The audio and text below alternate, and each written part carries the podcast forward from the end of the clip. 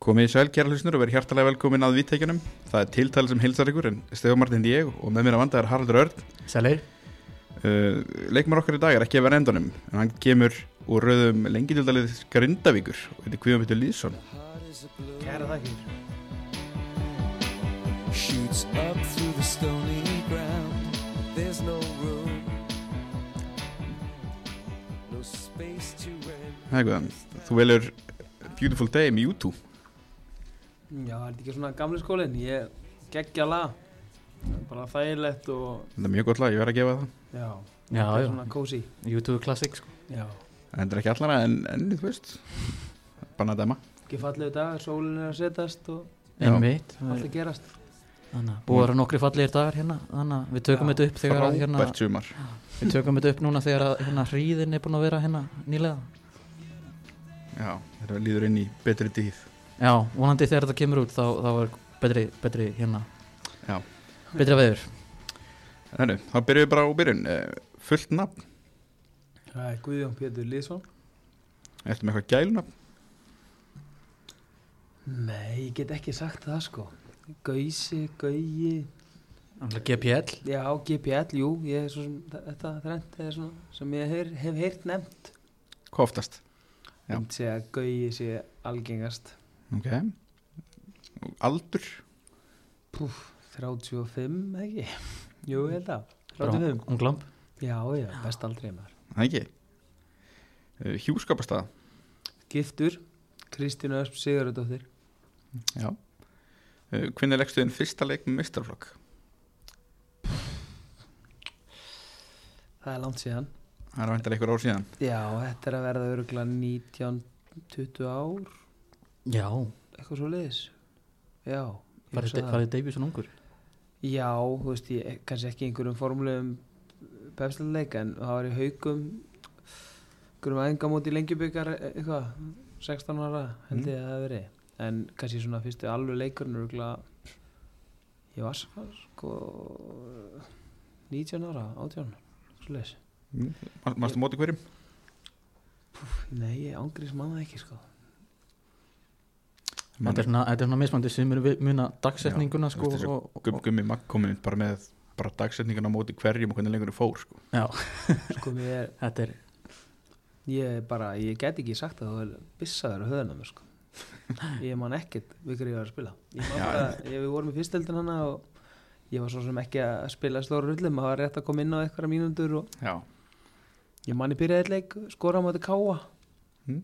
þannig að það var Sko- ekki fyrsti leikur samt Sko þér til varnar samt þá Mhm. sko Arnagöndi sem var hjá okkur síðast hann myndi ekki hvernig hann var byggamestari já, ég held að sko maður bara gjóra nú stór partar á svona, einhvern veginn var þetta ekki ég man freka leikina sko með öðruflokk hann heldur en hann Já. með, með Mm. mestrarflokk sko. Já. Þetta er svona mismandi hjá fólki Já. Já. En hver er svona uppáhaldsdrykkur?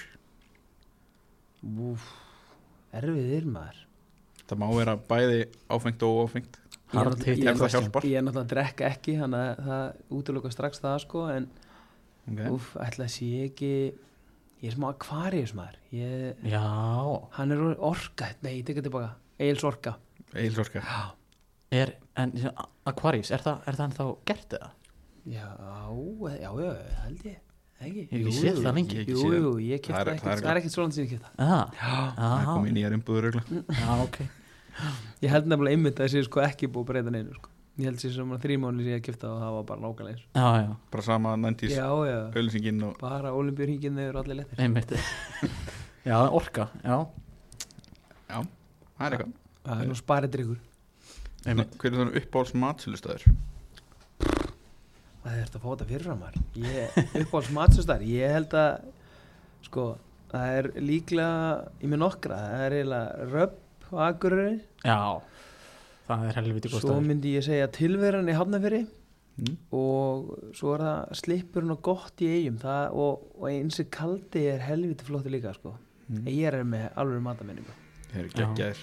Geggjaðir verðna sérstaklega svona, svona um jólatíðina þegar Já. reyndirabborgarinn kemur hann er svakalegt ekkit eðlilega góður maður getur líka nefnt sko tangan það er rosalega, ég er með fjóra sko heimsklassanstæði sko. Já, ég, já, ég, ég svo sem get ekkert sagt um þá en hérna, ertu í, sushin á, á röp eða? Já, sushi, surf and turf og bara, já, ég, það er eiginlega sem maður fær sér Já, mm. uh, hvernig bíl er þá? Herri, ég er á rosalega bíl, ég er náttúrulega á Strömpastrætó, Mm. Toyota ProAce nýju manna. Ánægð með þig. Já, ég er með, það er alveg maður að segja, umgjör í kringum mig ég er með nóga grökkum og, og nóga dótu á vesinni, þannig að þetta er alveg geggja, geggja bíl koma öllum verkværinu fyrir? Já, er hverjum bara á alls konar dóti maður, Einmitt. alls konar vesin Já. Uh, Hver er svona uppáhald sjónvastáður? Ég, sko, ég, ef ég ætti að taka svona heilalaust þá myndi ég segja Brooklyn Nine-Nine Já, er svona góðir. sveppmaturinn minn, ég teka oft fyrir svefnin uh, Ég veit ekki maður, ég horfi ekkert á sjónvar sko. Ég er bara, Brooklyn Nine-Nine er helviti gott já, sko. það er mjög gott sko. Gamla dag var að maður, maður yngri var mikið í Friends en ég bara er mjög lítið að horfa sjón Get ekki sagt það eitthvað margt. Mér finnst aðtunum minn okkar, ég horf svona einstaklega með eitthvað. Þetta inn okkar en ég er mjög lítið Hefur ekkert verið í því að skoða hérna stúkuna þegar þú veist í, í efstu eða, eða lengi deildamörki núna eða?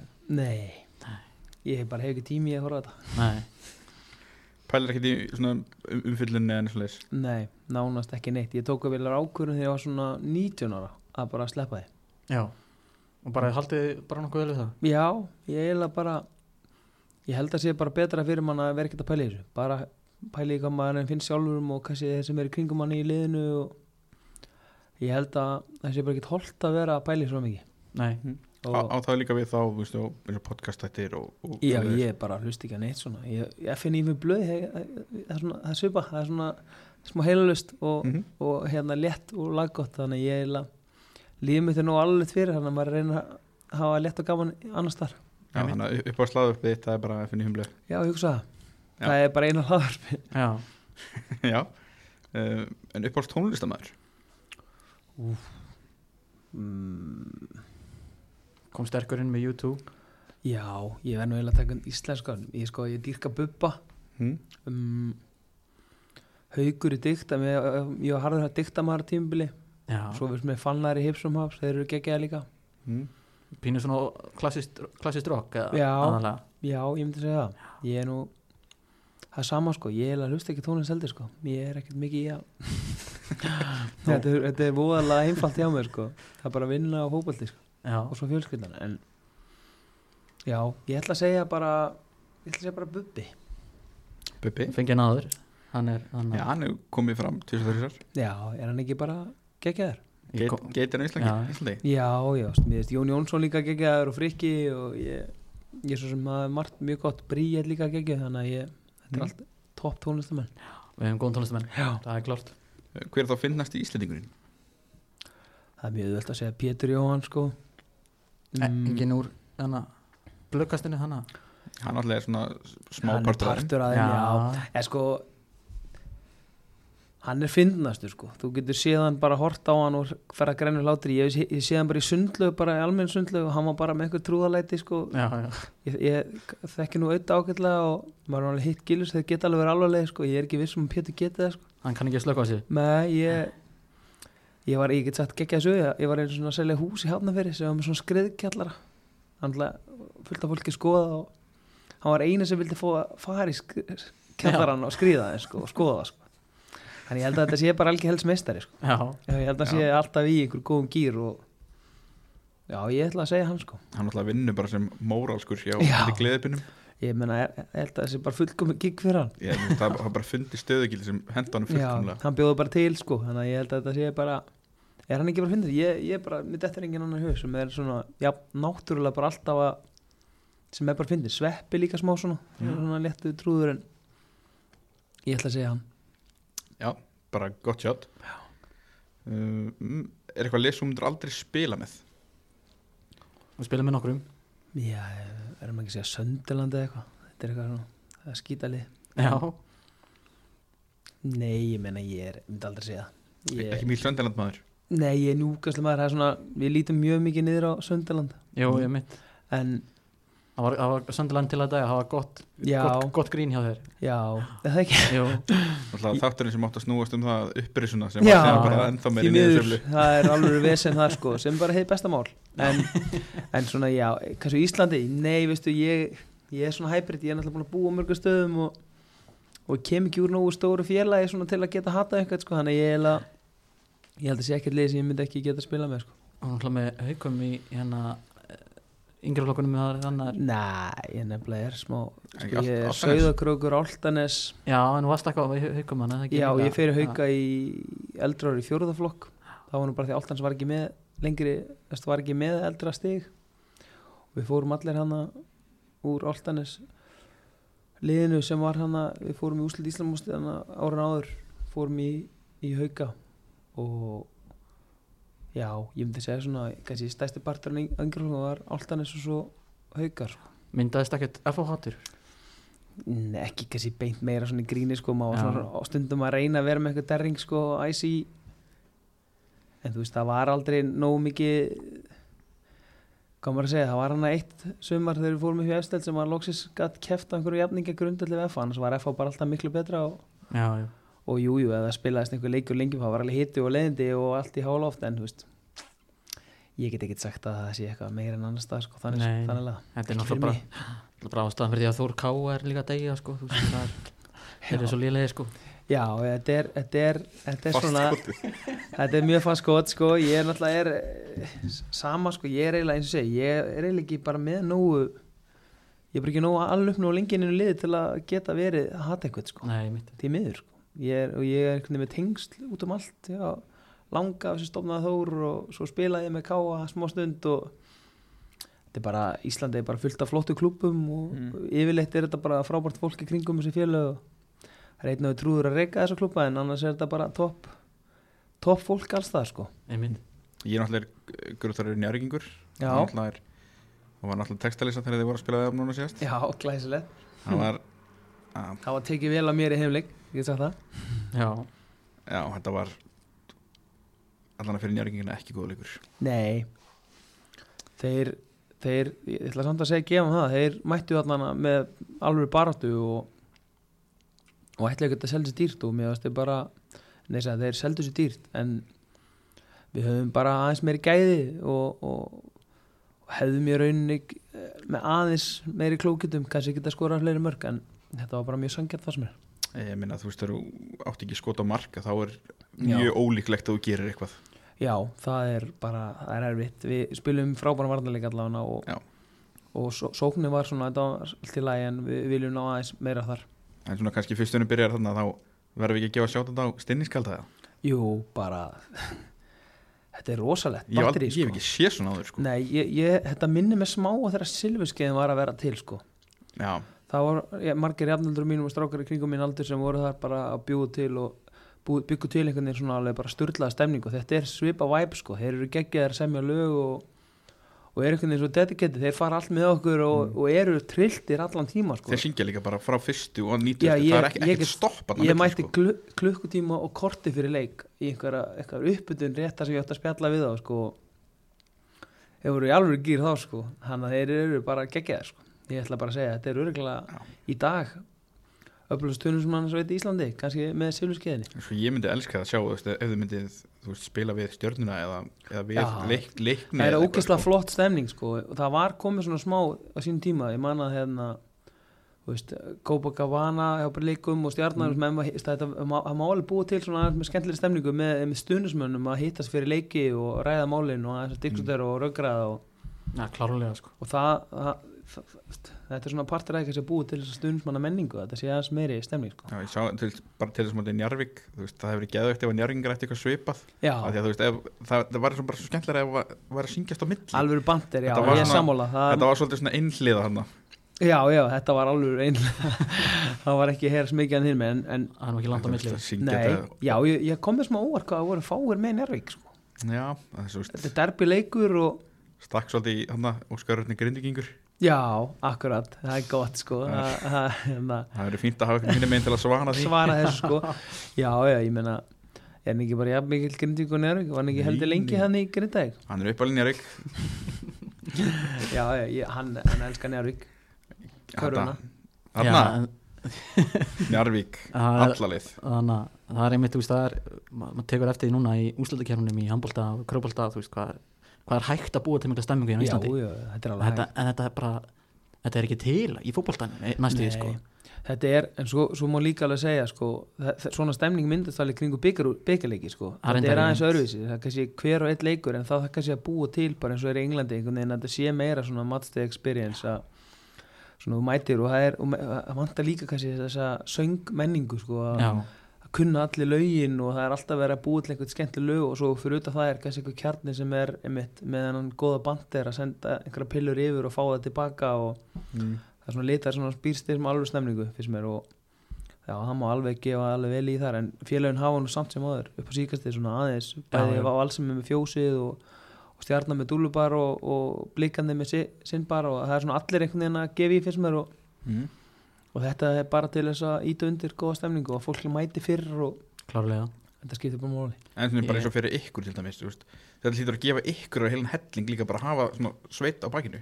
Ég, þetta er bara veist, það- þetta gefur þessu bara rosalega lit og þetta gefur orku og, og hérna og það er bara, segir sjálft ég menna uh, 2014 þegar stjarnar fyrir Íslamestari sko, þeir voru ekki með að manni fannst best, besta liði en kannski unity, he- heildar unity á þeim tíma. Liði pluss þessi stemning og þeir, þeir sildu nokkru sigurum heim fyrir þá sko, þessi stundumsveit og þetta getur gefið ótrúlega mikið. Helgi Sig saði mitt eftir leikin að þeir væri eitthvað sko 12 og 13 maður. Já, ég held þessi góð punktur. Þetta er bara, þeir eru klikkaðir sko. ég, og ég elska hvað þeir eru klikkaðir sko. þannig að þetta er svona, það minnir mig smá á stemningunni í handbóltanum í IBVF rittarinn? er, já, það er alveg geggið að gengi líka sko, og, og þetta, þetta þarf náttúrulega bara að búa til eins og ég veit bara að handbóltanum í IBVF bara að búa til einhvern veginn þessa menningu og, og þetta bara að gera sami Það að hjálpa, gera hjálpa líka að þeir sem alltaf að vinna þar sko Já, al algjörlega Já. og það hjálpar auðvitað þegar næst góða ráningur en maður vildi óska þess að það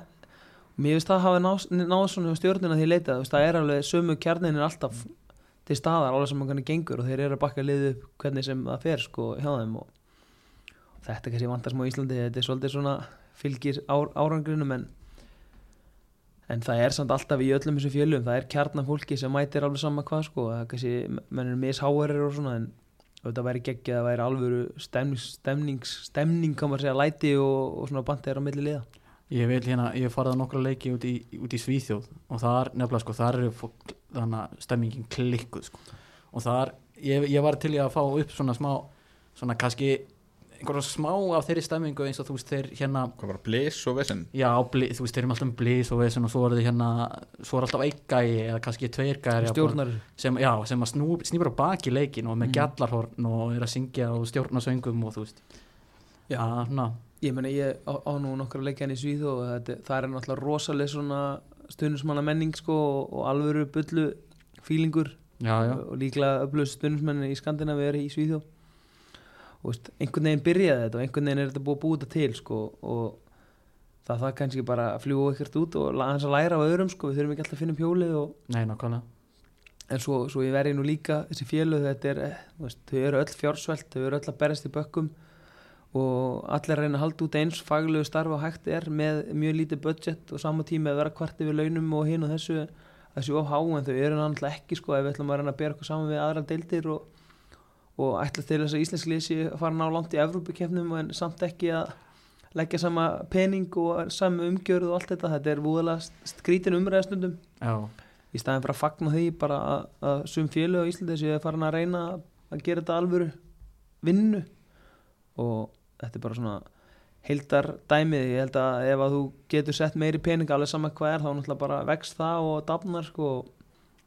Og nú eru einhver fjölu ég menna það er búið að umbylta stemningun í val með fjósunu og öllu þessu og bara ég fór til með svo breyðablík nei valur breyðablík núna í þessu tísunu það var reykjala flott það sem mættu hérna einhver legend frá bara fjölum og fyrir leik og, og það var fólk var mætt einmitt, ég held að það, það hafi dreigið fólk á svæði og þar að leiðindi voru fólk mætt fyrir í stúkuna og það var svona búin að fá sér eitt tón. Já, bara svona lettari stemning yfir öllu og þetta var svona, mér finnst þetta reykjala vel gert og þetta er svona eitthvað sem, sem mætti taka svona til framar að gera þetta núna í síðustum verð Já. þá þau böðu kámurningum í svona fyrirparti sniðut, þetta er gegja og þetta, þetta, þetta ítur undir einhver stemningu og smá svona jákvæðan bandir já, einmitt þetta sé svona góðan út og að menn sé alveg að henda smá sprengjum, það er bara alltaf líka bara þú veist að, að, að gera þetta svona að svona smá algjörlega. frekar en bara þú veist tvölið að spila fótbolta og við erum Mhm. að horfa sko. já, sammála, þetta á að vera smá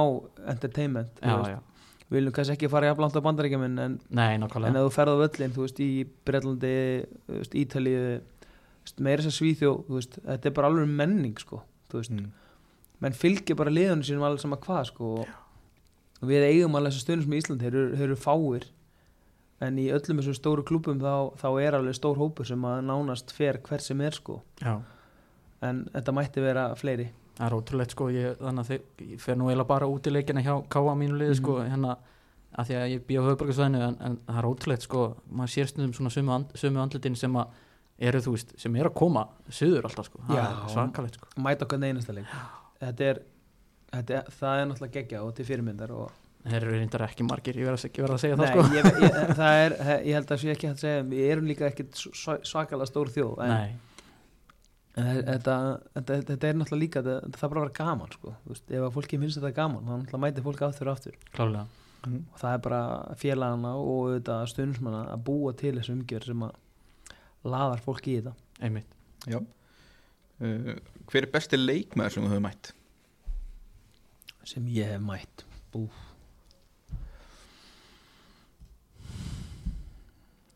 það er erfitt að svara þessu Mátt skipta þessu upp eða hjálpar eitthvað? Skipta þessu upp á Íslandi maður er náttúrulega búin að spila eða- Evrópuleiki á móti fullt af le leikmönnum sko en spilum hvort maður mann nöfnina það með öllum Já mm. Ég man að það var einn í, í Kazakstan í FC Aktobe sem er hljómar ekkert en það var risa klúpur spiluð þá við blikum hann á sín tíma risa geggjum stadium og þeir eru nýbúin að kaupa eitt fyrir Rúbin Kazan á okkar nýjum miljonar pundað eitthvað maður fattar ekki alveg oft eh, þessi lið á þessu stöðum að bara með nógu pening og svona þetta er olíu ríki þó að þessi mikil fátækt og svona en, Mm. en hérna hann fyrir ekki verið leiknum sko. En, en ég er að hugsa svona besti leikmaður sem ég mætt ég búf, þeir eru nokkri en ég ætla að henda þessu á. Úf, það er mjög erfitt að gíska þetta maður sko, þessu er þetta einhver hérna heima eða heldur að sé einhver úti eða? Já, sko úti mætti maður í síðu það var nokkri helviti góðir. Anders Svensson sem var í Elsborg var fárálega góður náttúrulega spilaði með svenska landsliðin í mörg ár og ég var náttúrulega bara í síðu þegar þeir voru besta liði sko og þú veist, ég var með frábæra liðsfélag en besti leikum sem ég mætti á þessu tíma það var líklega hann. Ég man að hann var, í þriðasett og hann bara svona, hann var örugglega 38 ára. Já, og ennþá spilast djúpar um miðinni bara stýrið í spilinu og bara fárálegu sko svona, enda á hann frábæra fyrir sko. Þannig að Mm. já, ég, hugsa, ég, ætla, ég ætla að segja hann það er ekki meira sexy en það sko nei, ég minna veist, Já, ég meina þú veist Erlendur allavega, það er- Já. það er allavega pínu sexy já, Er, er, já, er já. einhver íslensk, íslenskur komið upp í huga? alltaf margir góður íslenski sko maður er alltaf búin að sp- spila móti Óskur á miðanum, hann er alltaf alveg fárálega góður og veist, ég hugsa að hann sé uh, ja, hann er líklega bara besti leikmann sem hefur verið í Ísland í, í Pepsi-dildinni eða bestu-dildinni já, síðustu 10-15 ár en Sammála gera alveg tilkalli í bara besta leikmann deildarinnar frá frá sko. já, Það er eiginlega ótrúlegt að hann er ekki lengur fyrir úti heldur en hann á já, ég held að hann hafi á einhvern hátt verið bara smá uppir með þau mús sem hann fekk og stundum er það kannski eitthvað sem að það er að taka til til þegar menn er að hugsa hvert menn er að fara mm. þú veist, hver eru mín, þínir eiginleikar sko svo er oft Ísland veist, við, það er kannski slakari liðin í Skandinavíu yfirleitt að kaupa þið já, og þú er kannski bara leikmaður sem myndir henda betur í góðliðin skiljaði mig. Og ég hugsaði þetta einmitt og með Kitta Jóns hann fór hana til Norex og, og var bara ekki nóg góð veist, Kitta Jóns það náttúrulega verið liðið sem er með boltan og, og Höggi náttúrulega talaði um sko að hann fann sig ekki í súberettunni hann fann Já. sig miklu betur í allsvenskunni. Já, ég það, það, það, það passar alveg það, það er náttúrulega bara oft tíðum eru menn kannski bara eins og Óskar hann bara lendir kannski í lið, lendir kannski í liði sem henda kannski ekki hans leikstíl Mm. eða og svo veit maður ekkert bara hvernig hún leið hann þú veist, Nei, nei. var hann í einhverjum einhver skítableysi og einmanna eða hvað það er sko það vantar ekkert upp á hæfileikan eða hausin eða gæði eða hvað það er sko hann er alveg, hann er ekkert að spila miklu betur deildum en hann er búin að gera sko. Já, já, maður sér það, sést langar leiðir sko já, já, já, ég meina, þú veist það er engi spurning Já, uh, hver er besti þjálfarinn sem hún haft? Úf. sko Óli og Bjössi eru besta teimið besta svona heildarjúndi sem ég hef verið með Mm.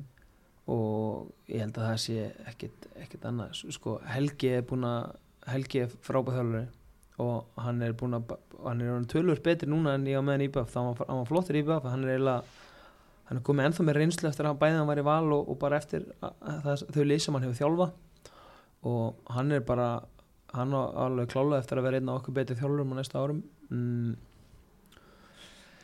Þú veist, ég er bara með flott þjálfur sko. Óli Kri var náttúrulega frábær á sínum svona sínu sviði Gústi Gilva sömu leiðis um, en það er erfitt að segja sko, ég, þetta er helvitis flóra gæða þjálfur sko. Hvað er það sem gerir svona Óla og Bjössa gott teimi saman? sko, nú er ég algjörlega fanatik að hlusta á hljóðbækur. Ég get sagt það, ég hlusta á hljóðbækur mikið en ég sem hlusta á alla þjálfara bækur ef einhver þjálfara er að skrifa bók þá er maður að lesa hana eða hlusta á hana. Ég er mikið í því líka. Og hérna Óla Bjössi er svona þið fullkomna teimi að því leiti að hann hámarka um, hvað maður að segja hámarka bara það sem að leikmenn hvað ná út úr leikmennum veist, þannig að mönnum líði vel hafið frelsi innan einhvers ramma og ég þekki enga, enga leikmann sem hefur verið hjá þeim sem að sko, líkar illa við þá. Veist, þetta er þeir voru með allan klefan sko hjá Val og, og ég veit að með þess að þegar ég fór sko þegar hann- þeir voru látni fara sko þá voru þeir með alla klefan ennþá með sér sko með kannski Gary Martin. Já, hann var náttúrulega farin sko Já, já, já, kannski Garri sé eini sem líkar ekki vel með það sko en en þú veist, þeir eru veist, er bara svo ógeðslega mikill refur og, og klókur þjálfari í, í svona, mér varst hann frábæri mannlega samskipt, hann kannski veist, allir anstæðingarnir kannski hötu hann, var alltaf einhverjum leikjum og ógeðslega taktískur í svona einhverjum mind games en Jose Mourinho Íslands Já, já ég, hann, hann er free-flowing fútból sko. Já, en, en, en já, út af Já. hvernig hann talar og hann er búin að hugsa lunga áður en hann segir orðin sko.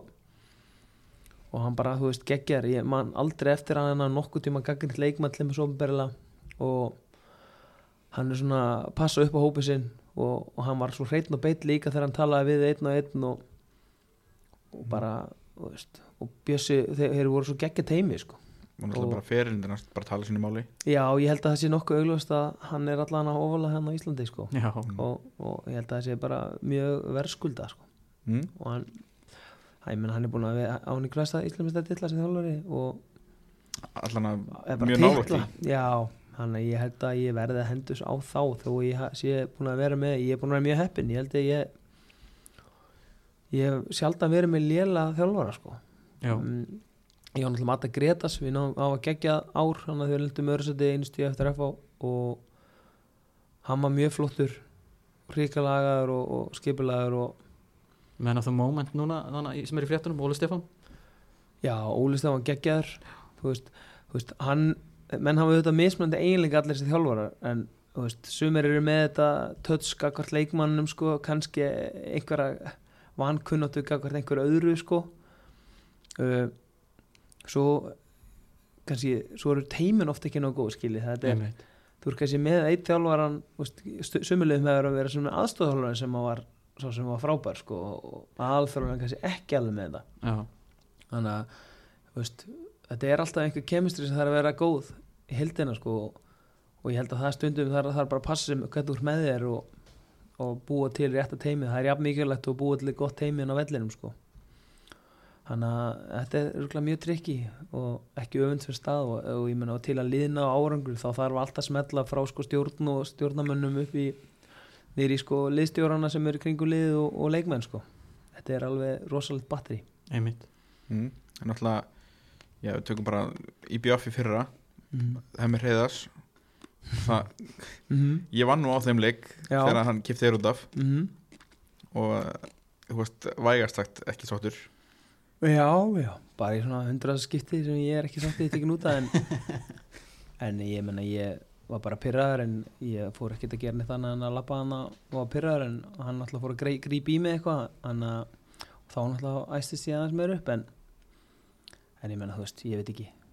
Ég get ekki séð að ég hef gert eitthvað svakalegt þó ég hef verið pyrraður út af sko, ég er ekki fyrsti en ég síðasti leikmaður sem er pyrraður út af nei, ég sjálfur sér ekki. En síðan fyrst náttúrulega fórst í Ahagabann og eitthvað Já, það var mjög sérstakt sko.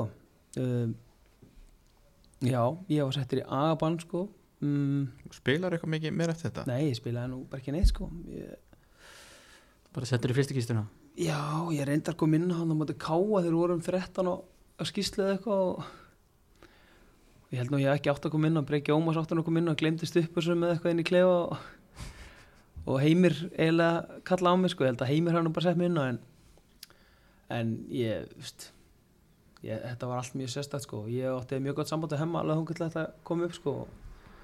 Og, og úrslitin þegar ég var inn á í þessu leikjum á undan höfðu verið mjög góð sko. Þetta hafði nú pyrringur vann hjá mér nú meira kannski hann að ég var, að, ég var alltaf búin að meittur allan veturinn Mm. og, og var svona dett í toppform og hann var alltaf að taka múta þegar það var hálftíma eftir og við höfum mist niður þrjá leiki eftir í frúta og ég var bara pyrraðar einhvern veginn fannst fannst þetta rámt en þú veist auðvitað á maður ekki vera pyrraður og þetta er bara eitthvað þú veist, eitthvað smá geð, geði ekki í mann að vera pyrraðar með tíkin út en ég þegar ég fer að þjála í hröndinu þá, þá vil ég samt frekar hafa menn sem hafa smá skap heldur en ekki sko en Mm. já, já. En þú veist, eins og ég segi, ég baðast afsökunar á mínum partí í þessu, hann tók enga ábyrð á þessu og það er bara, þú veist, ég get ekki tekið ábyrð fyrir hann en ég allan greip ekki neitt er hérna er sambandið ykkar hemma ennþá styrt í dag ég meina ég, þú veist, ég meina ég, ég veit ekki alveg ég, ekkert hverju, ég meina ég þarf ekkert að taka veist, pæli í því sko. Ég, veist, ég allan að baðast afsökunar á mínum partí í þessu og tók fulla ábyrð á minni hegðun.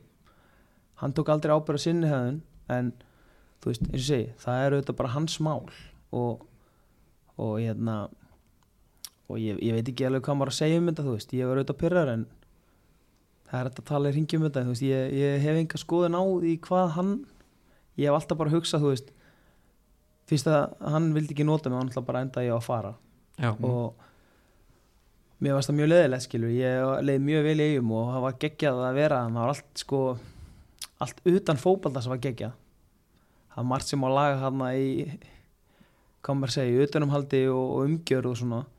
En það æðislega að vera í eigum svo maður Mm. segja það bara sko, eiginlega bara geggjað og mér fannst hemmi enn vetur bara, það var að vera að reyna flotta hluti og, og hann ætlaði að spila fótbalta en ég til þess að spila fótbolta þarftu náttúrulega ákveðin gæði og þarftu að hafa ákveðin ákveðin típur og leikmönnum til að spila ákveðin hátt og, og ég held að með tilkomi heimist þá held ég að hann að bara átt þessu á því og þá líka á einhvern hátt kannski fitta ekki inn í það sem hann var að reyna að gera í framhaldinu og því bara skildu leiðir sko. Ég, ég hef aldrei verið eitthvað grödd skakvart á hann sko. Þetta var ég full yfir því að vera hvað maður að segja svona segja mig ítt í burtu en ég er ekki erfað eitthvað lengur sko eða erfað lengur. Ég, veist, ég, bara, ég hef enga, enga tilgangu í að, í að vera pyrraði við hann ennþá sko. Nei, mitt og ég, ég var það eiginlega ekki. Ég eiginlega meira var svona hissa sko. Ég var þetta fullt dramtíst hjá honum og en það er bara eins og það er sko. Jú, en svo náttúrulega þegar þú ert nýkomin til IBF þá náttúrulega kemur upp þetta Gary Martin mál það sem hann er síðan reikin já, þetta- þetta er ekki beint verið svona hvað bara, seg, þú er ekki veit silt svona li- lignan sjó hann nei, nei það, það er náttúrulega af hluti sem voru að gerast þannig sem voru mjög skrýtnir henni kringu liði og og ég veit að fyrir víst til dæmis bara að þú veist, ég heyrti í fólki í eigum sem fannst um bara þetta mál sérstaklega stór skrítið ég menn þetta var auðvitað skrítið uh, Gary gerir náttúrulega eitthvað sem að enginn á að gera en uh, hann má eiga það að hann tók full ábyrð á þessu hann var ekki að, hans, hann bara skeiti hei og ef ég hef stýrt þessu þá hefði ég náttúrulega helst vilja að bara menn hefði geta setla þetta í kyrþeg sko og, og haldi áfram með lífið en, en hérna þetta er náttúrulega bara viðkvæmt mál úr náttúrulega einhvern hátt að bróta ungu dreng sem var hann að koma upp og og, og þetta er náttúrulega hans upplifun og hans tilfinningar sem verða alltaf að ráða mm. það er ekki hann sem var að bróta að sér að gera eitthvað heimskulegt sko en, en hérna þannig að þetta er bara, þetta er vand með farið og erfitt að mynda sér einhver kannski einhver mjög djúpa skoðun á þessu en það var náttúrulega slæmt að missa Garri, þú veist, úr liðinu hann var náttúrulega frábæð framveri Mm. en einhvern veginn þá fórum við upp úr þessari deild sko og, og það tókst með harfylgi og á alvöru hvað maður að segja, stemningu sko. Þetta var ógeðslega gaman. Var ekki byrjuð þetta hvað, töpuð fyrstu tveim eða eitthvað og- Jú, þeir töp, hvað, við töpum myndi grinda ekki fyrsta leik, ég man ég er bannið þá. Svo er næsta leiku fram sem við fengum raukt eftir 30 mínútur eða eitthvað og töpum þar 1 eða 2-0 en svo eftir það svolítið bara fl flugu að sko. Mm. og, og maður var nú alveg slagur sko við vorum bara með það sterk, svona sterkan grunn base í liðinu að maður við vissum alveg að við værum að fara að vera hann uppi sko, það er bara spurning hvers, hversu uh, óvalega sko Mm. og þetta tókst, það var frábært og, og eiginlega með skemmtilega sumurum sem maður hefur upplegað sko.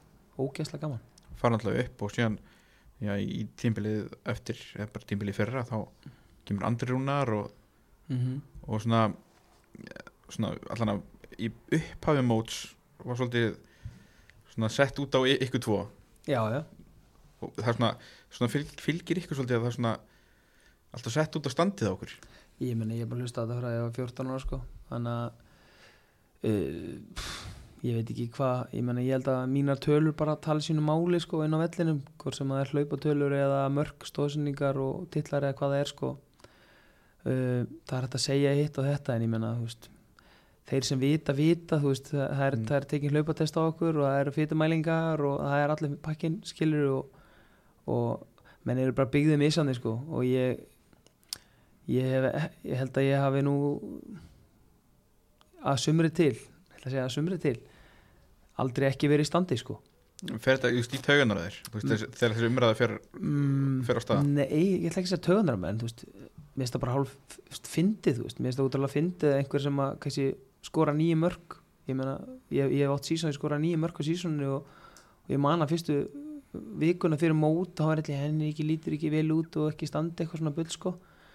Þú veist, þú getur tekið fullt af leikmenn sem hafa verið ennsku úrstöldin, þú veist, Suárez aldrei leita hann vel út skilur hann skoraði samt tóna mörgum og geggar Tevez, bara skrýmsli, þú veist, nefndi var alltaf að æfa þú veist, það er ekki allir hérna 1.90 og grannir eða, og það, menn eru bara mjög sömur fattir í baki og með útþeða maga og þú veist, þetta er bara það er það sem á að hugsa um það þarf að pæla aðeins minni hvernig menn líti út og bara hvað menn gera á vellinu sko. sér það bara til dæmis með núna með andra rúnar fyrir þetta tímabil, það var allir að segja þú veist, hvað var ekki standi og ég meina Andri heldur betur um að tróða sokk upp í það núna sko. já, já, veist, ég skal þetta alveg hérna, ég, ég skal alveg segja að Andri er sem núna en IBVF en Andri, það verður líka að gefa það að Andri var í bara miklu meðslum Já, og, og hérna, COVID og Já, og bara e, þú veist hann, hann skora samt fullt af mörgum bjóða sko.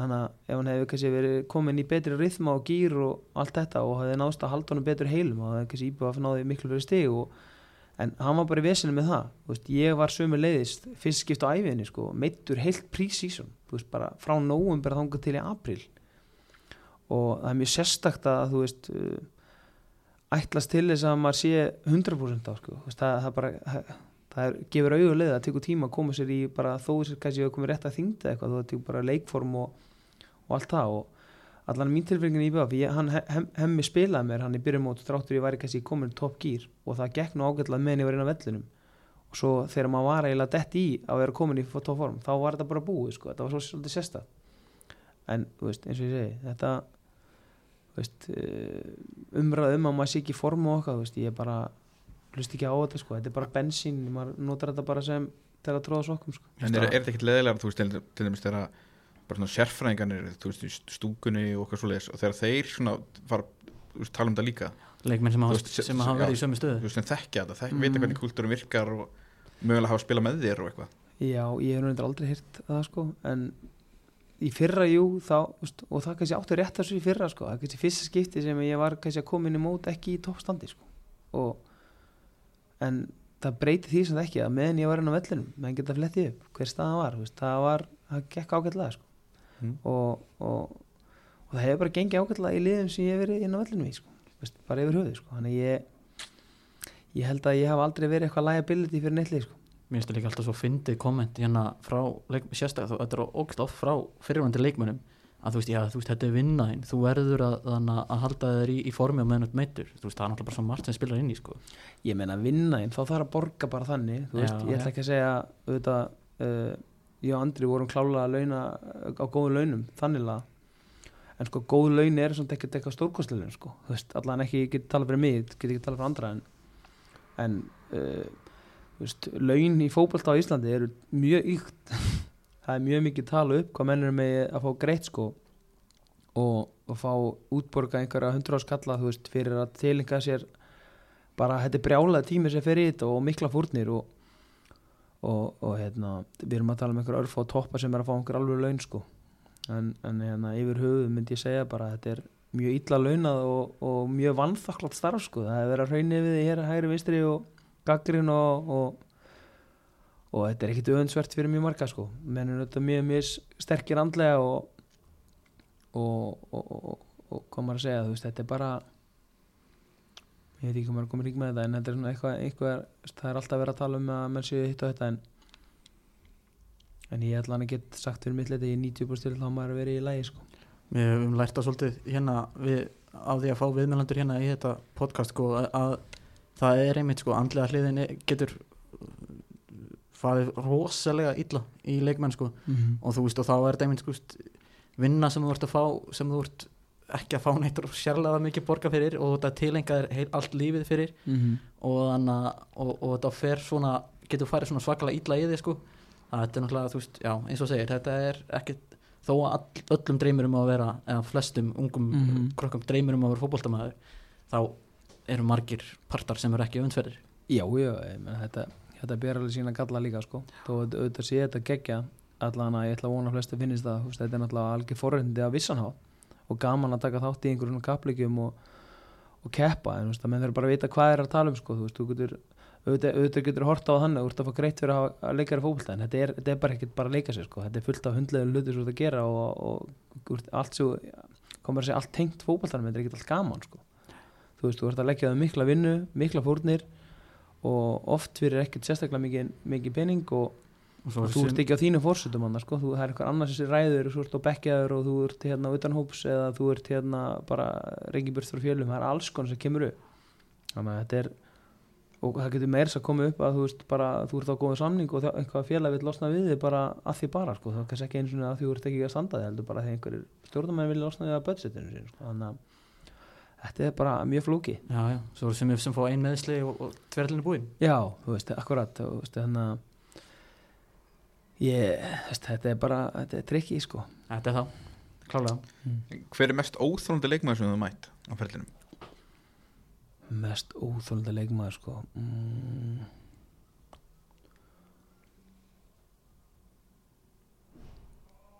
Eitthvað sem er svona alltaf stík aftan á hæluna þér taka á skónum með eitthvað klípið þig að komast í hausuna þér? Það er nú milja menn reynd að vera að komast í hausina maður, sko. En hvað maður að segja? Ætla maður að segja mm, mest óþólanda leikmaður sem maður mætt. Maður mætt mörgum óþólandi, sko. Ég sé betur fyrir hefur spilað móti stinna og með honum Kristinn Ingi Halldórs. Hann var vel þreitandi á móti sko en með algjör heldskongur mest óþjólandi það er þetta að segja þetta sko. Ég veit ekki, mér fannst Pablo fyrst pyrrandi, svo er ég farin að ég elska hann setnipartin um, hann er einmitt þannig að vera að tala um hann eiginlega hann, hann, ætti að byrja að leikið með guldspjald sko. Já. Þú veist, já, hann er samt ekkert ólíka mér sko, það eru lengur sem finnst ég mjög óþjólandi en, en hérna já, ég ætla ég ætla að setja Kára átna sko. hann, hann var eitthvað búðarlega lítið í þegar hann kom heim fyrst. Svo hann þessi betur fyrir vel. Þá er reyndar ekki sem er deild en, en hann var eitthvað mjög illa fyrir kalla manni hann eftir eitthvað leik og mann kýldi með eitthvað hann í göngunum eftir leik sko. Hvað, lítið lýsir yfir því sem var sagt en já, hann var, hann var svona ruddi eins og kannski menn vita bara. En Já, já, en, já. Ég veit ekki, já ég, Nei, er ekki, ég man ekkert eftir mörgum mjög svaklega óþólandi sko. maður hefur nú heyrt einhver svona sögur af Kára sko. Hann, hann kemur ekki svo sem ekki óvart að hann hafi verið pínu pyrrandi sko. Já, nei, mér finnst hann ekkert byrjandi í leiknum það bara svona eitthvað stiktur eftir leikan en já, pyrrandi, það er ekkert margir sem við dettur í hug sko. svona sem að ég man eftir sko, svona eitthvað, eitthvað svaklega pyrrandi sko. Ha- hafa margir eða, eða einhverju komist í hausnuðar í leik? Já, já, maður er alveg mist hausin sko. er það eitthvað sem fólk segir eða er það bara, þú veist, eru svona klippið eða hvað, þú veist? Ég menna ég er flink um boltan og held boltanu vel þú veist, það er búið að trakka og sparka kýla skalla, þú veist, það er búið að gera allt til þess að æsi og oft er búið að segja ímislegt og svona en ég held samt að ég sé bara með tvö rauðaferlinum í, í keppnisleik sko, þetta er ekki verið það sko en ég hef alveg að vera kvikna í, í, í, í manni sko. Maður er líka sloppið kannski nokkur sinnum með hitt og þetta en já, en Er það ekki ó- yfirleitt bara plús að geta verið með smá skap? Jú, ég meina þú ert að fara að mæta 11 og 11 út af einhverju grasi og, og sem í stundum að slást og, og það eru nái og með þarf að geta svara fyrir þessu og, og haldið um, dampi í alls konar aðstæðum. Þannig að þú veist, jú, þú vilt hafa einhverja einhverja alveg gæja kringuð og með þér sko.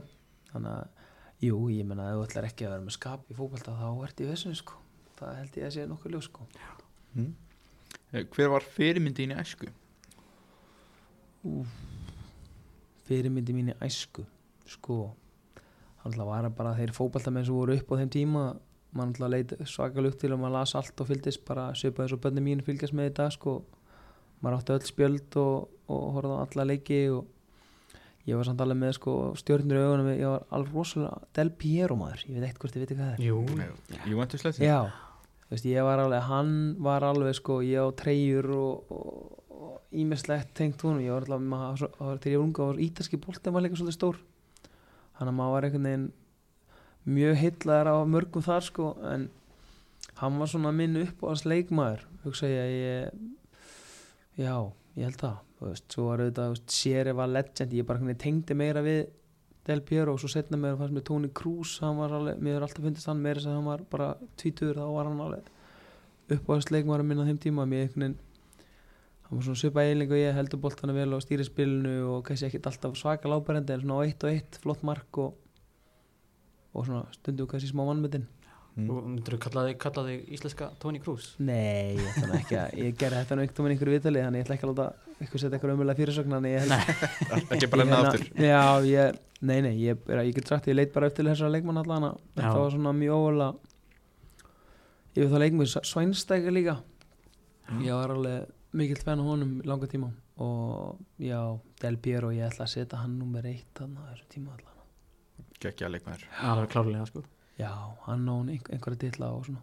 Það er heldur góður Eitt og eitt mark. Geggja, Já, já. geggja auka spinnur og já, já, bara tonna mörgum heimsumstatitlar og deildatitlar meistaradeild, hann er búin að vinna allt skilur fór niður með Júa upp aftur Já, hann var einn af þeim sem stóð, stóð með klubnum sko og bara, þú veist, legend þú veist, uh, svona svolítið eins og Totti, þú veist, fyrir Róma sko. Og nema hann fekk aðeins sorglega rendi hún var svona Já. bólað út. bólað út sko, Og Del til Piero fór Ástralíu og- sínu fórstum Já, ég þú veist, þetta er bara svona alveg legend skilur, það er fullt af þessum gæjan til. Einmitt. Hver er svona sætasti sigurinn af ferlinum til þessa? Ú, sæti þessi sigurinn? Það er margi flotti sigurar sko. Mm. ég ætla að segja að í Evrópakenni með breyðablik hérna um árið við unnum Sturm Gras út í Austuríki Já, það var uh, rosalett ætla reysa klúpur og, mm. og svo við vorum bara með lið þarna og, og fórum svo og spilaði við hérna FC Aktobe og hvort við tapa úti 1-0 í þeim leik það var líka reysa leikur sko, heimaleikurinn og við fengum víta okkur 90 á móti Aktobe og Dotti fekk svo víta og við töfum 1-0 úti vinnum svo heima 1-0 lendum í framlengingu víta og töfum í víta það var stóðum tapa í víta og þá var það líka veist, þetta við erum að tala um klúpa sem er að kaupa leikmann á miljónu punta þannig að litla breyðablik og Íslanda heim tíma við vorum þá búin að sko sláðu Sturmgras og hann að lið frá Andorra og svo þetta, þú veist, við vorum nánast búin að slá þetta lið út og, og hefðum, ég menn það var eitt víti hann að 2003 sem var mjög soft víti út í aktöpu sem svona skildi að Mm. þannig að ég með minnir hann að við hefum ekki tótt ennast einhverju umspili bara um að komast í eitthvað Já. einhverju vitleysu sko þannig að þetta var stutt frá Það er þetta verið klassist svona fyrir Íslandslið alltaf svona þegar, þegar það virðist verið í sjónlínu Já. þá kemur eitthvað Inter Milan eða Aston Villa Já, eða, akkurat. Við, hef, sko, við heldum við fengið tóttina minnum og þeir voru þarna bara sko, með Modric, Bale þetta var bara eitthvað fárallið sko, þannig að Já, það hefði verið erfitt. Það hefur verið smá brekka. Já, það hefði verið brekka. En þetta var, þú veist, maður er alveg verið partur af mjög góðu liðum, þú veist, sem hafa náð langt í örbukenni og, mm. og já, ég held að stúmgrasleikurinn sé toppurinn Já, það var bara, þú veist, þú veist bara risa leikur, þú veist, við gerum jættefli heima og unnum úti, þú veist, við lið sem að eru með 500 sinnum herra budget en við og, og bara hvernig við unnum en leik, þú veist, úti vell einhvern veginn í, og ég man að stunusminn á þeim sko klöppuð fyrir okkur eftir leik og hitliði var lungu fara og þeir voru bara, það var allt trillt sko, menn bara svo mikla virðingu fyrir því að við hefum bara pakkað það saman hann úti sko. Já, og já, það var rosa eftirminnilegt og bara maður fekk á tilfinningin að við getum farið heldur langt sko. Og, og það var svolítið fórum með okkur inn í næsta leik og við einmitt spilum stórkostla þá líka. Hver er þá svona mestu vombriðin? Púf, ætla sé ekki þetta vít og dæmi hann það var alveg Það fá ekki tóttunum síðan? Já, þú veist uh, já, ég meina það hefur verið gali veist, það hefur verið gegja en hérna auðvitað er það örgulega mestu vombriðin sko. Ég er samt, það eru nokkuð vombriði sem fótbalta sko, maður er alveg upplifað hérna ekkert alltaf tengt úrslitum bara tengt kannski einhverjum ákvörunum ég er að það sko, hjá þjálfurum og fá ekki leikskólaplass á Akureyri. Já, ég skal nú reyndar ég, ég ætla nú ekki að ég hef aldrei alltaf að tala með dómur en það var náttúrulega ekki ástæðan fyrir að ég fór en, en það er eins og það er. En hérna mm, mestu vombriðin já, ég, ætla, ég held að þetta vító dæmi sé það og svo líka hann eitt ára með breyðablík þegar við vorum hann með Gústa Gilva vorum í öðru seti og það var ákveð að selja hann Kolbe Þóruðar, Hendriks og uh, einhvern veginn í uppbútt á miðið sísonu og við lendum svo í djúbun dal hann að næsta einn og halva mánu svo fengum við Alfos heim og gerðum smá allu og náðum svona það hefði ekki mögulega geta kæft betur við um titilinn Mm. og, og sama með hann árið með Arta Gretas þá þá tók hann múta einu svona 80. mínúti og, og múta leikni og við fengum svo víti tíum þess að ég hefði líklega tekið að skora og við töfum titilinn á einu stíð þannig að maður grætir nokkra svona moment að fóna núl já, ég ætla að segja að þetta bara aktopi það er það er mestu vonbrið sko ég held að Þú komst aðeins inn á þann Þú ert njúkulsmaður í enska. Jú, jú, Búin að vera lengi?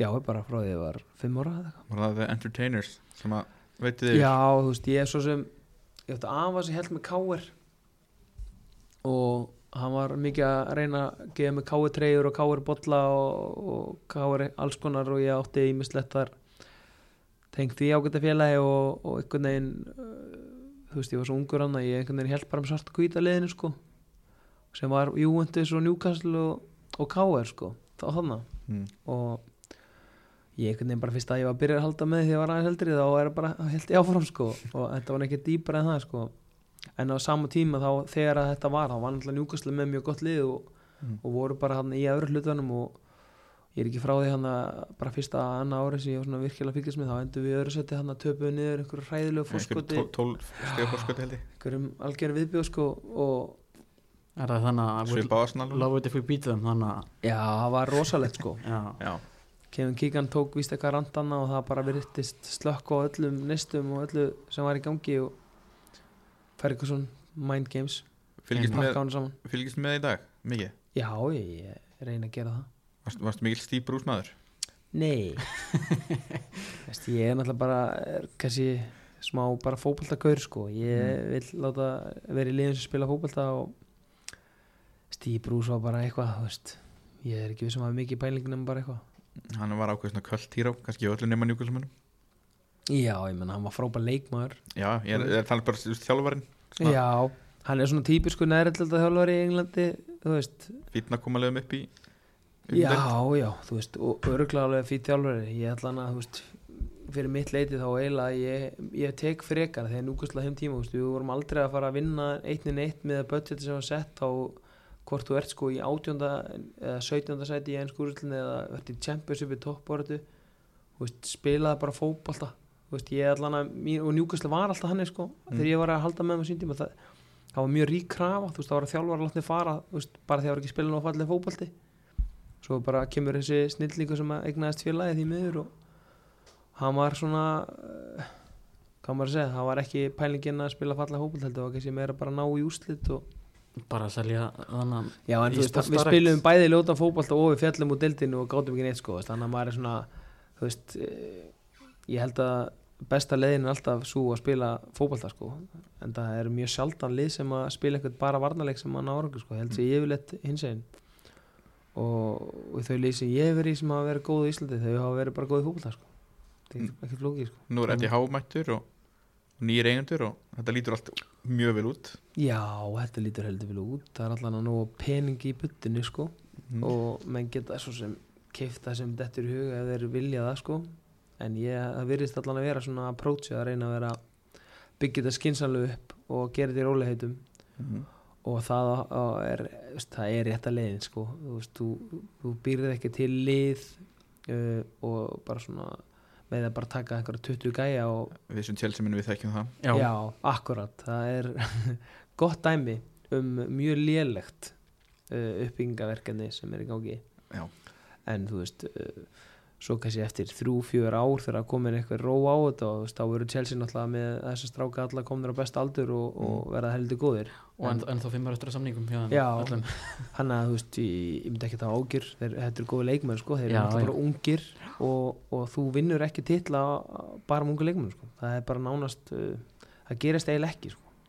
þú þarft alltaf einhverja blöndu og og þú veist, eins og þeir letu Jörginni að fara sko, sem er á fullkonum aldri og veist, einhverju uppbygging að fara þá heldur bara þreim fjórum topp leikmennum á best aldri hann og það er með Tíoko Silva og já sem er að fara sko en veist, að hann er eini sko og svo eru með Kóasi sem þeir virðast að losa sig við sko þannig að það verður engin hann nema einhver ungir framtíða leikmenn sko. Þú veist, þú verður alltaf að hafa bæði sko. Já, já, já, þú ert að gera um pínu þunglutin hérna Já, ég, það eru mjög dimmir dagar hjá Chelsea í næstu 1-2 árin allavega. Já við, erum að, við björgum okkur frá falli í 33. Já, sko. það er svakalegt. Eins eðlilegt og þalhjúmar Já, þetta er hvað var þetta ekki 800 miljonar punda eitthvað, hvað var þetta? þetta er eitthvað svakalegt, sek- 600 held ég Já, allt þetta er, þetta er náttúrulega sorglega að fara með fyrir sko. Já, það er líka sko að losa ekkert að móti er Nei, þannig að það er svona 50 manns á æfingu Já, ég held einmitt að þetta er bara hræðilegt keið sko því að, veist, ég, að vera þjálfari undir þessu kringustæðan líka, veist, þetta er það er að eða 100 okkur miljonar punta kannski leikmann sem er ekki tilbúin í Chelsea sko. Þú veist, Mm. og þú, það er örgulega pressaður að nota hann og þannig að þetta er, þetta er örgulega hræðilegt sko. Jú, jú, til miður, það lítur mjög vel út samt þegar núkvæslu sko, það er allt toppmál það. Einmitt, Eddie Howe, gera sitt. Já, já, þetta lítur mjög vel út. Við erum uh, flott byrjunli en okkur vantar svona tíu leikmenn á næsta ári, mistardeild og allt þetta dæmi sko. Þetta er ekkert, ég fór að leiki í vetur og það má ekki, veist, Bruno má ekki meiðast eða, uh, það er svona tvei þrýrana sem bara ef þeir meiðast þá bara er liðið ekki gott sko. Já, er náttúrulega flopp hann var bara rýbrandar einhvern geggjað miðjumann. Já, akkurat, já, já, já, hann var bara svona mótor fyrir mótor, sko. Hljóp og vann á inn og stýrði sko svona varnarleiknum sko, hann er alveg Mm. sketna en þú veist, Njúkasli getur ekkert án Bruno sko, hann er heilin í öllu sem tikkar hann í spilinu og já, hann er mjög góður. lætur allt tikka sko, þú veist, þannig að þú þarft alltaf blöndu af uh, öllu sko. Já, Það með ekki að geta ekki allir verið luxusspilar eða skóru boltan, þú vart að vera með einhverja, einhverja líkanlega getu með. Mm. og, og njúkastlega svona svolítið með það í lægi ef allir eru heilir. Já, stort F já, hann, að, þú veist, við, hann fekk raukt spjald hann á móti, ég var ekki United. Nei, hann fekk leiknum undan. Hann var í banni hann og ég heldur að tapa öllu þreim leikjunum án Bruno sko. þú veist, bara samfærandi sko. En hversu perandi var þá bara fyrir því sem núklumann að fyrir Carabao Cup Final þá fær Nick Pobreit bara ótrúlegt. Og Karius, okkar allra bara- besti þarf að vera í markinu. Að því að Dubravka sem er köllið tilbaka má ekki spila. Hann að leiki fyrir hitlið. eins og ég segi sko veist, þetta er bara það má ekkert út að bregða sko. Og það er, er lígilegt að við séum meistarallasæti með hann hóp sko og þetta liði en, mm. en það einhvern veginn valla meittist maður og, og þetta hekk saman á líginni sko. Já, hjálpa náttúrulega Chelsea, Liverpool og Já, Spurs áttu öll eitthvað hræðilegt sísón sko þannig já þetta bara, við erum mjög þakkláttir. Verður það góðu já, takk. Ennu, ef þú fengir að velja einn leikmann og öðru íslensku félagi til að koma til grindaðugur hvern myndur þú velja?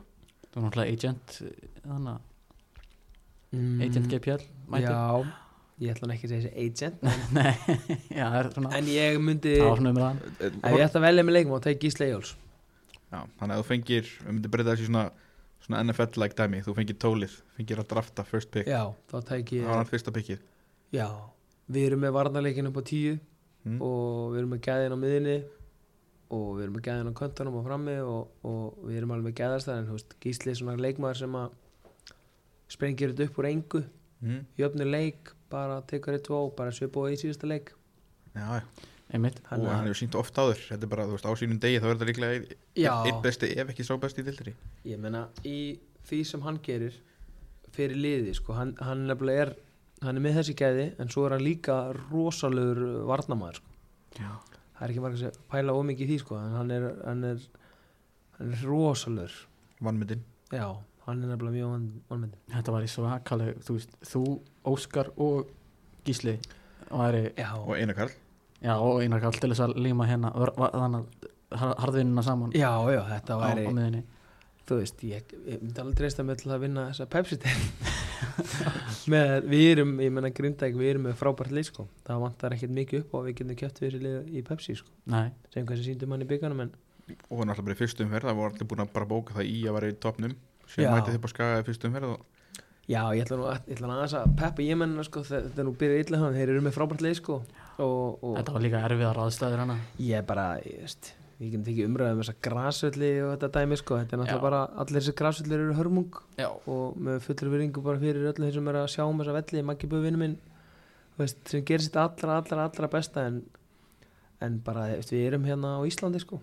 Og, og þetta er einmitt ár 20 í mestrarflokka eða eitthvað og, og ég hef alla séð góðan völl sem hefur púlað heilt sísón sko, þú veist, frá fyrsta leik og fram á loka leik, þú veist, F á völlurinn hefur yfirleitt verið svo velli sem að hefur næsti og svo einmitt núna við að lengja mótið og veturinn er ekkert eitthvað að vera stittri sko. Nei og ég menna hvað ætla að menna veði alltaf á að vera gott viður allan veturinn eða þú veist við erum bara á Íslandi og það getur verið veist, við fáum kannski eitt, gott, eitt góðan vetur og svo fyrir vonda næst og þú veist að meðan þessi gerðingarsöllu en það eru bara gerðingarsliðin að taka yfir. Mm.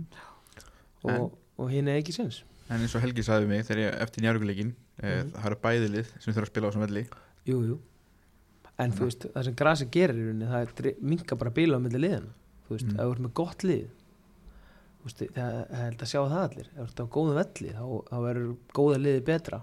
Mm -hmm. lénaliði verður bara óberast veiklingarnir ennþá meira og, og hérna en á lélugum græsvöldi það er auðveldar að liggja tilbaka. Bolti gengur hægt, hann er skoppandi og, og hérna þannig að eh, þetta hefur bara mikil áhrif og þetta mm. gjaldfællir líka deildina sko að vera með eitthvað umulega velli sko. sjáum líka bara tölfræðan hjá hjá FH á bara gerfugrassi já, ég heldur að bara eitthvað 2-3 sigurleiki í ykkurum sko 20 leikjum eða eitthvað.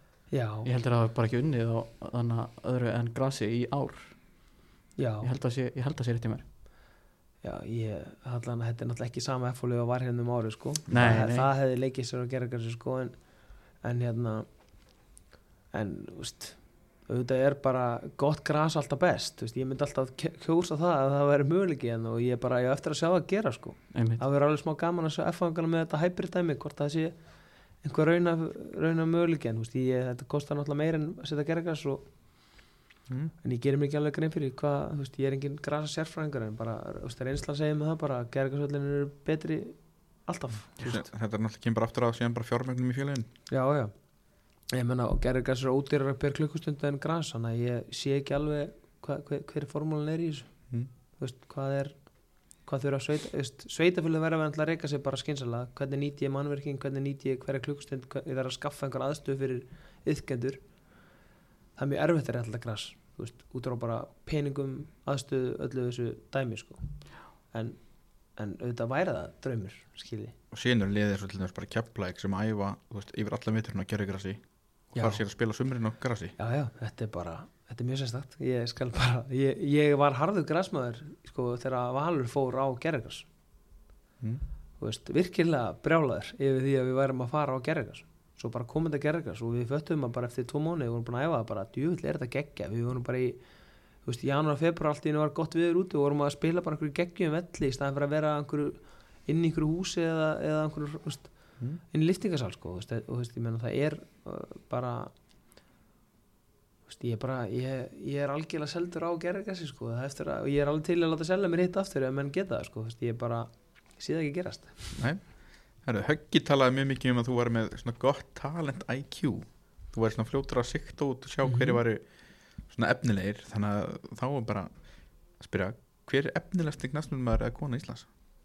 það er mjög veld að svara þessu sko, hann alltaf Kristján í og ég sá það bara eftir veist, viku þegar hann var í breyðablik sko, að hann væri aldrei að fara að vera lengi hjá okkur í breyðablik sko.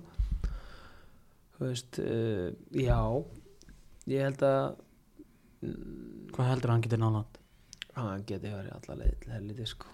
þetta er bara veist, hann er náttúrulega ekki orðin tvítur sko, og hann er, hann er bara heldur nált þess að Ajax byrjunlið og ég held að Ajax er risa klúpur sko. Mm. Þannig að- og ég held að segja sér sjálf bara liðið sem voru að berast um hann veist, þetta var bara eitthvað bæði munn hérna Arsenal Ajax, veist, ef að þessi liður að ringja í mömminu og pappa og samfæra um að koma þú veist, þú veist allan á þú ert á einhverjum góðu lista þá sko já, já, og þú ert með eitthvað talent.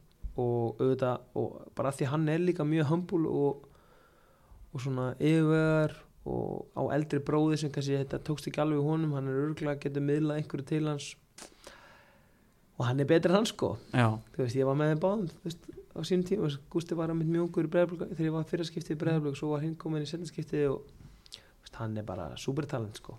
Haldur hann verið svona okkar næsta stórstjarna? Ef og ef hann helst heill og, og hérna spilin spilast rétt fyrir hann þá geta hann orðið það já.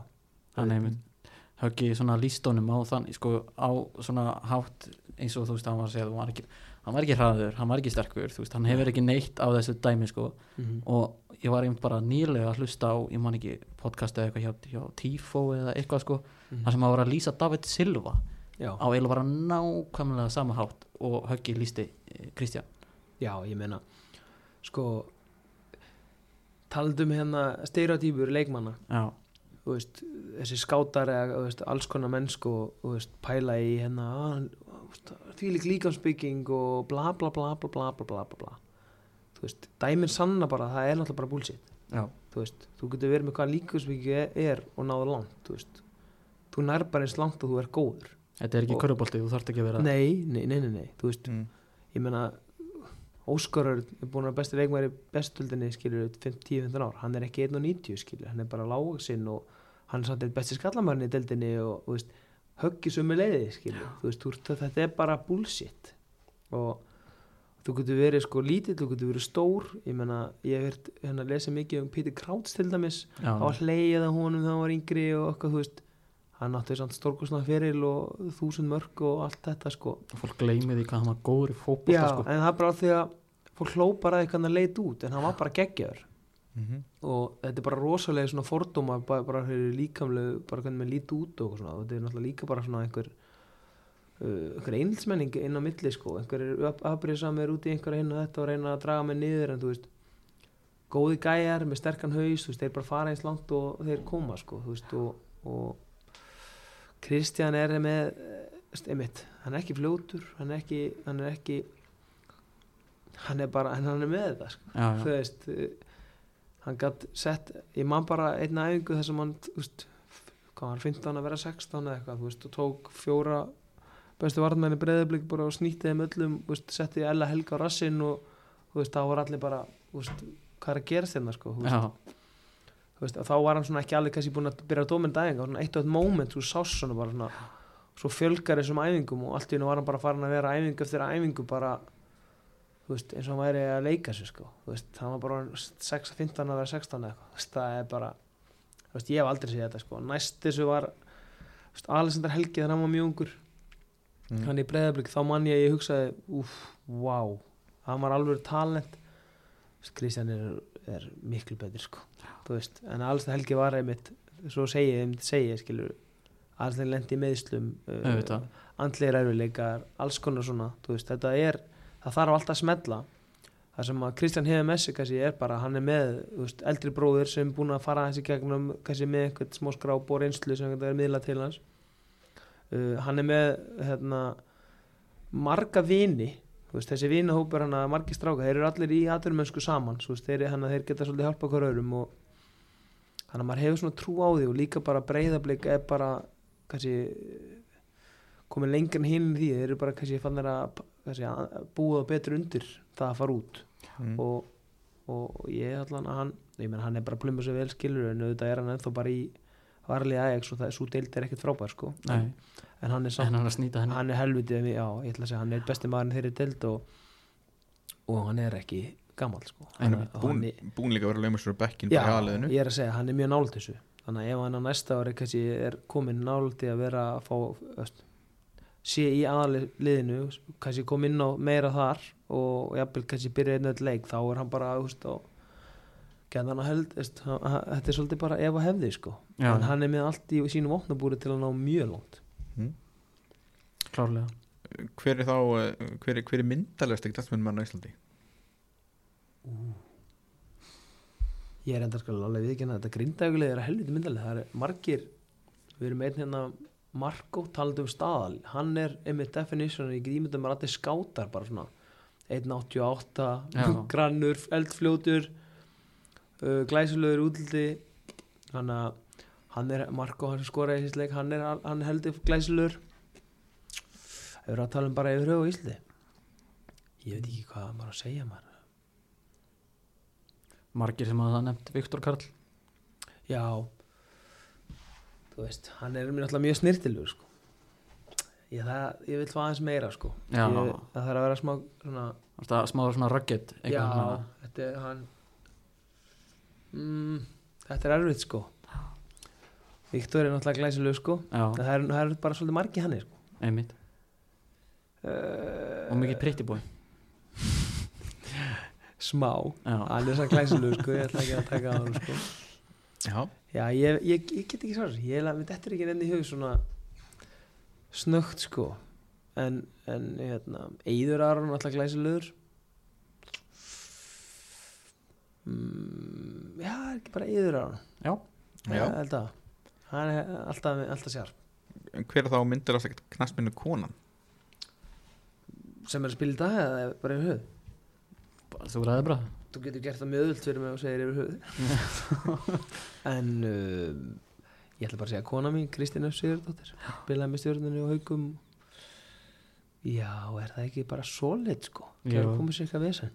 Það er er- vin- vinsalasta svari hjá þeim sem er á föstu Já. með, með einhverjum já, að spila ég, sko. ég held að þetta er fullt af glæsinu stelpum en það er bara, við erum í landi fallega kvenna sko, hann að það er fullt af glæsinu konum til í öllu liðum sko, Já, já er þetta að gera upp um milli Hver er þá að þínum andi besti knastmennu maður frá upphæði? bara heiminum eða Íslandi eða hver Ég bara Heiminum. bæði Ég menna það er mjög öll að segja bara Messi sko og hann er besti Mm. leikmaður upp að í Íslandi En hver er svona besti íslenski? ég menna það er bara veist, það er mjög erfitt að horfa fram með Eið en Gilvi samt, þú veist, einhvern veginn sko, Eið var alltaf stórkostlegur og átti hann að, þú veist, var key player alltaf í Chelsea 2-3 ár. Mm. Líkin maður í title winning liði. Já, þú veist. Spilaði underrated rullu í Barcelona. Já, Gilvi svo, Gilvi svo sem bara átti bara stórkostla fyrir ennsku úrslunni sko, sem Gilvi hefur fram með reyðir að hann fór svo með bara bar þetta íslenska landslega hernuð sér Já, á EM og HM sko. Og líka alveg hægt að segja að Gilvi hefur kannski átt lengri Já, þarna- solid solid fyrir mm. -hmm. mennsku sko Þeir eru tveir hann saman sko þú veist, Gilvi ég það er ekki hægt að gera upp á milli þeirra, ég myndi bara segja Eður og Gilvi eru svona, þú veist, þeir eru on top. Já, en það er nú einhver sem vilja meina að, að Gilvi að fengi meiri hjálp í landsliðinu heldur en kannski eður Er það? en síðan sem náttúrulega skoðum að liðið sem ég var með hann er með er Ég með meina að e- þetta lið sem að þeir voru í á sín tíma hann þetta, var bara alltaf aðrum með stórum klúpum Meina, við vorum með hérna Kára Átna Ívar Ingi með Uh, Skuðinbergs og ég meina þú veist, Kára Átna var að spila í Svíþjóðu eða eitthvað og, Já, já. og hérna þú veist, Aberdeen þú veist, skilji, Mm. þetta er ekki sömu henni voru í Bolton Egilsson Herta Berlín þú veist, þetta Ég var í ég var Reading. Ingi um Redding þetta, þetta, Brynjabjörnarredding já, þú veist, þetta var í Portsmouth ég meina Átni Götur í City eða eitthvað, þú veist, þetta ég ætla nú alveg að setja fyrirfara að hann hafi fengið meiri hálf sko ég Já. myndi halda að Gilvi hafi ef eitthvað er bara ég meina við vorum með bara leikmenn spil í Skandinavi í þessu landsliði skilur og og kannski var það við og þetta líka eitthvað þetta var bara mjög svipað en bara Gilvi bara bókstala fór með okkur á EM og HM sko. Þetta Kannski- liðið er ekkert án hann sko. Kannski miður, en að- það byggði til Guðus og hverju kvöld að hann kom aftur. Já, en kannski aðalega bara hérna umgjörinn og, og þjálfarannir sem kannski var munurinn. Já, þú veist, auðvitað, ég skal alveg gefa eigi það. Um, umgjörun í kringum þetta landslið var náttúrulega örgulega ekki góð og, og, og eh, Lars auðvitað kemur þetta professional og, og umhverju en þú veist, skil, það, að menn fyrir samt ekki ekki að líti úr að íslensku þjálfar voru alveg með, sko, þetta er ekki gemvísindi þessi þjálfræði en svo kannski líka hjálpa bara með prófíli sem Lars var með að kannski þessi stjórnamenn og þeir í kring bara gerðu það sem var að vera að byggja um sko ég get ímyndað mér að þú veist það bara hefur tölvöld meira vægi ef að Lars Lagerbæk kemur og segir að gera eitthvað eða þú veist Óli Jó eða Gauð Þórar þó þeir séu náttúrulega störkastlið þjálfur í Íslandi það bara ég veginn ímyndað mér að það hafi smá verið keisi sko. Já, já. ég veit alveg að Óli Jó eða Gauð Þórar eða hverjir sem voru með þetta landslið þú veist vilja hafa þetta eins flott og hægt er. Alltaf margir sem líka gleyma því að það var einmitt Óli Jó sem blóðgæði flesta af þessum strákum. Gaf þeim svona fyrst, já. fyrsta sinni þú veist, algjörlega sko en þú veist já, já ég meina, hann gerði það klálega sko. Og kostaði hann kannski ekki í staðinn sko en, en þú veist ég á þessu sviði þá, þú veist, auðvitað eru til betri þjálfarar en þjálfarar í Íslandi. Mm. það er bara, það liggur í það liggur bara í augunum au- augljóslega sko, þú veist, menn sem eru fá miklu meira að borga og geta lifa og hræst í þjálfun alla sólurreikin í mörg árskilu og svo Lars búin að aðtöður þjálfari í 40-50 ár mm auðvitað er hann lengra komin en íslensku þjálfarinn það er bara, já, það er augljóst alveg svo eigðu smári með meira reynslu en ég skilji. Þú veist, hann bara vann við þetta. 24-7 í öll, öll þessi ár sko og bústala vera matan á einhverjum hágjaða upplýsingum hver sem hann var. Þannig að auðvitað er geggja þegar það er hægt að fá svona reynslubolta inn í starfið og, og miðla og það náttúrulega gerðist já, já. og það hjálpaði líka leikmennum að komast út bara. Hann á með tengslanett út um allt og hjálpaði þessum strákum mörg hverjum að komast að hjá einhver liðum erlendis og, og hjálpaði þeim að byggja upp góðan fyrir sko, því að það er oft það sem þarf bara sko, þetta er eftir ekki íslenski leikmennir er náttúrulega mjög góður sko. En komst aðeins inn á með Gilva langar að fá aftur. Er ekkit agent GPL að hérna að heyri í honum og Já, formaðurinn nú eitthvað búin að segja að þú eru til í hann allavega? Ég menna, þetta er allir til í hann þú Já, veist. auðvitað. Ég, ég skal gefa launin mín ef hann kemur sko, veist, hann, það myndi allir vera til að fá gilva í liðsi sko. en veist, ég held að hann, ger, hann ræður þessu bara algjörlega sína fórstunum, ég held að ef hann tekur síntal og ringir eitthvað þá bara verður það græja sko, sama hvað klúpur það er í Íslandi sko, menn myndi bara Já, fara að safna sko. þannig að ég held að þetta er bara undir honum komið sko, og ég held að það vitið allir veist, hann það bara að meta hvernig ásandar á sér og hvernig hann líður og, og veist, óskama þess og vonar að hann komið bara komið tilbaka veist, þetta er ömulegt þetta sem er búið í gangi og, og fyrir hann sjálfan bara að ná einhvern veginn að þú veist, hvað maður að segja enda þetta með aðeins beti ákvæðara væpi en, en, en þú veist hann er alltaf legend hérna á Íslandi og, þessi ferill er alltaf stórkostlegur og þetta er alltaf frábær náungi sko bara þvílik fyrirmynd fyrir alla íþróttamenn og bara fólk yfir höfu sko. Akkurat. Um, Hver er þá mesti höstlerinn í grindækuleginu? sko þetta er náttúrulega eitt leðilegst að á landinu sko. Ég held að séu allir á föstu nema tveir. Ég er að segja að þetta er faraldur í íslenskum fótbolta sko. Það er rosalega mörg lið sem eru pikkaðir sko. Það er bara búið að negla alla. Já, Hvað var ekki Valur? Það var já, vikingur líka Víkingur og síðan var ekki stjörnulið líka Já, Nei. hvenna Jú. Já, það voru í unni þróttarar þróttaraliði já, já, já, hvenna það var rosalega mikið við vorum alltaf, þetta var alltaf sko það var allir á pikkfæstu, þá fórum við sko að breyta þessu í bara í deildinni Sko, ég- þetta er mjög auðvöld í okkur sko. Við erum með eitt, sem- Freyr, Mm. káamaður já. Ég held ég verið að segja að hann er mestu höstlerinn sko. Hann er rosalur Hann er Já, já, hann er í reglunum heimsóknum út um allan bæ. Ég morða hann þeir eru góður, á norðan sko. Ad- Adam er hendið mitt Dan, Daniel Hefstins undir útuna Já, hann, ég þekki hann líka. Hann er, hann er mjög, hann er mjög hérna mm, Hvað maður að segja Dugluðu bara. Já, fyndið mitt ég hérna, hitt hann eftir leik hérna í, í kórnum og, hana, og spurði hann að þessu. Þannig að hann var alveg bara, hann kom á fjöllum sko, bara, það að spyrja með þessu maður Já, ég er enda þar að taka hann á tepp Ég var að spá hann í deildinu daginn og sagði að hann myndi skora, skoraði ekki sko. ég sá það, ég var að texta því sæmleik sko. Tjöfull, ég var svolítið sárat í hann Hann er minn maður sko. Ég vil hann líka renna út af samning sko. Þannig að hann Ef hann vil halda áfram í gul þá er hann velkomin já, það er gott góða lott sem fylgdi hana já Herðu, hver er uppáld staðurinn í Íslandi? Ú. Sko Þetta er erfitt. Sko, mér finnst Akureyri gegja og Eyjar. Nei, sko, það er líka hann áttu við, sko. Mm, og þú ert landsbyðin Já, veist, það er miklu betra landsbyðin en í bæn, sko. Það er alveg rétt sko. Ég vil ekki segja neitt. Farandi, Ég veit hvað er þetta að bæra Blöndós og krók þetta er, er, þetta er erfitt að gera upp með þessi stað sko. en, mm, en bara yfir höfu bara Íslandi gegja en ég ætla að henda eigum já. Já. í það, það er algjör uh, töfrastaðir sko. hvað segir, er sæbreytin ekki þannig að nei sæbrutin er ekki heila Það er gott að ég sé ekki að spyrja þessu þetta er svona ongoing brandari hérna í hóku Já, ok. það var einn ein, ein, ein, ein gestur sem sagði það Olla í þrótti, hún vildi, vildi minna Sæbretin, sólsetur. Já, það er, það er slæm, já, já. ég er ekki vissum hún að fara út fyrir höfbúrs já, einmitt. Það er, það er mikið að hann er bönn til þau. ég maður er alveg upplega það bæði svo í stjórnur og breyðablík bara, þú veist, þessi bæjabötu ég bara veit ekki hvað þau er að missa á sko. Einmitt. Og svo þarftu líka smá þroska bara til að kunna meta náttúruna og, og kyrina í þetta landi sko. Já, en tökum þess að ekki ólega við elskum hann fyrir þetta svar já, þetta er ég geggjað er sko. klárlega sko. Þetta er rándýr svar sko. hérna bara, þú veist a- a- Óla, því við ætlum að ábyggla aldrei að hættum að tala um þetta. Það er bara hérna byggðist í fyrirgefningar bara hérna til frambúðar.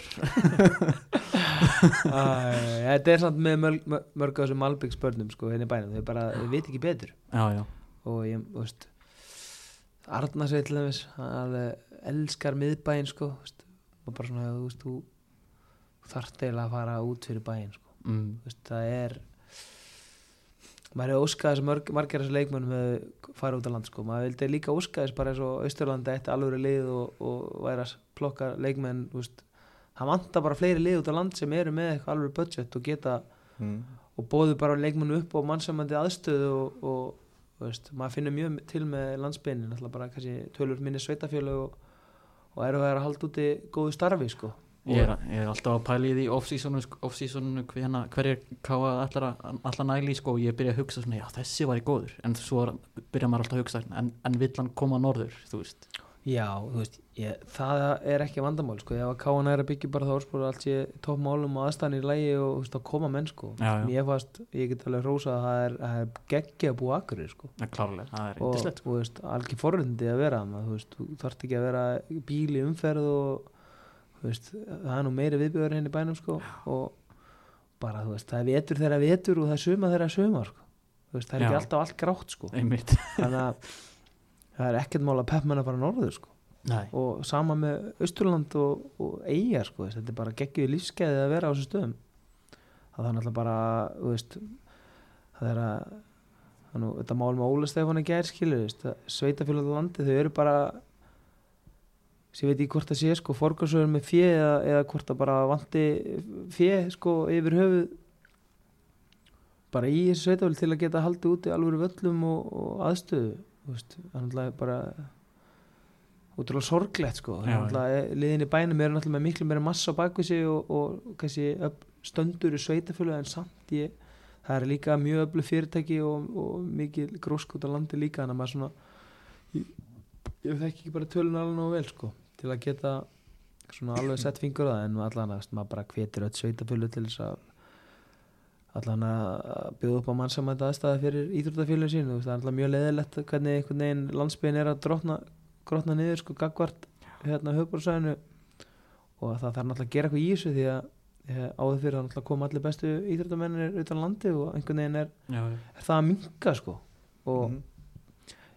hvað veldur, þú veist, það er væntalega bara þú veist höfuborgarliðin eru bara að taka fram úr einhvern veginn í umgjörðu og aðstöðu og, og, og ég veit ekki hvað er þekkingu kannski, það er kannski ekki eins oft sem úr að fá kannski góða leikmenn eða færa þú veist, ég ætla ekki að gera lítið úr einhvern veginn landsbyrn en þú veist, bara það, Þeir- það er bara holdt alveg svo við tölum við landslið áðan. Bara að fá utan að koma til reynslu bolta inn í klubbiðin, þú veist, sem hafa upplifað eitthvað aðeins kannski lengra komið.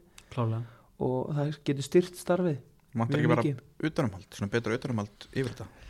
Þú veist, ég veit alveg, ég þekki náttúrulega þetta landsbið út um allt mjög vel skilur það, er allir að gera sitt besta og gera Mm. vel sko en, en veist, það er kostur og gallar að vera lítill sko. Veist, það oft eh, verða menn einangraður og kannski ekki tilbúin að leipa ykkur um að eða, eða kannski er bara ekki að reyna að sækja eitthvað utan að koma inn í félagið sitt eða þú veist, bara þægilegt að vera hann eitthvað, ég veit ekki, veist, auðvitað úska maður þess bara að menn séu með smá alveg metnað og og það segir þú veist, auðvitað er gott að fá eitthvað utanakomandi sem hefur kannski meiri þekkingu eða meiri reynslu og, en ofta tíðum er það líka bara þannig að menn treystir sér ekki til að fara sko, þú veist, og ástæðin er oft kannski hann að menn ennir kannski ekki að fara að þjálfa við aðstæðir sem eru óbúðlar og vi- vilja að keppa á jafnverðilis grundvelli gagvart þessu liðin bænum, veist, og Káa er að gera mjög vel núna með þessa nýja aðstöðu, veist, því hún er búin að vera veist, hörmungi í 20 ár sko. Ríkalegt sko veist, þannig að veist, þetta mun gerbylta uh, uh, þeirra möguleikum að keppa gagvart þessu liðin bænum og, og mun nýta undir það grósku sem búin að vera þessu stað bæði náttúrulega uppbygging og hverfunum mikið ungu fólki og það mun bara bæta því. Menn það er allir að að flýja þessu höfuborg hérna út af þessu umhverfi hérna í skattum og, og, og ég skil það vel. Allir er að drulla þessu út af land. Já, þá á engin efni að kaupa, kaupa íbúlingur sko. Fáir allana já, þú ert annarkort að alast upp í ríkri fjölskyldi eða bara vera búin að gera ótrúlega vel. Þú veist, það er svolítið hannig Húsnæðis verið í Njarvíki mjög gott. Bara svona skjóta þér. Já, já, það er bara er það nú sexy, ég veit það ekki. En þú veist, fer ekki fyrir ekkert að gringa út eitthvað, það er hús þar þetta og bærin stakka bara einn átt. Það er nóg bygginland í grindag, sko, ég er búin að sjá Það er ekki alltaf jarðskjalt ára eitthvað vesen þar? Er það ekki líka njörg Já, við fáum svona eftir. Til liðina, sko, Það er þetta góða 10 punktur. Settum við sjálfan upp í kei og þarna. Sko, já, ég held nú bara yfir höfuð, þú veist, það er bara gott að búa í Íslandi, sko, veist, Mm. það er gott að vera í Njarvík, ég menna þeir eru með náttúrulega Reykjavík söllina og vondi er að vera að byggja hann einmitt, geggja aðstu hann fyrir bæði Njarvík og Keflavík og það Mm. mun náttúrulega að gera mjög mikið og þú veist, maður óskar bara þess að landsbyðin, þú veist, einhvern veginn, ég veit ekki hvort það þurfi einhverja styrki á ríkinu til að jafna leikin eða, eða hvort að þau þurfi bara að gefa í, sko, ég veit, ég veit ekki alveg nákvæmlega svar við þessu, en allavega maður óskar þess einhvern veginn að landsbyðin á vopni sín, þú veist, með þessar ferðarþjónustu og það er nóg að gera þetta landi, sko. mm. Ertu með eitthvað skemmtilegt aðtök sem hefur gest í leik? Mm, Bóttið, sko, ég er minnið þess ofta svíkja mann með svona, sko sko, það var einhvern tímann einhver sem pissaði leik, ég er, ég bara manni ekki hvað það var. Já, er það? Var einhver Mar markmaður bak við markið eða bara, sko, eða bara Ég- niður stöpuksuna ég er ekki frá því að það hafa verið sem aktobuleik, ég er bara já, ég man ekki hver það var. Það var einhver í liðin okkar, minnum mig. Ég er bara e- þetta hefur gert ég, það er eitt svona í grindæklið núna sem er með eitthvað blæti fyrir að pissa sko, hér og þar sko þannig að þetta er kannski er það eitthvað. Get ekki nefnt á nafn sko nei. en, en hérna Hann spilar í dreginúmer get ekki sagt það. Um, mm, hvað skemmtilega sögur maður man ekki neitt maður. Nei, ég man ekki eftir einhverju einhverju svona allan að ekki on the top of my mind ónefndur leikmaður, spila, pissaði. Það, er- það er fínt. Já, eða það ekki, Jú. pissaði. Já, mér minnir að það hafi verið sem aktopuleik Já. úti. Hefur bara svona- ein, einhver, að finna, einhver að finna leikinn og, og, Já, og, og reyna að spotta þetta sko. Já, Já, ég held að Já, ég Hvað fyndið. Já, ég Það er einhvern veginn meira eftirminnlegt eitthvað svo skella Þú veist, þessum el, elvar átna sín tíma það rótaðist já, já, smáman eftir svoleiði sko. Ég það er sem ekkert, ekkert uh, sjálflega fyndið Nei, það er eiginlega bara hræðilegt sko. já, Ég hef aldrei verið af nált í bara að fara að grenja sko. Þannig að uh, Skemmtilegt að tvik Mitt þetta er ekkert ég- ég Nei, er nei, bara alveg þetta pissir bara ég fínt, eða verð- ekki? Jú, ekki Jú, jú. Ertu með eitthvað hjátrú tengda fókbalta? uh, Já, ég get ekki sagt það í viðtali Því miður er það einhver, en ertu, er það einhver svona rútína fyrirleika Þetta er bara eitthvað sem ég og konur með Þetta verður að vera með já. sko. Þetta er En annars er það ekki með neitt sérstætt sko. nei, Það er bara fyllir línuna þeir sem geta Já, ég held það ja. Fyrir utan knaspinu, fylgistu með eitthvað með öðrum íþróttum? Sko, áður fyrir náttúrulega fylgdi sem að mikið með körfu um, Minn í dag Ég bara hef ekki tímið það sko. Var það ekkert á þannig að Jú, sko, rétt svo. Veist, ég náði Ég náði með þess að síðasti leikurinn Náði ekki síðustu tímyndum Ég var að vinna, fastur í vinnugstar Já, ok. Ég var bara miður mín sko. Ég bara, ég, ég bara því miður Náði ég ekki sko. Mm. og hérna, en ég horfði á hana endi sem svo um kvöldi ég svo öðrukruk þannig að þetta var alveg, veist, mér langaði alveg að horfa sko. en hérna en bara geðveikt, þú veist, maður elskar þegar landsbyðin er að gera eitthvað vitið, sko. Einmitt. Og, og þú veist, karvanan á sögur hefur náttúrulega augljóslega verið að gera stórkostlega hluti í langa tíma. Og loksins starta núna. Já, og kannski bara, þú veist og mjög virðingavert sko, þetta var ekki eitthvað svona case sem að menn voru bara að dæla eitthvað eitt sísón menn eru búin að berjast fyrir þessu í langa tíma sko. Mhm. og þú veist uh, og það veist bara geggja sko. En það, þú veist, uh, svo maður segi það nú líka sko, hans að stuða fyrirtækinu stuða eiga þessi fyrirtæki að því að ég menna hversu mikið gefur þetta sveitafélagunum að vera með alveg íþróttafélag já, og að ná árangur geta keft við á bestu veist, þetta er bara ef þú vilt gefa sveitafélaginu eitthvað gefðu þið gott íþróttafélag þú veist, sér, sér bara hvað króku bara fór á meina hliðina, þetta sko. gefur bara bæjarfélagum rosalega mikið identity og bara gleði og bara veist, þetta þvíli gjöf. Og þessi stóru fyrirtæki í Íslandi maður bara hvetja til þess að dæla peningum í Þú veist, það er, er, er einstaklingu í Íslandi sem hefur peninga sko, sem getur sko, keft knattús sko, á þess að finna fyrir því sko. Þú veist, þannig að þú setja peningin í, innanlands en ekki erlendis. Þú ert ekkert í eins og Já, hefur kannski ekki tíma til fyrir þessar amerísku íþróttir en eins og sem Nei, ég, er síðustu búin að reyna þetta sko nokkri liðum sko, ég reyndi hérna í val um árið að vera með einhverju fantasíleik draft og allt þetta og ég var með just, með 1%, 1 aðtikli ás og hérna og ég held að strákan hafa bringið nætt að hafa mig árið eftir sko því ég var svo lítill innvold sko. En það var samt alveg gaman sko. Ég, ég bara hef ekki tími í það. Það er bara því miður svar mitt sko. Ég forgansraði bara tímanum minn öðru sko. um, Pælur þið mikið í svona fótboltaskóm og svona og bara hvernig skóm spilar í Ég meina ég var uh, líklega sjúkast í skófatturinn á Íslandi svona 17 til 23 ég ætla að vann í aðdæsumbóðinu á þeim aldrei líka og var algjör skó kall, bara allengur flokka. Ég hugsa að ég sé þarna uppi á þeim tíma sko. Einn, einn örgulega með flottast skósamni sko. Mm. já, en já. Ég veit að Andri gefinu minn hann er alltaf mjög bilað við vorum svo svipaðar í þessu í haugum á sín tíma að pæla mikið í þessu og hann er líka með heldur vígalegt smá skó, skófettis mm, Jú, hann er líka með sér hot hann í stýta já ég ætla að segja sko. hann að já ég, ég er aðeins búin að róast í þessu sko. ég, ég er ekki að bilað sko. ég er eiginlega búin að hættur þessu Þetta er náttúrulega sko galið þegar hann byrjar stundum að tala bara um típunar árgerðina Já, og ég er gæti gert það líka, sko. ég var alveg algjörlega fórveikur sko. og hann vinna líka í aðdas umbúðinu og og þú ert tímandas Já, ég er bara pú með þetta, það eru alltaf bræður sko, mm. geti sagt góða sögu Vi, Vissu það ekki? Ha, Að Stofnandi Púm og jú, Addas eru bræður. við erum bræður. Magnamar. Smábæ í Þýskalandi. Mm. já, Er þá í þú veist þessu Predator eða ert í Úf, ég var alltaf í Predator en áður fyrir þegar ég voru úr leðri. Mm. ég var erfitt með þetta plastæmi sko en ég, ég er svona ég hoppa á milli Predator og Nemesis og tímbil nú er Nemesis hætt þannig að ég er er eitthvað tilvist að grepp ég er búin að leika mér í uh, tveggjar glöðum Nemesis og, og hérna Puma skóm núna er eitthvað að prófa og ég er bara, er fyrst geta æfinni svona smá einhverju smá greppi með þetta sko.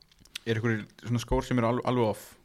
Eins og til þess bara þá liturinn eða eitthvað þú veist, ég er búin að vera í öllu litum sko, gulir, rauðir appisnugulir þeir sem hefur rættið svona og er, er eitthvað aðeins inn í þessu þeir þú setja allir bara off á svarta sko Nei, ég er nefnilega ég er nefnilega smá gamli skólin ég get alveg í svörtu skóm sko. ég, kopa get, ég get aldrei verið í svörtu skóm samt við svarta sokka en ég get verið í svörtu skóm með hvíta sokka það er, ég, það er ræðilt að vera í öllu svörtu sko. það gengur ekki sko. Já, þú lítur út bara að hlaupa hægt sko. ég má ekki við því sko. þú vilt meina er þú einn af þeim sem vil meina það til þess hvítiskotnir hleypa hraðar þeim Já, klála það er bara 100% bara vísindi þetta er Já. vísindulega saman Er í skóla? Hver, hvernig Já. varstu í skóla? Hverju varstu svona góður í og hverju varstu liður í? Sko, ég var nú bara svolítið í skóla til að byrja með sko, en sko, eftir því sem ég tók fótballan eiginlega lengur og lengur og lengur þá bara, ég bara misti áhugaðan á skóla sko. en ég, og eina ástæðan fyrir ég eiginlega kláraði stúdent og skóla var bara því að mamma sagði alltaf þú ferð ekki aðtunum svona að klára stúdent þannig að það var einhvern veginn bara veist, ég klára hann á skóla á einhverjum herkjum með núl áhugaði og og ég er samt alveg þakkláttur sko mömmu að því að veist, ég hefði aldrei klárað hann skólinum út af því að það var hi- hitt beini sem að var að draga mig í að einhvern veginn Mm. þjörsna mér í gegnum þetta nám því ég síndi þessu engan áhuga og ég get aldrei sagt ég hafi verið góði nefnandi sko allan ekki á þeim tíma. En svo svona aðeins setna mér ég greinist náttúrulega með hann að sárastu volgu sjúkdóm og veikist illa þegar ég er 23 ára. Og þá fór ég skil í einhvern veginn þá þurfti ég aðeins að breyta lífinu minn þá sá ég fram á að ég er ekki aðdur mér að fókbalta og allt þetta og, og þá fer ég í yðnskólan og þar svona kannski fyrst kannski ég var í skóla sem ég hef svona einhvern veginn settið smá púður í það. Mm. og fór, fór hús með braut þannig að ég skóla reykja og einhvern veginn og keirið það bara áfram sko, kláraði það bara einhverjum tók, laði ba- bilaði metna í það það er alveg, ég kláraði allt og marga einingar á önn og og var hann bara í eitthvað rúmt eitt og halvt ára eða eitthvað, kláraði tvekja hálfsværs námi eða eitthvað. En þú veist, já, já, ég, ég get alveg lært sko, ef ég, ef ég hef áhuga á einhverju þá get ég held mér helviti langt til helvitis til að læra sko. Mm. en ég ætla mér að það væri gaman að prófa ég er búin að gæla við það hvort ég að skella mér eitthvað nám núna og sjá bara hvernig maður er hvort að maður sé með þetta eða ekki sko. en ég held að ég held að það skipti engum máli hvað þú ert að gera þú er áhuga á einhverju og, og er tilbúin að leggja inn í vinnuna þá stendur ég vel í hverju sem það er sko. Er það eitthvað svona sextakt í huga sem myndi að vilja mynda þig frekar í? ég er náttúrulega mikið að pæla í húsum og byggingum og, og hérna þannig að þetta er eitthvað verkfræði eitthvað Já, eða bygginga infræði eða tækni eitthvað, tæknun eða Mm. þetta er einhvern veginn þar sko. Sama tíma er ég líka með mikið áhuga á fótbolta og hvort að maður er að fara að sökka sér í að klára öll þessi námskeið og þannig að þetta er svona tvo þessi tvær áttir. Þú veist, þessi fótbolta er mannskemmandi en hann er geggjar sama tíma. Þannig að þetta er svona hvort þessi holdt að taka pásu þegar maður hættir að spila eftir fimm ára eða, eða ekki sko, maður veit ekki alveg. Mm. það verður bara komið ljós Hvað svona vandræðlega stöngum líka á ferlinum?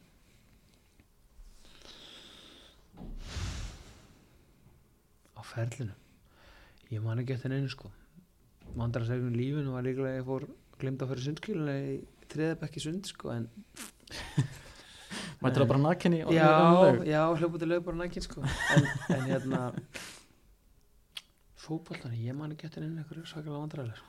það er reyndar, þú veist, þetta er svona þetta er svona martröð á morgum já, þú veist, maður að hana Sko, þú veist, þeim dreymir að, að þeir séu sundi og, og, og þeir séu ekki sundskilu og fattu allt í nefn sko í dag er ég orðin ég er ómikið orðin er eiginlega of sko lítið spjærhættur sko ég er eiginlega bara svona, ég, það myndi ekki tröfla með að lappa nakinni sko. Þú veist, ég er bara ég er einhvern veginn komin yfir allar svona feimni og og, og eitthvað svona pælingar sko, veist, og pælingar ég, og líka bara hvað er að hugsa og pæla sko. Þetta er einhvern veginn þannig að þú verður bara ekkert vandrarlegur Nei, ég held að strákanir í kringum mig í fókvöldanum sem geti allir votta það sko það er ég verið seint eitthvað kjánalegur Já, að vera nækinn eða eitthvað sko. Nei, en e ekkert svona út af velli eða eitthvað? Nei, ég bara Hefur þetta með að vera svona sub-subbaður Atma ég fannst það úðalega vandræðilegt hvað er það? Söpbar, bara skipt út af? Er Skipt inn og út af aftur. Nei, ég hef ekki lendið því því miður. Þess þá er ég búin að berja einhvern þjálfur en hérna nei. Þú veist, það er mjög veist, ég get ímyndað mér að það fer eftir í hvað kringustæði ef þú kemur inn á 60 og tekin aftur á 80 þá, þá máttu þið drepa þjálfur en þú veist, ef þú kom inn að byrja einhvern meitan gæja en svo gerist í yngslengum daginn og svo bara eitthvað takt spein tímundir eftir eitthvað, þá verður bara að sína því skilning en Nei, ég, ég bara man ekki eftir einhverju svona einhverju vandrarlega, vandrarlega líklega þegar að, veist, þjálfari ætla að grípa í hálsmála á mér að hrúta sko. já, það er skrýtnast að sé ég lendi í sko.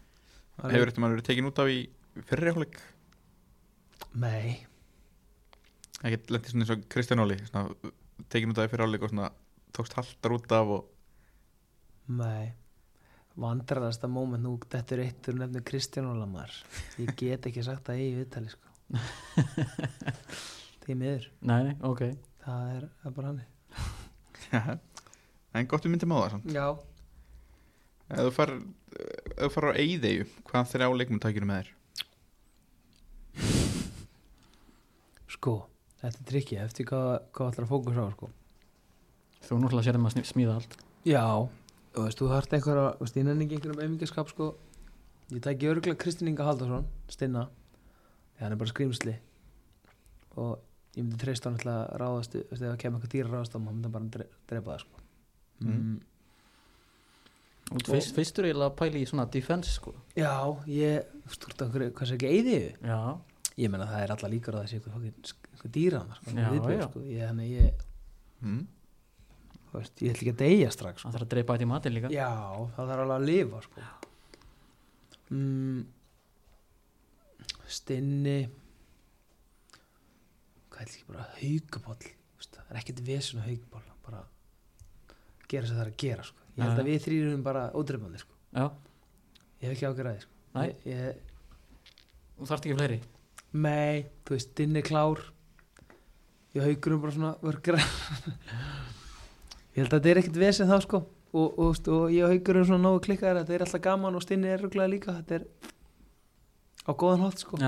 Þannig að þú endar á því að smíða einhvern flottan bát og, og þið varðið Já, ég held að þetta er ekkert verið svo, svo fer líka að hugsa svo, höggi, gísli. Já, og hérna Arnór Gauti hérna, hann myndist nú á að, að þeir sem velja ekki þig er að ljúga. Ok. Það er þetta mjög gott. Já, Já, ég held að ég er alveg öflugur og eðið sko. Já, Hann valdi ekkert samt verið. ekki Hann valdi mig ekki hann sagði þeir sem ekki, velja, velja þig ekki er að ljúga og Já. valdið sín ekki Það er mjög gott Já. um, Já, ég Já, er það ekki? Er ekki komið Já. það? Haugur og Stinni, Já, bara er? Jú. Tveir rock solid, Íslamistara Já, svo náttúrulega bara fyrir náttúrulega bara eftir hvernig þú vilt starta þetta til dæmis var ekki Jasmine erla, hún vildi hún ætla bara að taka fyrir stemninguna því hún vissi að allir þessi, þessi gáfu væri hvað sem er á leiðin að koma að sækja þau Já, ok, það er mjög svona grunn grunn pæling sko, því þú veist aldrei hvernig að koma sko. en hérna já, þú veist, kannski þegar maður hugst eitthvað nei, ég get ekki sagt það út af því. Kannski á maður að taka stelpu með, ég veit það ekki. Já, það gæti líka tekur- móralin já, tekur langur tíma það að gæti verið hættlegt já, já, það er kannski betur að vera bara þrýstrákar ég tæki það. Já, já, Stinni, já, já. Talandi um Stinna, ég verð að koma þér. Þetta er vannamann þessi leikmaðurinn á Íslandi já, ever, talandi um allt hraunir sem hann þurft að hlusta á. Mm. ekki nógu góður og bla bla bla bla.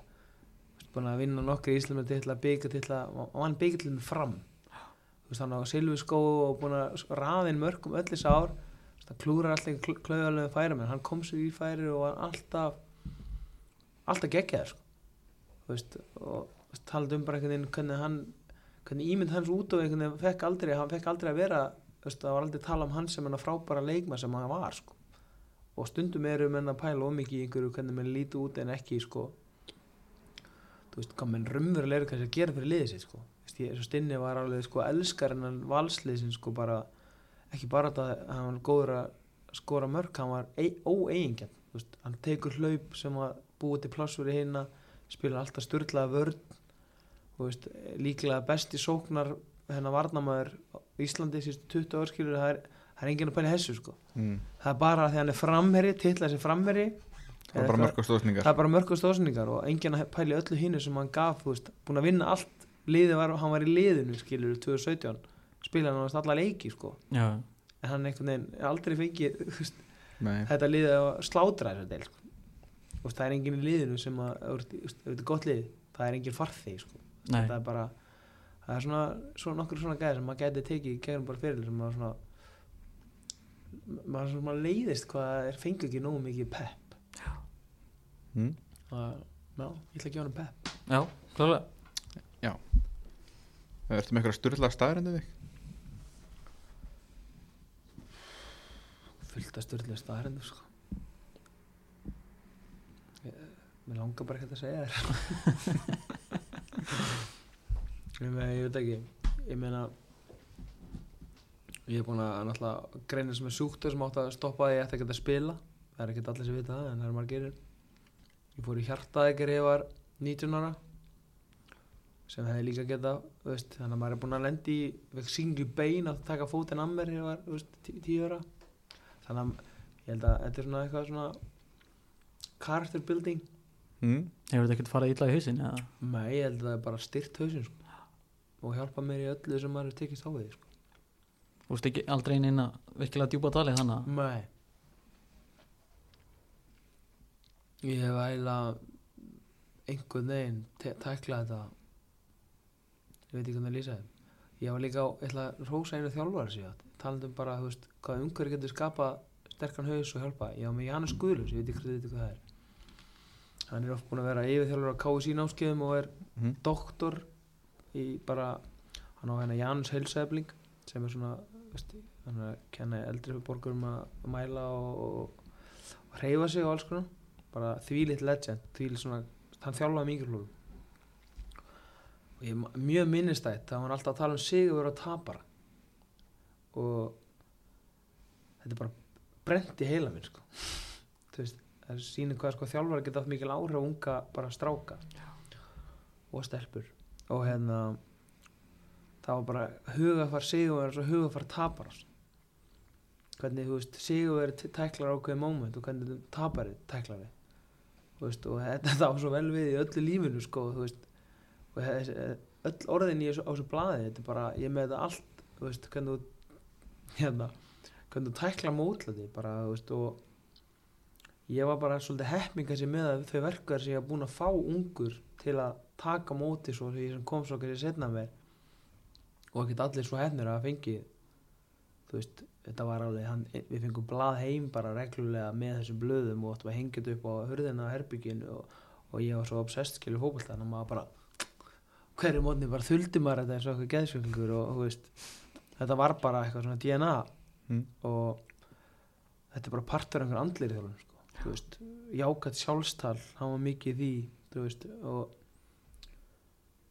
ég held að óska þess að allir fengi góða þjálfara sko.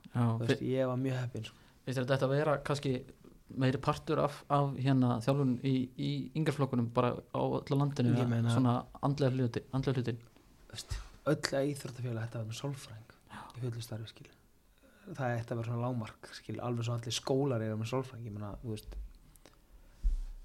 uh, það fæðast ekki allir með verkværin sko, veist, og það er einhver að kenna þér að díla við ákveðin ákveðin hlutu. Ég var bara heppið kannski með hennan þjálfara sko, skilji, það er ekki allir sem fengu hérna innbrenda haus sem bara herra, þetta gerist, hvernig tekur tapar að móti svo, og sigur skilji. Ég hef bara alltaf tekið öllu mótil einhvern veginn bara herri, og það var bara einhvern veginn þetta er test á mig til að bæta mig sem manneski bara eitthvað sem steimpla skilja meðan sömu myndi bara detti ég mitt væli eða uh, höggir þið kannski meira. Já, á meðan einhvern veginn ég hef bara strax búið imprenta þeirri það er bara að vera testa því andlega. Skilji? Og þetta er bara eitthvað sem að jú, þetta er gaman að pæla í þessu af því að þú veist talandi um bara, þú veist, menn hafa mismöndi uh, toolset, skilji, allir þjálfur eru mismöndi, allir hafa mismöndi bakgrunn þú veist, það er ekki allir sem eru með hennan yngil í sínu vopnabúri sem þjálfari sko, og að, veist, hann er náttúrulega eins og ég segi, doktor þú veist, hann er búin að virkilega fræða sig og, og bara með mikla þekkingu. Og, og þetta væri geggjað ef öll íþróttafélag væri með sálfræðing eða eitthvað svona hugaþjálfara og veist, markþjálfara og all, all, all, allt þetta, ég meina allt þetta hjálpa þér. Allt þetta styrkir þitt eigið uh, Mhm. vopnabúr sko, þú veist, bara Mhm. hvernig þú tæklar allt saman. Akkurat, það kemur engin verri út úr þessu. Nei, það, allt sem þú gerir til að betrum bæta þig sko, þetta er bara eins og þú tekur námskeið í starffræði sko, þú verður bara betri starffræði þetta er ekkert, Mhm. ef þú ert duglegur að rækta hugan og, og hérna bara hugaþjálfun eða úst, hvað það er sko allt telur Mhm. og því meira svo ert duglegur að rækta sjálfa þig eða, veist að- eða bara æfa því að tala eða til dæmis, þú getur bara eftir í hugrannu þjálfun bara hvernig díla í mótlið þú getur eftir bara, heyri, þú getur hugsa um það er að það er gæði að fara að sparki með hann hvernig ætla ég að bregðast við skilji, þú getur undirbúið undir allar aðstæður lunga á hann að verða ef þú ert bara búin að drilla og einhver er búin að æfa því koma þér í þessa aðstæðu bara í hausnum sko. Þetta er bara svona út úr eitthvað pælingar sko. Mhm. ég allan að var ég tel mig að hafa verið mjög heppin með þetta sko. ég var Mm. með alveg geggja þjálfara sko. eiginlega alla yngreflokka og og þú veist, það er náttúrulega einmitt þetta líka sko, veist, maður óskaði þess að allir fái góða þjálfara sko Mhm. þú veist, bara eins og kennara eða hvað það er sko, jafnvel foreldra sko, veist, það fá náttúrulega ekki allir að sama en þetta er svona eitthvað svona grunn hláttir sem öll íþróttafélag ættu að raun að geta þau eiga vera með sitt á reynu Mhm. klárlega Eh, Hvað sameri hefur komið mest á óvart eftir að kynntistunum?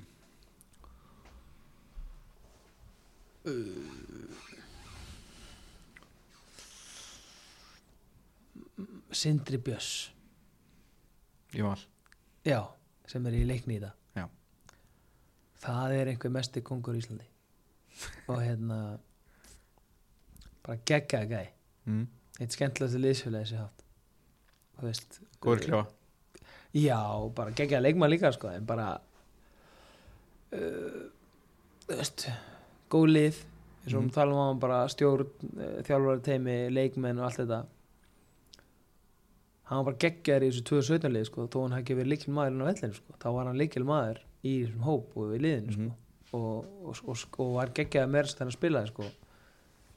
Þú veist og þetta kannski líka bara þegar verið ég hef upplegað það að vera varmaður og vera, vera líkilmaður, ég er búin að upplega alla, alla flóruna sko, og maður er upplegað sko gæja sem að veist, ég með seint segja að ég sé frábær varmaður sko, skilji. En, en ég hef samt á tonna leika sem ég hef verið varmaður, kom inn og skora og lagt upp og hjálpa leiðinu mínu skilju en það sem ég lærði kannski af Sindra og fleirum er bara þú veist, þú getur verið svo geggjaður fyrir þitt lið án þess að vera sko ekki bara að skila þessu þú veist kannski skila bara einhverju móral og, eða bara uh, bara hvernig mönnum líður þú veist, þú getur verið að hafa áhrif á bara uh, ég meina, þi- menn performa betur en líður vel skilji, Mhm. þú veist, og uh, umhverju og það bara svo góð vinnustæðar hann bara, hann gerði þennan vinnustæð valseimilið betur en, en ána sko, miklu Mhm. betri þannig að veist fullt af svona gæðum, Rasmus maður getur ekki hann líka ég meina hann, hann datt veist, ótrúlega erfitt að réttlita en Eyður kemur heim hana. Mm. þá voru nú alveg sexuleiki búnir. Við vorum efstir og allar búin að fá okkur mark sko, og Rasmus tekin út úr liðinu fyrir Eyð Eyður er alltaf bara stjálfræðilega góður. En, en Rasmus veist, það var aldrei neitt. Veist, ef ég er ekki í liðinu þá er ég örfísi ég er, ég er, ég læta ekki betna á liðsfélunum skilur en ég er ekki sáttur ef ég finnst ég yfir liðinu svo hef ég lendið því líka, ég lendið þetta árið með val þú veist, þegar Kitty Freyr var bara á eldi. Skilji, fyrir 2017 sísunni og ég var svona inn og íst í spila alveg fullt skilur en byrjaði einhverja leiki en veist, ég var ekki lengur í tíunni. Veist, en, en gæti ekkert sagt, veist, Kitty var bara fárálur þetta sísun, ég man einhverja skora 11-12 mörg og bara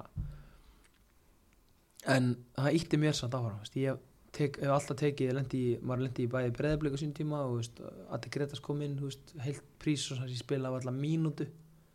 Svo var ég leikmaður ásins og skilur lókin gekk ógeðslega vel. Mm. lendi með örusetti og allt þetta það búið mjög erfið vetur. Þannig að maður hérna, að ég gaman að pæla í bara veist, hvað menn geta komið misvægt á borðinu. Þú veist, þú getur verið með varamenn sem er ekkit endilega hvað maður að segja um, að skila þig kannski stóðsending með mörgum eða eitthvað en þeir geta verið sko varamenn án þess að koma inn og það samt verið drullumíkilar Mhm.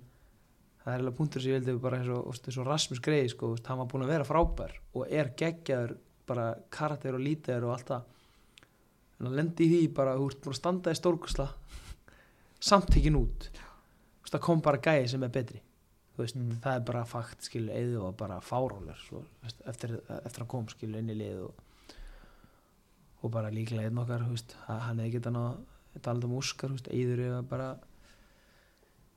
veist, hann hefði getað náð miklu, miklu, miklu, miklu lengra. Hann hefði nú sjálfur sagt bara frá þessu, þessu spilafíkn og alls konar Mhm. sko, þú veist, ef hann hefði verið með sitt alveg upp á tíu sko, þá hefði hann bara getað verið hvar sem er sko.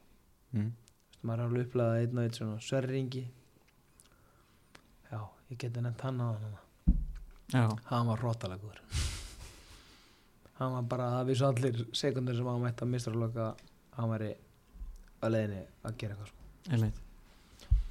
Já, ég, þegar maður munna þetta eftir. Ég byrði alla afsökun sem ég glimti það er einhver sem ég glimti já, já, það gerist alltaf. Já, Já, en talað um svona bara svona eins og varamenn og svona þú Mhm. svona það er svona ákveðið orðspor já, á þér. Mm einmitt um leið og verður varamaður Mhm. þá verður mjög erfiður.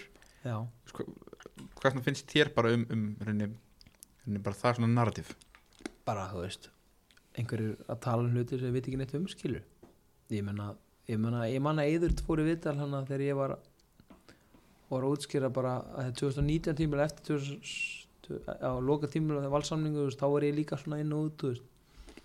Þá var allir þetta, við erum að bekna það brjálæri eitthvað, veist. Það er veginn eitthvað fólk út í bæja að segja þetta þú veist, auðvitað er ósáttur á bekknum en ég hef aldrei látið það bitna á liðsfjölu mínu sko á æfingum eða, eða látið það sko hvað maður að segja ég hef alltaf verið team player en það held ég að það geti allir sem hafa verið með mér liði sagt að ég hef verið mjög sterkur póstur í, í liðselt og, og svoleið sko, svo auðvitað er ég bara með skap og auðvitað gerir maður mistök eins og allir sko, þú veist, hérna fer út og ert eitthvað pyrraður eitthvað og svo bara segir maður fyrir veist, ég er ekkert eitthvað það lít líma, ég get ekki ábyrða þegar ég stíg út og gera mistök sko. mm. en ég bara get, bara, ég ætla bara að segja þessi bullshit. Já, en finnst þér þetta svona veist, þessi sín sem að margir verðast hafa á þessu fer þetta í tauganar að þér? Nei, eins og ég segi sko menn tala veist, og menn verða náttúrulega að tala að búa til eitthvað content og veist, að verða að búa til einhverja sprengjur, einhverja fyrirsagnir eða hvað það er skilur. Og þetta, fyr, þetta viðtal okkar ekki er geggja svo getur þið bara ákveðið að, að einhver fyrirsögn, bara einhver eitt punktur úr viðtali geti gert þetta einhvern veginn að einhver slæmi viðtali skilji mm. og það er náttúrulega ábyrg fjölmjölumann einhvern veginn að þeir mála einhverja mynd af öllum þessum karakteru sem þeir eru að fjallum og ég hef alveg fengið þú veist, einhvern veginn einmitt sé ekki formi, feitur eða eitthvað svona lala, þú veist, allt, allt er góðu og ég fengið að ég sé vondu karakter í klefunum þú veist. Ég hef ekkert verið í val, breyðablík öllu sliðin í öllu þessi ár og ég held að það get engin tala við neitt leikmar sem ég spila með. Nýja þjálfara sem getur sagt að ég hef verið eitthvað lélugur í klefan þó að ég hef átt mína rimmu kannski við þjálfara skilji um að herri, fara að fund með þjálfara herri, hérna, ég er búin að spila lítið hvað, þú veist, hver er ástæðan veist, maður, ég er bara ekki þannig ég sé bara eitthvað í klefunum og segi ekki neitt veist, ég, ég fer að tala, ég er ekkert eitthvað heldur að grafa undir þjálfara, ég bara fer að tala við þjálfaran Mm. þú veist, hvort viltu hafa karaktera sem eru bara uh, ég er ekkert að þykja skilji. Menn geta alveg verið hérna high five veist, ég er auðvitað pyrrar ekki í liðinu ef mér finnst ég að vera í liðinu veist, og þá bara hef ég alltaf farið til þjálfara talað við hann, fengi bara veist, og ég hef verið með þjálfara sem að svona, ekki þóra að konfronta þetta eins og svo ég hef ekki þjálfara sem að tökur bara þetta gretas að spila mér ekki heilt prís ég var samt bara 100% skilji. Ég ætla bara að vera í liðinu en ég var, fór oft hittan skilji. Jæja. Hvenær fæ ég sensin skilur þú er að gefa sensin ef ég á að geta sínt þér í að spila skilur og, og ég fekk sensin bara í fyrsta leik. Þú veist það bara allt í kuku og kom inn og skora sigur mark eða jafnaði móti fylki skilur svo bara varði ég bara að halda mér í lægi veist. ég hafði alveg tilfinningan að ég þyrti að delivera til að sens að halda skilji Mm. og ég hef átt önnu sísón, ég meina ég var líka sem ég var ekki í liðinu, þú veist, það var alltaf að vera að tala um eitthvað, ég meina Óli var bara geðvett heðalur og ég allir líka, Adda fannst bara þetta, allt þetta prísur, hann var bara með þessa staðalímynd að ég var ekki góð formi og skili, en svo bara var ég leikmar ásins hjá hann skili, Mm. hann, ég þurfti alveg að prove him wrong. Og ég hef gert það nokkur sem maður, það er ekki sem að sé eitthvað hérna, hvað maður að segja svo bara inn í end þá tekur maður ákvarðanir svo bara vill einhver halda þér eða þú vilt fara í annað lið eða en þegar ég hefur í hvaða liði sem er þá er alltaf bara hafa liðsins að leiðilegs og það að þú sett með keppniskap og vilja verið liði eða og sért ósáttar við ekki liðinu veist, mér er stætt hérna, það fer eftir bara hvernig það er. Þú veist, menn geta alltaf auðvitað búið til einhverja frétti eða reynda að gera það einhverju máli sko, en í þeim skiptu sem ég hef ekki verið liðinu hvort sem var hjá Óla Jó eða Adda eða Óskari, þú veist, já, átti ég geggju moment með Adda, þú veist, þetta sumar er það geggja, svo bara átti ég að vera í samlingslu samt við val og, þú veist, og miður sísón þá vildi Addi halda mér skili en hann hefði aldrei viljað að veturinn skili hann hefði, óskaði þess að ég hefði bara farið. Mhm. en veist, stundum eru með mig einhverja, einhverja fyrirframgefnar hugmyndur um manneskjur sem eru bara ekkert réttar. Og ég hef oft fengið að ég farið í ný lið og mér bara, ég held þú er algjör hálfviti skilji, já, af því að það er bara einhver ímynd sem að fjölmjölamenn eru búin að búa til. Mhm. þú veist, svo eru þetta einhverju fjölmjölar sem að gera það ekki. En svo er bara, og við erum að litla í Íslandi þú veist, það er einhverju fjölmjölar að tala um hann sem voru kannski gamli liðsfélar jafnvel eitthvað betrir eða þú veist og er kannski bara, ég veit ekki hvað skil. Það er, það er allt til hérna. Og við tökum bara Pepsi-mörkin ég meina, þetta er allt vinir hemmar heiða sem eru í þessu þætti. Það veist, skilji hann að maður er bara svona þetta er, við erum bara litli í Íslandi og það er allir en in the end þá, þá það, sem, það sem það snýst um er bara hvernig tala liðsfélag um þig þjálfararnir, stjórnamennir þeir sem eru virkilega með þér ég held að þessu ekki margir sem getur talað, ég hef allan alltaf reynd að hafa mínu lífi þannig að þessi engi sem getur uh, sagt að ég sé ekki hreitn og beitt og lagt mig fram fyrir þann vinnuveitna sem ég verið hjá. Mhm. svo getur auðvitað þurft að taka rimmu við mig skilur, ég get alveg, ég meina þó að gaman ræða bara, veist, tökum bara íbjöð af sér dæmi, ég meina, ég hafði skoðan á þessu gerrigras stjórnamenn í mistralröðu voru algjörlega mótið mér, skilur ég hef bara hreitn og beitni, ég meina, ég hef bara mína skoðanir hvort þær voru skinsamar fyrir mig persónulega þá voru bara þar skoðanir sem ég hafði og ég var ekkert að draga undan með þeim. Mhm. auðvelt hefði verið bara já, ég vil bara halda áfram hérna, spilum á þessu túnni og bara gegja. Það veist, spilum alltaf klokkan tvö á lögudegis það er spilum kvöldi í flóðlösum bara í þessu geggja á allastæðina, skiljið mig. Auðvöld það hefði verið en ég, ég tók það ekki, ég er bara ekki þannig típa. Svo getur þú haft típur sem eru bara svona jámennskilur og, og sætt sér við ímislegt alveg svo hérna fá launinu sér seint eða gera hitt þetta ég er bara ekki svo gæði skilji. En sumir eru það. Mm. og, og það er bara, fólk er misað en ég held að það sé engin og bara hvet blaðmenn og allir það ringja bara í gamla liðsfélag og tjekka sko, þú veist, það kannski einhverjir þrý, fjórir pyrraðar en ég held að restin geti gefið mig góða sögu sko. Mm, við tökum bara högga sem dæmi og Arnagöta þeir töluðu báður bara mjög bara vel um því já, takk fyrir það, gott að heyra. Og bara þú veist fleiri þannig að Já. þú veist þú ert að svona, það alveg er eitthvað svona, svona þeir þú ert að skilja eitthvað eftir í þeim allavega. Já. ég held bara að menn beri viringu fyrir því að það sé ekkert búlsitt í gangi. Höggi talaði einmitt alveg bara sérstaklega um að, að þú væri sá leikmaður sem hefði ábygglega haft mest áhrif á hann, á hann bara sem personu og, og fótboltumann já, bara þakklátt að heyra það. Ég hef líka lagt mig fram að reyna að hjálpa ungu leikmönnum og, og vera bara hreinn og beitt skili ég held að in the end þá ber allir mesta viringu fyrir því þegar fólki sem bara segir sannleikan sko. ég hef Mhm. líka sagt við veist, ég hef líka alveg verið rúðles við leikmenn þú veist, eitthvað, ef mér finnst það skilji og ég um,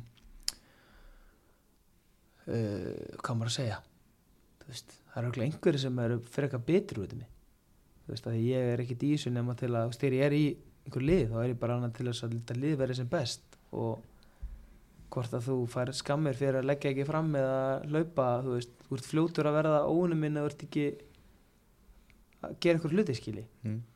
og, og þú ert líka fljótur að vera minn maður eða þú ert all-in skili þetta er ekki, þú veist, þannig er það bara í hvort sem það er í vinnunum minni eða þú veist, þeir sem eru öflugur og duðlegir, þeir fungera með mínu mentalitet, þeir sem eru það ekki þeir fungera ekki með mér skilur og það er bara í öllu. Og ég gef engan afslut því sko. Nei. þannig að ég mun alltaf vera í einhverju konflikt við einhvern sko. en er ekki líka alltaf bara best að vera einmitt hreinskilinn og, og þannig ég, meina, ég segi það. En, veist, það er mjög öðvöld að vera ekki. Að bara hættu stundum er erfitt að segja það sem að muni finnst og þóra, þóra að fronta. Hann Svo eru aðri sem er bara ekki tilbúinir að takast, takast á við það og það horfast í augu við það. fullt af fólki. Þannig að það er svona, þetta er svona tví ekki stundum. Já, ég meina, það er bara maður hefur þurft að setja anspannis fólki sem bara kiknar í njónum og þú eru ekki að segja neitt skilur mm. Það er bæði til sko. Já En svona um þá er mitt æfingar og svona Hvað finnst þið leiðilegast að gera æfingu? sko, mér finnst allt eiginlega gaman á æfingu uh, það, mér finnst leiðilegast í gymminu ég held að ég held að allir styrtaðalarnir svona flestir geti svona votta það þú veist að mér finnst það leiðilegt sko, ég geri það allt en svona með svona óbæraði munni sko. já, ég veit ekki svona að lýsa það sko. Þú veist, ég veit alveg að maður gerir þetta þegar maður vill bara þarf að gera þetta Mm. en ég mun aldrei ljúa því að það sé skemmtilegt eða ég hafi engan áhuga á þessu sko.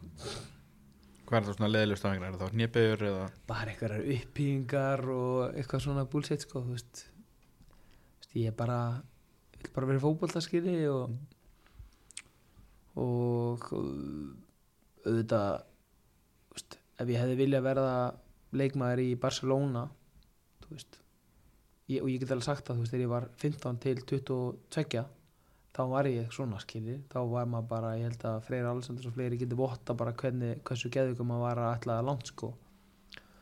Svo kannski breytist þetta attitút við þegar ég greinist þannig með sjúkdóm og syndíma og, og það dæmi en svona með tímanum, veist, með aldrinum og bara, veist, þá er ég ennþá í fótbolta þegar mér finnst það gaman og fótboltin það sem er geggjað gymmið, það er eitthvað sem ég mun ekki sakna þegar ég hætti fótbolta Já skulum bara alveg heilig, sko, ég fer seint í gymmi ég fer bara út að hjóla að hlaupa eða eitthvað, sko En hvernig finnst það bara svona uppbytun og allar æfingar án bolta? bara ekki nóg skemmtilega, sko ég vil bara hafa bolta nála, þetta er bara þetta er fótbolti, sko Mm. já, já. en auðvitað er partur af því að gera þetta og það er bara, þú veist, þú vilt vera sterkari og, þú veist, fórspringi eða hvað er þá þarf að gera það í gymmin, Mm. yfirleitt Ef þú fengir eina spurningu til að spyrja hvert sem er mm -hmm. bara lífsæliðin Mm -hmm. hvern myndir þú spyrja og hver er spurningin? Hverju, hvert sem er einhverja spurninga Mm.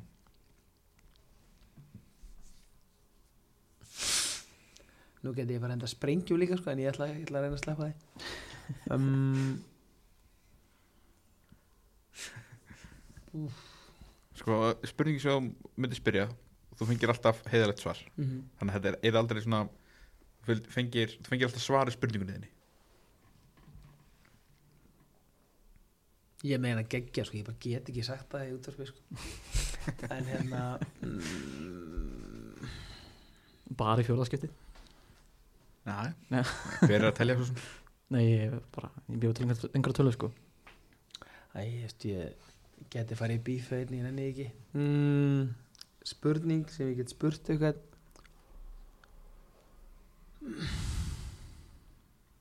Þú ert búin að spyrja allar? Já, ég held ég sé búin að spyrja alltaf en hérna uh, ætla sé ekki bara KSI af hverju þeir setja ekki kröfur á lámar skæði valla? Já, mm. Þú veist, bara partur að því að halda einhverju standard í þessari deild sko, þú veist. Og ef það þýðir að það er ekki hægt að spila á grasi þá bara spila menn á gergar skiljið, Mm. ekki einhvern svona leikja svo var hann að miðjuvellir með FH eða hvað það er, veist, þetta er bara gjaldfellir allt hérna. Og við viljum náttúrulega að fótballið sé sem bestur og besti leikmenn blómstri, þú veist, þá þá viltu hafa almennilega velli. Þú veist, ef þú fer í aturmenn sko, menn tala um það að við viljum vera af því það er aturmenn, það eru topp topp grasvellir í 90% til þú veist, þannig að ef það er ekki hægt að halda því úti þá bara, þú veist það er endar, einhver, einhver, var ekki einhver leiti komið hann í núna uh, einhverja kröfur með þessa velli, flóðljós og eitthvað. Mm -hmm.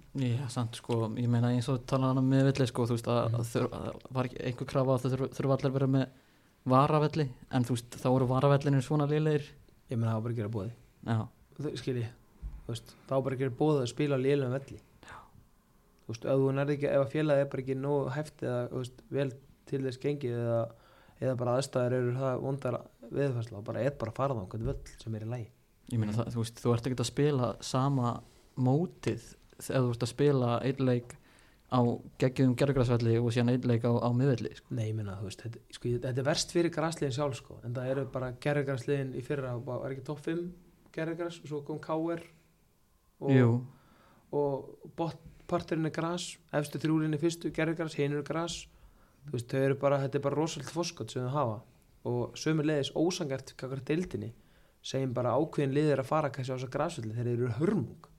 Spila kannski mikilvæg leiki og verða kannski að stigu sem að hefði mögulega geta fengið eða aðstæður eru betri. Snú sem bara þú veist, þú ert að búið til efa hefði. En, Mhm. en þetta er samt þannig að þú ert að spila bara öðrum velli í byrjun mæ versus júni, júli þú veist, allt einu bara grasið kitli frætt og allt upp á tíu og, og þú kannski segjum bara, bara vingar breyðar að berðum í Íslandi breyðarblik fer að keppa með liða hverju túni sko, með hól, hólum og sandi og meðan hittir að keppa grasi skil þetta er bara veist að búa til Mm.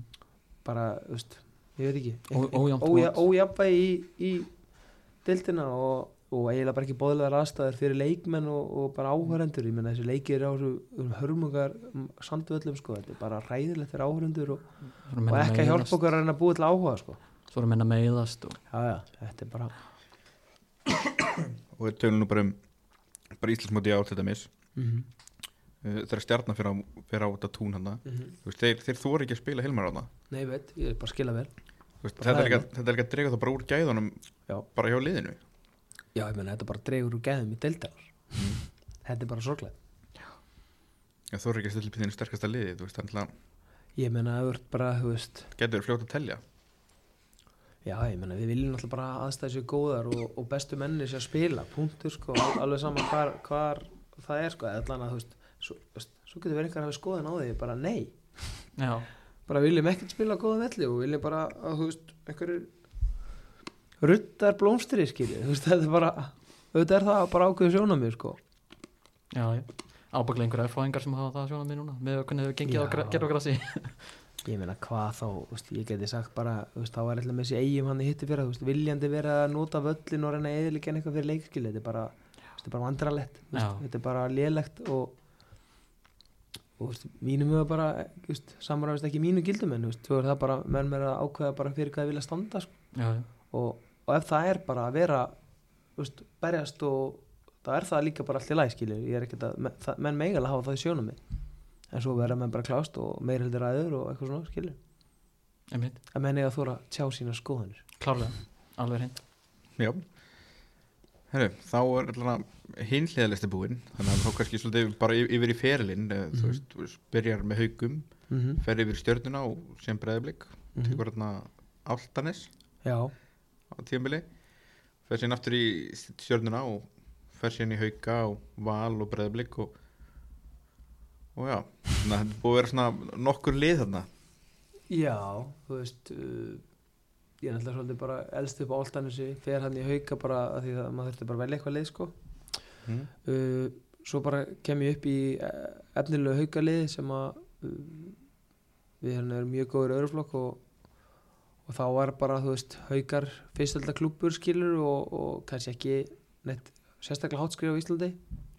Og þá með, stóð með til bóða að fara hérna í einhver lið, þú veist, ég fór æðið með Keflavík eftir hann þetta sísón með haukum uh, Ía, KR og Breiðablик og ég valdi bara þá Breiðablik og sá ekki eftir því, það var náttúrulega ég var nýbúin í hjarta ekki hana og fór þangað í rauninni bara svona út frá bara því sem ég held að mjög margir ungi leikmenn hugsi, bara aðstæður uh, góð þjálfun og, og það var nákvæmlega hannig það var eiginlega mjög gott að vera það var, veist, Óli Kri er frábær allan, mér fannst hann frábær hann við mig sko svona þú veist uh, að ke- kenna með fótballlega hlutan sko, svo, svo get, ég svona gaggrindan einhverju leiti varandi eh, andlega einhvern veginn svona hvernig hann kom fram við mann svona inn á milli en, en þú veist, hann var ógeðslega góður þjálfari Mm. taktíst og æfingarlega og, og, og bara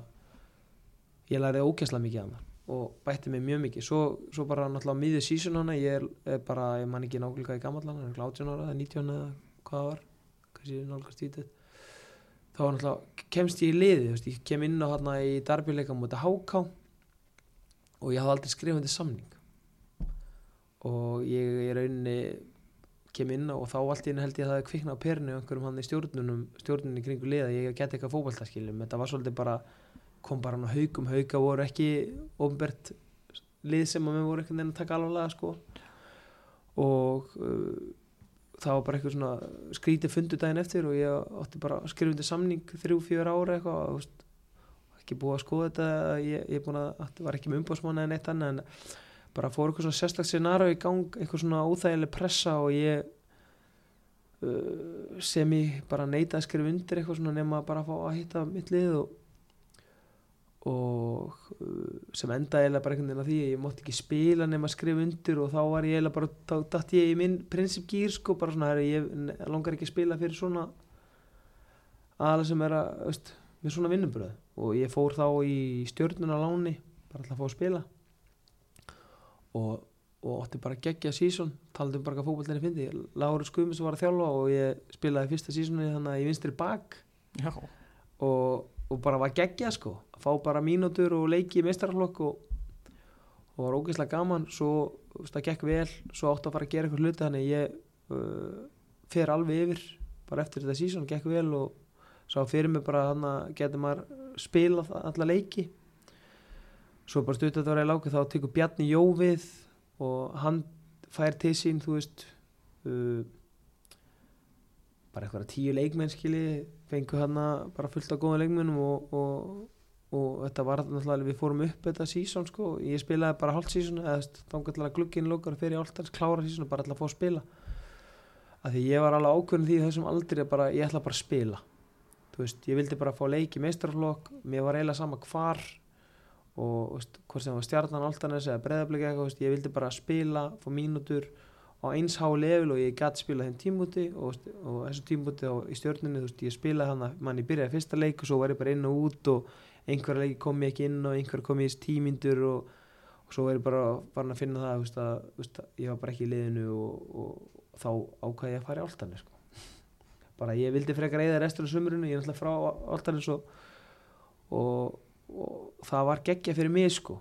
Veist, það eiginlega svona kickstartaði mistralhörn að þeir leita, ég fyrst getið sem kannski mistralfóbalta þar sem ég bara svona sprakk út eða þar að leiðandi, ég, ég bara var langbestur. Það er mín skoðan, skilur ég eh, skoraði bara næst ykkur leik og liðið var búin að allar búin að vinna leik og við unnum fullt að leikjum og, og einhvern veginn leiði mér rosa vel fer svo uh, ég er bara svo samlingslaus fer í hauka og sem ég að koma aftur í hauka skottum millir lappina þú veist, eftir að fari ætlaði að vera stjarna uh, Andri Martins að þjálfa og bara hrikalega flott æfingakultúrin og þetta var svona var hópur af mjög mörgum strákum sem voru hérna í áltanisliðinu síndíma sem voru í úslitt og, og, og hauka, haukanu voru með nokkra mjög góð þetta svona, og þetta var hópur sem er rauninni við förum upp á fyrstu steild uh, árið eftir þegar var hann í áltanis og, og, og gekk eiginlega fárulega vel sko var hann leikmaður ársins og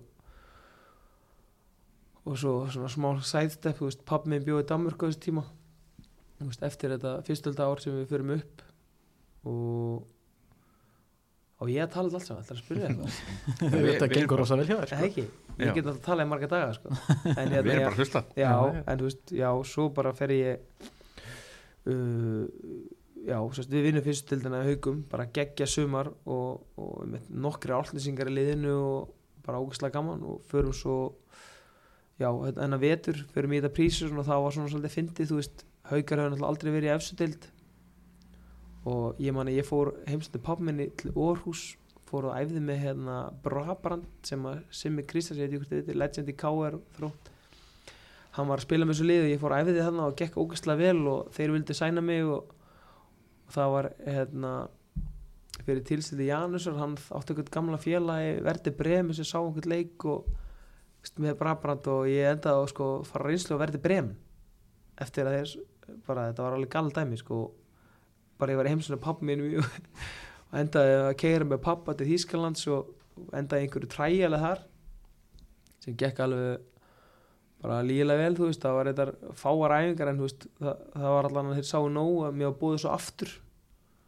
Uh, hvað var bara fjóru viku setna eitthvað, nema þá var ég svona með aðleginu, þetta var alveg fáralt list, þannig var Ösil, Marko Maring Pizarro þú veist, Torstein Frings var fyrirlið þíska landsins stjúpar á miðin, þetta var bara galið þú veist, mér leiði bara að ég var einhver bíómynd þú veist, komið úr haugum fullri vinningu fyrir mínu sko, svona kannski eh, st- stóru parta mínu fe- ferli sko, og það var bara veist, ég get ég eftir ímynda ykkur fara á haugum hann sem vorum okkur Mm. hræðilegu grasi og allar með stúku og versus það að fara bara hann að æfa með einhverju stórveldi sko já, já, það eiginlega svona opnaði glugga mig fyrir bara ég, þá eiginlega svona ég var eiginlega búin einhvern veginn svona aðeins búin að setja einhvern veginn aðturumann drauminn á hillunni í bíli ætlaði bara að einbyrða mér að standa mig heima og svona, veist, var ekki alveg með svona skýran haus að fara út eitthvað.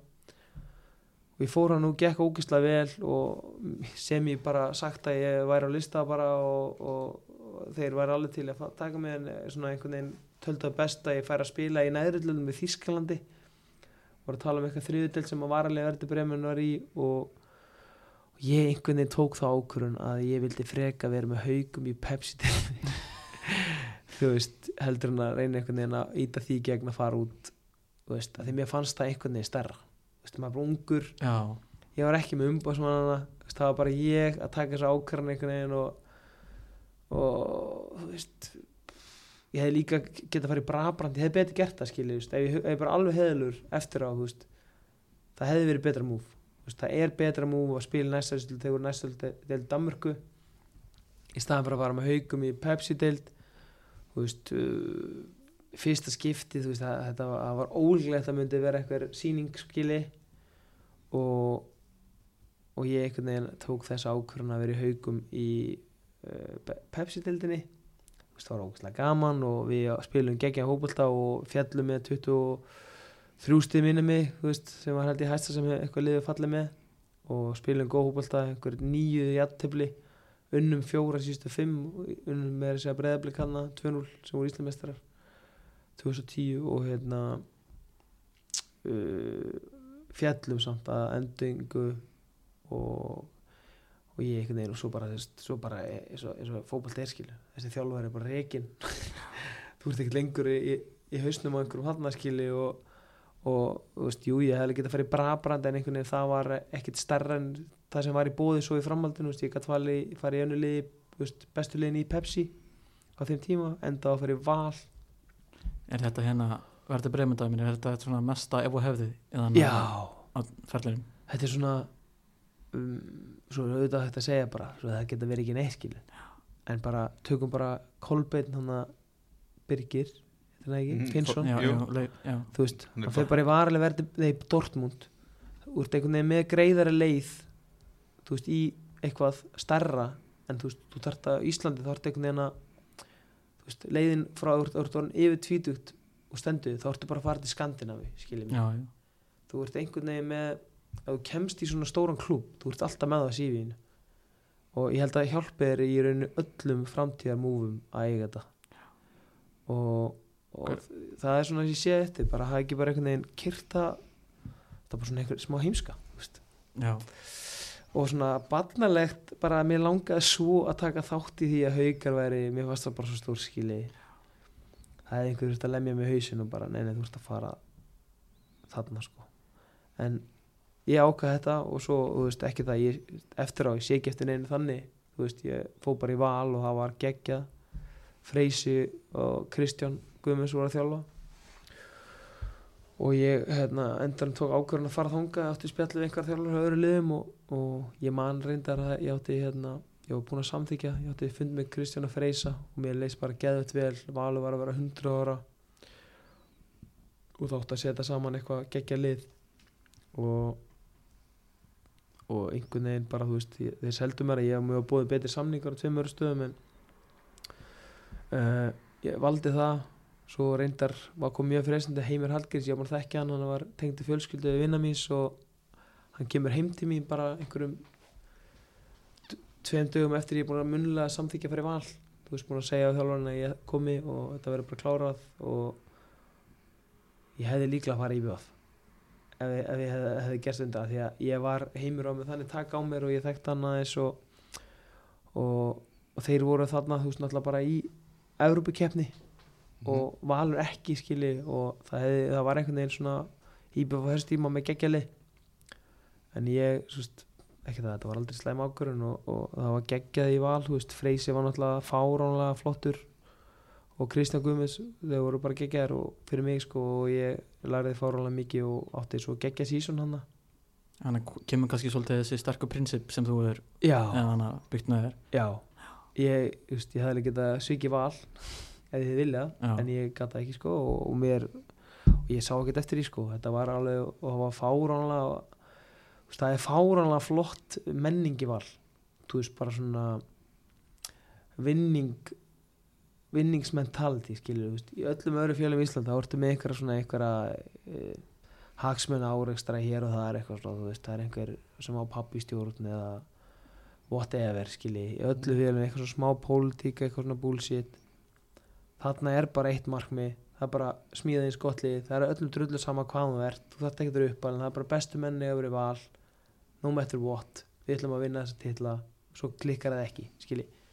Og þetta er bara svo skýrt í DNA-inu þeir eru bara ætla bara að vinna alltaf alls þar og þeir, og þeir, veist, þeir einhvern veginn þeir embracea sko þú kemur í val, ég hef heyrti þessi svipa í KR þú þú ert bara einhvern veginn partur af einhverju fjölskyldu og þú bara ert það er allt gert til að þú standið þú veist, þú færið aðganga bara styrta þjálfara, þú ert með aðganga sjúkuþjálfurum, þú ert með aðganga þjálfurum 24-7, þú veist, þarna var ekki allir þjálfari fullu starfi, en það, Valur var með það. Þú veist, Freysi var með mann á aukaðingum bara endalaust og þú veist, þú gæst fengið hérna markmannstjálfan og hann kallaði markmannæfingu til að skjóta og þú veist, og fyrir einhvern sem er metnafullur þá ertu bara að góðum stað. Þú veist, þetta er svolítið eins og í breiðablik það er bara þeir eru bara með komið lengra þú veist, í haugum, þú veist, að, þú veist að fara aukaðingu þá ertu Andri Martins að fara á vinnunni skilji, eða þú veist, það var annar að vinnu þú veist, og maður var ofta að bögga sig á þessu, þú veist, maður var mjög metnafullur þú veist, maður bara einn að æfa, þú veist, þú vilt það er betra að sé einhver sem er svona aðeins að íta fylgja þér í rétta átt og, og þetta var þessi, þetta prís sem var geggja svo, svo maður haldi bara áfram og við hérna uh, ég átti fáral tímbil hana uh, við, ég var komið nýju mörg eftir 16 leiki og við vorum hérna í Európarötu og þá kom Helsingborg sem voru á þeim tíma, veist, efstir í sænsku úrslutinni og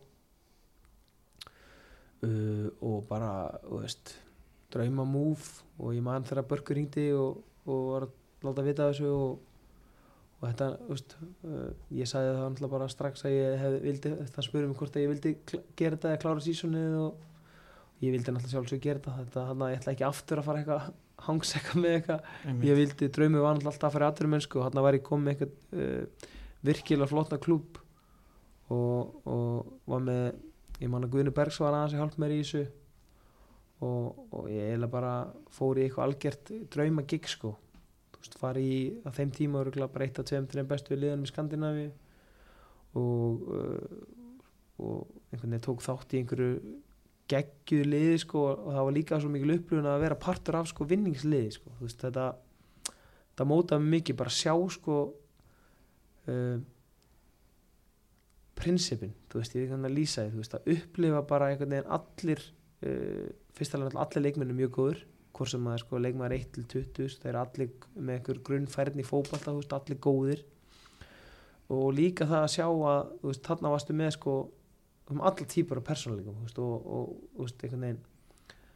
En þannig hann er samt eftir að velja sko það besta úr öllu er komið hann, þetta er ekki eins og ég bara veist, þú ert bara með minna mengi þú ert í val, eskili, þú ert bara velur í Íslandi þetta er bara, og við erum lítið land, það er bara ekki mikið, einhvern veginn það var bara allt starra, allir leikminn betri allir meira fi- fitt og það tók mig alveg 1-2 mánu einhvern veginn að uh, ná takti en þú veist, svo tók mig hátt í geggjum byggarleik og nokkru deildarleikjum og þetta var bara geggja æventyri og þetta liði náttúrulega slátræði deildinni.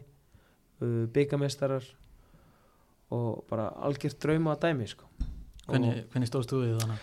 Ég, ég var náttúrulega bara fengið hann að skilur þeir seldu uh, sóknar mi- miðjumann til uh, Hereven og ég átti að vera bara svona þú veist, þeir voru með ságauður og var bara svona inn út í liðinu og ég var bara að fara að taka við hans múfi uh, og þú veist, þetta var bara þannig lið það voru allir veist, eftir þetta sísón, þetta var alveg skrítið veist, það, það voru eiginlega hálft liðið selt. Uh, en ég spilaði einhverja fimm leiki, ég kemur náttúrulega bara í lókluggans og það er náttúrulega, þetta sumadeildi eins og Íslandi.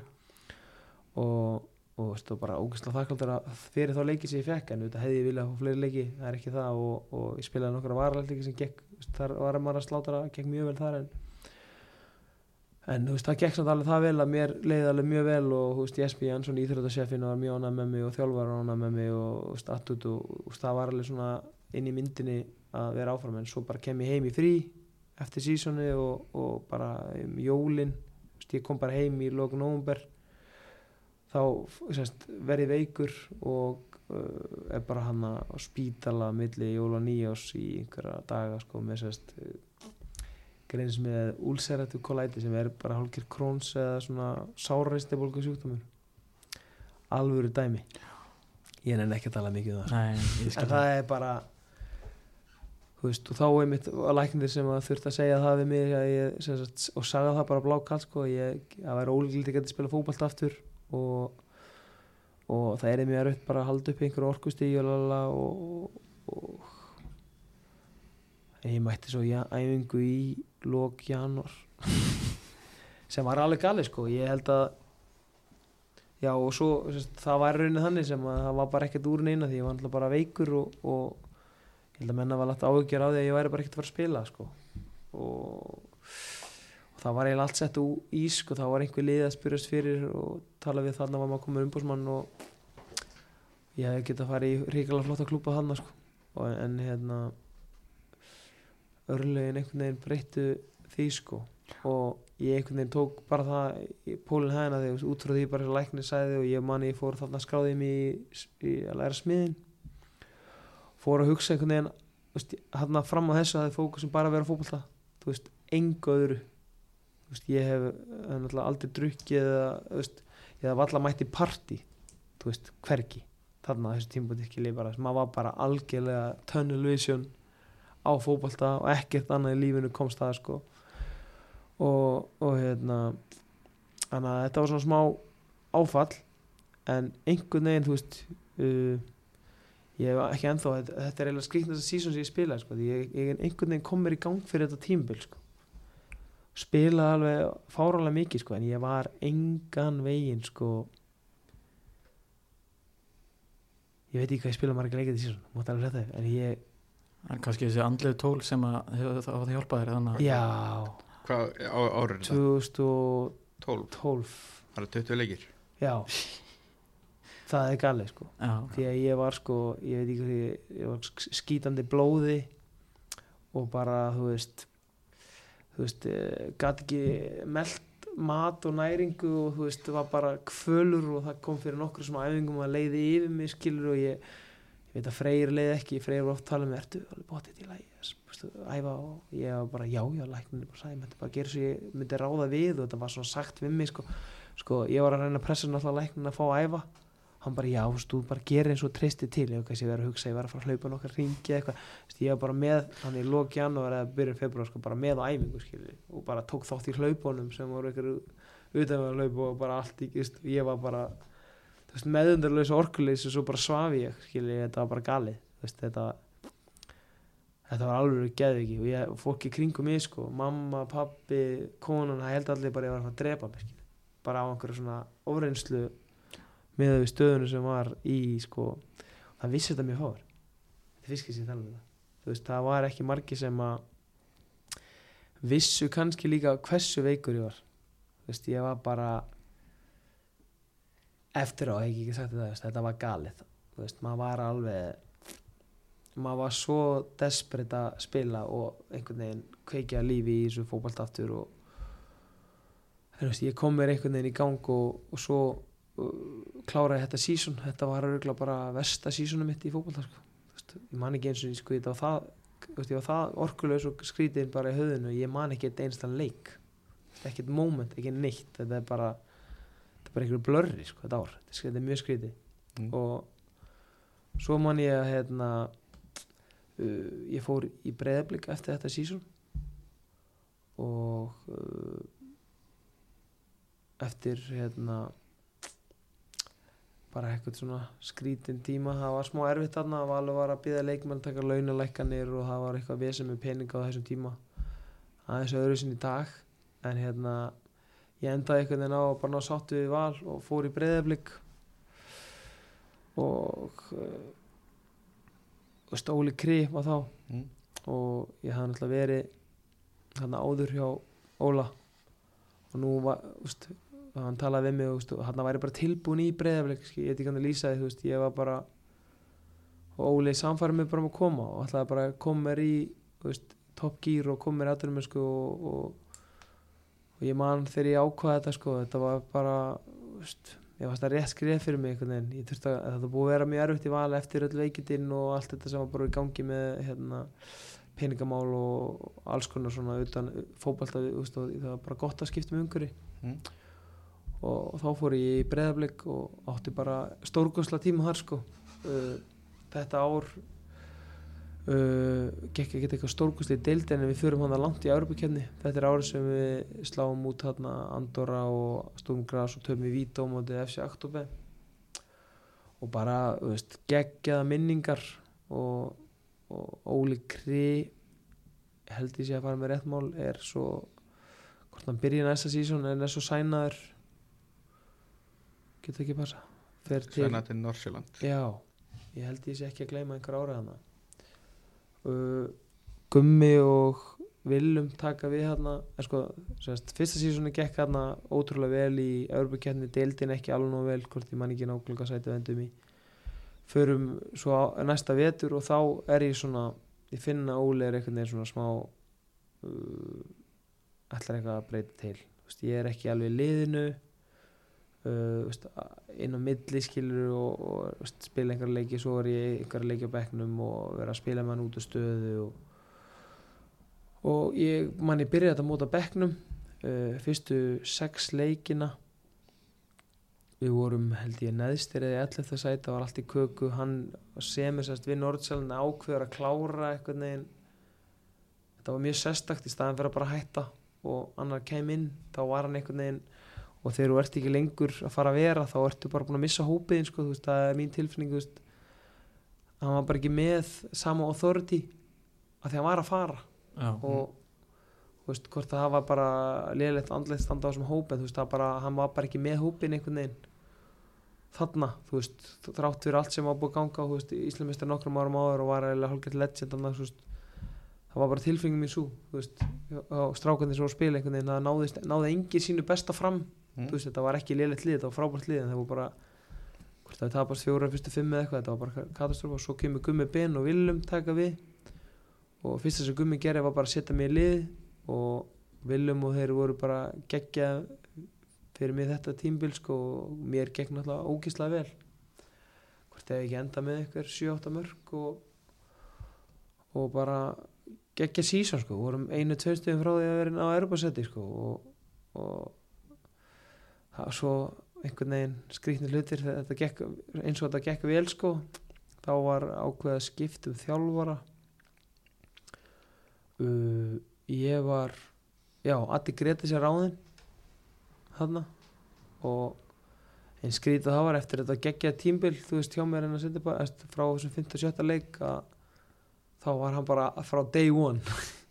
Bara þú ert ekki að fara að spila skili og og sagði það nokkur sem við mig sko hvort ég, ég mætti leita mér öðru liði og, og hérna, ég var ekki inn í hans plönum og allt það, ég bara tók strax ákvörunum bara að prove him wrong þú veist, það var bara, ég var í fight mode sko, þú veist, ég man ég réð mér veist, ég borgaði sjálfur bara, ég réð mér Sigga P. sem er hlaupa þjálfari ég fór að hlaupa með honum í heiðmörk og út um allar trissur, þú veist, einhverju geðvíkur hlaupaprógrami og og þegar tímbili byrjaði þú veist, ég var ekki búin að spila leik þú veist, ég var valla fá mínútur sko. Þú veist, erum bara, hann ætlaði að frista mig sko. Svo bara kemur að því, þú veist, við vorum ekkert með marga kreati leikmenn og ég vissi bara, ég myndi veist, ég myndi sanna mig skili og ég veist, eða, þannig var hausinn.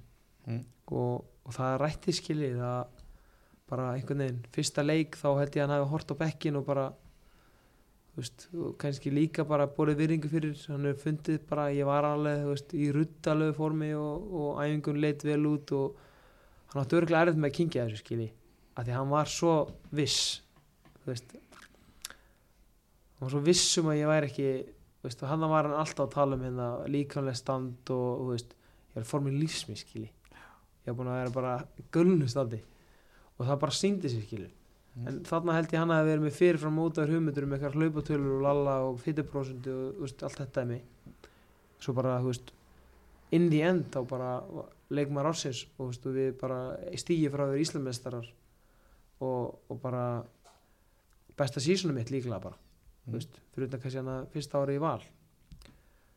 Uh, og og ógeðslega pyrrandi að vinna ekki titilinn þú veist, það var, við vorum náldi sko en, en einhvern veginn þarna var mitt, var þriðja ári mitt í samlingum var að klárast og ég hef búin að ákveða bara ekki að vera áfram og var ég get ekki alveg sagt allt, ég segi það setni hættir í fókbólta, það er kekkju saga með Óla Bjössa en ég sérst fer í Óla, til og alls til þeirra. Og þeir áttu góðan fund með mér samfærum um að koma hann einhverju tímpúti og uh, og þarna einhvern veginn veist ég ætla að segja bara fótboll þetta er ekkert alltaf svarta hvítu maður er búin að fara í gegnum alla skalana þurfa að vinna síni lið og detta út og, og allt það en, en ég hef aldrei spilað minna en 20 leiki held ég. Þú veist, ég hef alltaf fengið veist, alltaf unnum inn í lið hvernig sem það hefur verið sko. Og, og alveg þurft að hafa fyrir eins og menn tala eitthvað um að geta ekki verið bekknum veist, ég var alveg bara miljósunur á bekknum. Veist, svo bara svara ég og kem mér í lið Óli Krí var ofta að bekkja mig og bara kom inn og skoraði svo, þú veist, þetta, þegar þetta var hann allir kuku hvort það var ekki síðustu leikar svo voru að spila við Keflæk og það var 1-1 og ég skoraði 2 og vinnu 3-1 Mm. svo tóka þeir við sko og Willum og þeir. Og, veist, þannig að ma maður er alltaf þurft að og það þurfa það allir skili þú veist, þú getur lendið því bara eitthvað þjálfari tekur eitthvað törn, bara herri nei þú ert ekki alveg búin að vera nú góður lala svo þarf þú bara sjálfur náttúrulega að delivera og bara næstu séns þú veist, þetta er bara, þetta er brutal business þetta er ekkert eitthvað þú ert bara með först laun hérna og mæti bara þú, þú, veist, þú ert alltaf með örugt að þú ert með stöðuna hérna, sko. það er bara allt í einhverju liðinu þú ert bara á bekknum og veist, það vill það enginn. Eða þú veist, jú, einhverjir en fáir. Ég myndi mér mjög fáir en þetta er einhverjir sáttir en, en bara uh, ef mér langar einhvern veginn að koma fram fyrir bara, þú veist, því ég oft fengið það einhvern veginn að ég get ekki verið að bekknum eitthvað. Ég, ó, allan ferilin minn lendi því að vera einhvern tíma að bekkja þur og þú veist, og auðvitað er ég ósættur ekki í liðinu en ég hef alltaf komið tilbaka og deliverað fyrir alla hjálfana mína sko.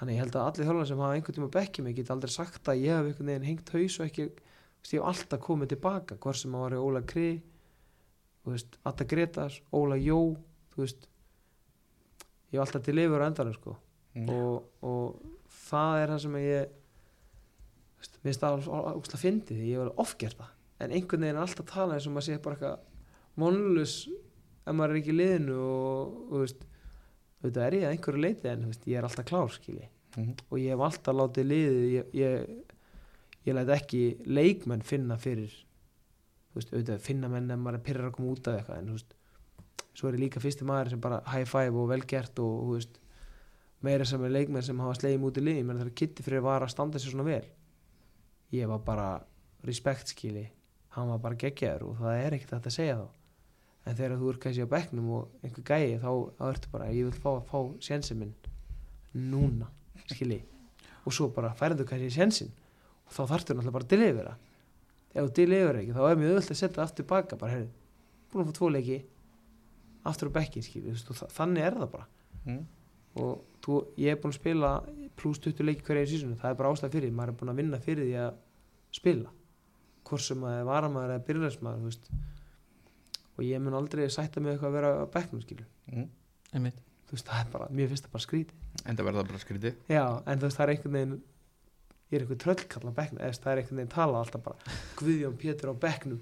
Og það er allir bara einhvern veginn á nálum yfir því að ég sé á bekknum og ég er eitthvað svona bara hvað okkur er þetta, svona, okkur er, okkur er bara ég okkur er fyrir sig bara með mig, skiljið mig? Það er- Why always me? Já, nei, já, en mér finnst það bara svo fyndið, skilji. Mhm. Það eru einhverju sjö aðrir á bekknum brjála, sko, en það er fyrirsögnum með mér, Já, já, veist, og ég hef aldrei tekið einhver trilling einhvern veginn, veist, við einhver þjálfara eitthvað að vera bekknum, skilji, Nei, nei. ég held ég hef aldrei sínt neitt nema, veist, jú, ég verið pyrrar að skipta út veist, þrís og fjóru svona, þetta er ekki ofta að það sem maður er sínt ykkur tilfinningar, en einhvern veginn blás út og það er náttúrulega, maður gefur færa sig með því. Veist, og þá ertu búin að búa til kannski þetta orðspor. Að ég veit ekki, ég myndi mér að þetta sé eitthvað slúðis Mm. En svona bara í gegnum fyrirlin bara hver er svona, hver er svona skrýtnasti orðrómur sem þú heyrt um þig? Er eitthvað svona, eitthvað svona skrítin orðrómur um þú veist, orðaði við eitthvað lið sem að þú kannast bara ekkert við og hvað er aftur upp á sliðið þitt hana sem þú ert alltaf að Nei, ég er búin að slandra það alltaf mikið eða þú veist, einu sinni var ég var sagt við mig, ég var búin að semja um eitthvað liði ekotor, ég var bara Já. já, það var eitthvað mann eitthvað þú veist, eitthvað mjög sérstakt og svo, svo var líka reyndar hérna þegar við spilum við þetta aktóbilið þá man ég að það var blamaður sem ringdi veist, frá þeim veist, eftir emmiði og spurði hvort ég var að koma og ég bara ekki svo ég veit, ég, ég veit ekkert hvort það er að vera að að kaupa með þú veist, að það, það er ekkert endal að koma til mín Nei, skilji, nei. það getur bara að vera klubburinn að sagt nei eða, eða, eða bara þessi búlsitt skilji, ég veit ekki mm. þannig að það var einhvern veginn það var hringt í mig bara eins og ég var að koma skilji og ég var bara eitthvað svona hvað segir, einhvern útling sko, sem talaði lélega ensku. Og ég baði hann um að senda mig mail með einhverjum upplýsingum við sig og, og, og ég myndi svara í tölvupústi þá fekk ég bara mjög formlegt frá einhverju fréttastofu í Kazakstan skilji, þetta var bara að grilla sko og það var aldrei neitt úr því sko. Það hefði verið fínt money move. Já, hefur viljað vera í Kazakstan Ég menna, þú, ég myndi alveg taka á þessum tíma, ég var ekki með börn eða neitt og, og þá er það ekkert mál sko. Þá getur, víst, þú getur hefðið hver sem er sko.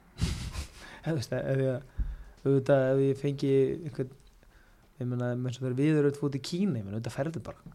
já, Þú veist, ef þú ferði einhverja 50 miljónir, þá bara, þá bara kveður allar ferð. Veist, ég myndi allan að gera það sko, bara, eitthvað ævintýri eitt, þú veist, í veist, ég menna, þetta er alltaf flott umhverju og spila geggjum öllum og ég, veist, bara ekki spurning, ég hef bara já. hoppað við fyrir næstu vel, sko, þetta hefur verið möguleiki, sko. Arnóri Gauta var nú búið að koma til Kína hann, hann afþakkaði sko. Já, af hverju? Það var eitthvað hérna. Það var svo langt ferðalag fyrir fjölskyldina Já, og, Alls konar svona dæmi. Já, þú veist, og þú veist, það var ekkert að kíkja í ykkur helgaferð til hans eða jésus, hann var svona Eða, full, full ein, ég veit ekki hvernig baklanda hans er, Arnur Guðn er algjör stálkall, sko, en það kemur á óvart, ég menn, hann fór í norsku, Fjóruðutildina já, hvað, hvað ættir ekki að hoppa þetta í Kína? Veist, Stittra, stittra flutin Ég meina að fórnar ekki einu ári eða þú færði eitthvað nálu peningi Var þetta í fjóruðildi í Kína eða var þetta eitthvað Hann sagði hann viss, mynd, vissi það ekki eða myndi það ekki. Já, þú veist. Það skiptir náttúrulega máli, ég myndi ekki að fara til Kína fyrir ekki neitt skili Nei, Það er bara eftir hvað Ég held að þetta hafi ekki farið það langt sko. Nei, en það er alveg uppið þarna allavega. já, ef þú ert að fara í fyrstu eða öðstöld í Kína þá ertu bara Þú ert bara sett mm. Við skuldlega síbu og bara komin í góðmál Þú ert ekki lengur að hafa okkar sælumokastjórunum og Þú veist Já, Ú. ég fer eftir hvað stýravextinu farið hátt sko Ég held að það fara allir hafa áhugir sko Já, ég menni, ég held að sé nú allir sem skulda bara krónu eru núna bara, þú veist, þetta er gala ástand en tölum með fótbolta Erðu, núna hérna bara þú náttúrulega svolítið síðan og byrjaðir mm. uh, fyrst er æfingakúltúrin hafa breyst á Íslandi? Já, bara góður sko. Ég meina, þegar ég er að koma upp hana fyrst í breyðablík, þá ertu með fyrirmyndanir Kristján Óli, Hjörður Haflega uh, þú veist þetta var svona breyðablík var náttúrulega bara að, á þessum tíma veist, þetta var bara fyrstöldar klúpur sem var bara búin að hoppa milli fyrst og veist, þetta hefur aldrei eitthvað toppli og þetta var bara svona með fullri vinningu fyrir þeim sko, veist, það var bara eitthvað drikkju menning og þú veist í dag í þessum æfingurum það er ekki, það sést ekki bjór skilur, menn eru bara að æfa allan í þessum stóru sem ég, þessum bestu félug sem ég verið í hérna. Þetta er bara semi-aturumennska þú veist, það er æft og það er brjálaðislega kröfur á leikmenna, þú veist, það er endur þessu vídeofundir og taktík og og, og þú bara og einhvern veginn bara metnaðin í hvernig menn hugsa um sig, rúla sig nutt og, og allt þetta heitt og kalt og það er endurlöst á punktu sem að vera ætlast til og sinnir og gerir vel og sem að þú veist þessi strákar í dag bara þú veist ég finna líka bara þú veist og ég hef verið kannski uh, tilbúinlega ennþá meira en þessum undan þá eru strákanir í dag að ganga ennþá lengri í þessu sko þú veist ég er stundum bara hvað er að gera þinn? En þetta er bara alltaf að vera betra þú veist auðvitað er þetta það er bara alltaf veist hvað maður að segja uh, bæði er kannski meiri peningur og uh, meiri þekking og menn er auðveldar að aðgengja upplýsingum í dag veist, það er allir æfa eins. Þannig að veist, menn, uh, menn þurfa líka að fara að pæla því sko, þetta snýst ekkert um lengur það geta allir settu frábært æfingaplan sko, settu eitthvað að gegja æfingu það er allir þjálfur, það er bara hvað þjálfur er bestur mentally. Það er besti þjálfur í dag sko, það geta allir þjálfa sko. Já, þú veist, þá meina ég bara þú getur nánast downloada bara æfingaprógrami fyrir sjö mánu, þú vilt bara að þetta sé í plónulega bara drinni í svo foröldum skilji. Þannig að uh, það ætti að vera ríkar á þessi dag þú vilt að þjálfararnir séu sem í sálfræðingar þú veist, þú vilt að náu mest úr hópniðunum og, og og þú veist, svo er kannski meira klúburinn sjálfur sem er að búið til setup þess að með góða þjálfara upp að þú vilt kannski hafa góða ræfingar fyrir aukaðingar fyrir yngri leikmenn eða styrtaþjálfara sem er að styrkja þá sem þurfa það og þetta er orðið, þetta er sko það búið að vera mikil bilding síðustu tíu ár. Er ykkur þjálfara núna sem að þú hefði viljað spila fyrir, fyrir svona tíu árum? Eins og tökum, bara Óskar Hafn eða Arna Gunnlund sem dæmi sko, Þeir eru svolítið að breyta, breyta svolítið leiknum hérna? Ég sé alveg smá eftir ég gætt farið í viking hann að uh, og ég haldi áfram með feril. Hvert verður komin, ég var komin hann í breyðabliki á og fer svo í val. Mm. uh, það kemur ekki skal koma þið eftir Ok, það er alveg, það hafa alveg komið þú veist, ég skal bara svara því auðvitað get ég sagt það þú veist, uh, maður er oft satt neyfi einhverja þjálfar og félög inn á milli skili og það er eitthvað sem ég sé smá eftir það er það þegar ég saði uh, ég fór í stjórnuna þegar Óskar tók við hérna uh, ákvað bara þú veist, ég var þeim aldri ég bara nefndi ekki að, ég skal bara segja bara heðalega þú veist fannst ég bara búin að vinna mér inn að fá trösti skili uh, hann ákvað bara að ég var ekki í myndinni og ég barðist og reyndi skili svo bara eftir einhverja fimm leikjum og var allar búin að fá að spila veist og bara á mínu besta árum skilur ég er bara búin að taka hennar slaga nógu oft að ég er bara svona herri, ég er bara að sanna mig og ég ætla bara fyrir að fara eitthvað annað að spila.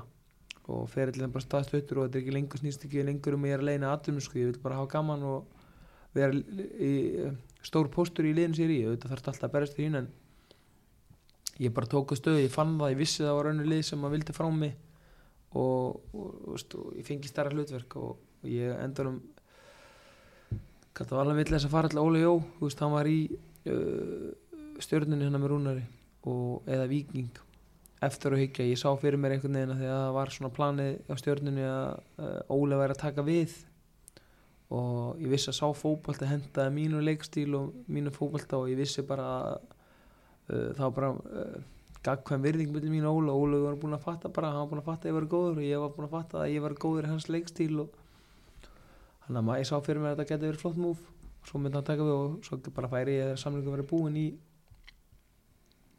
eða bara myndi fara yfir að því að Óskar alltaf ekki að nota mig.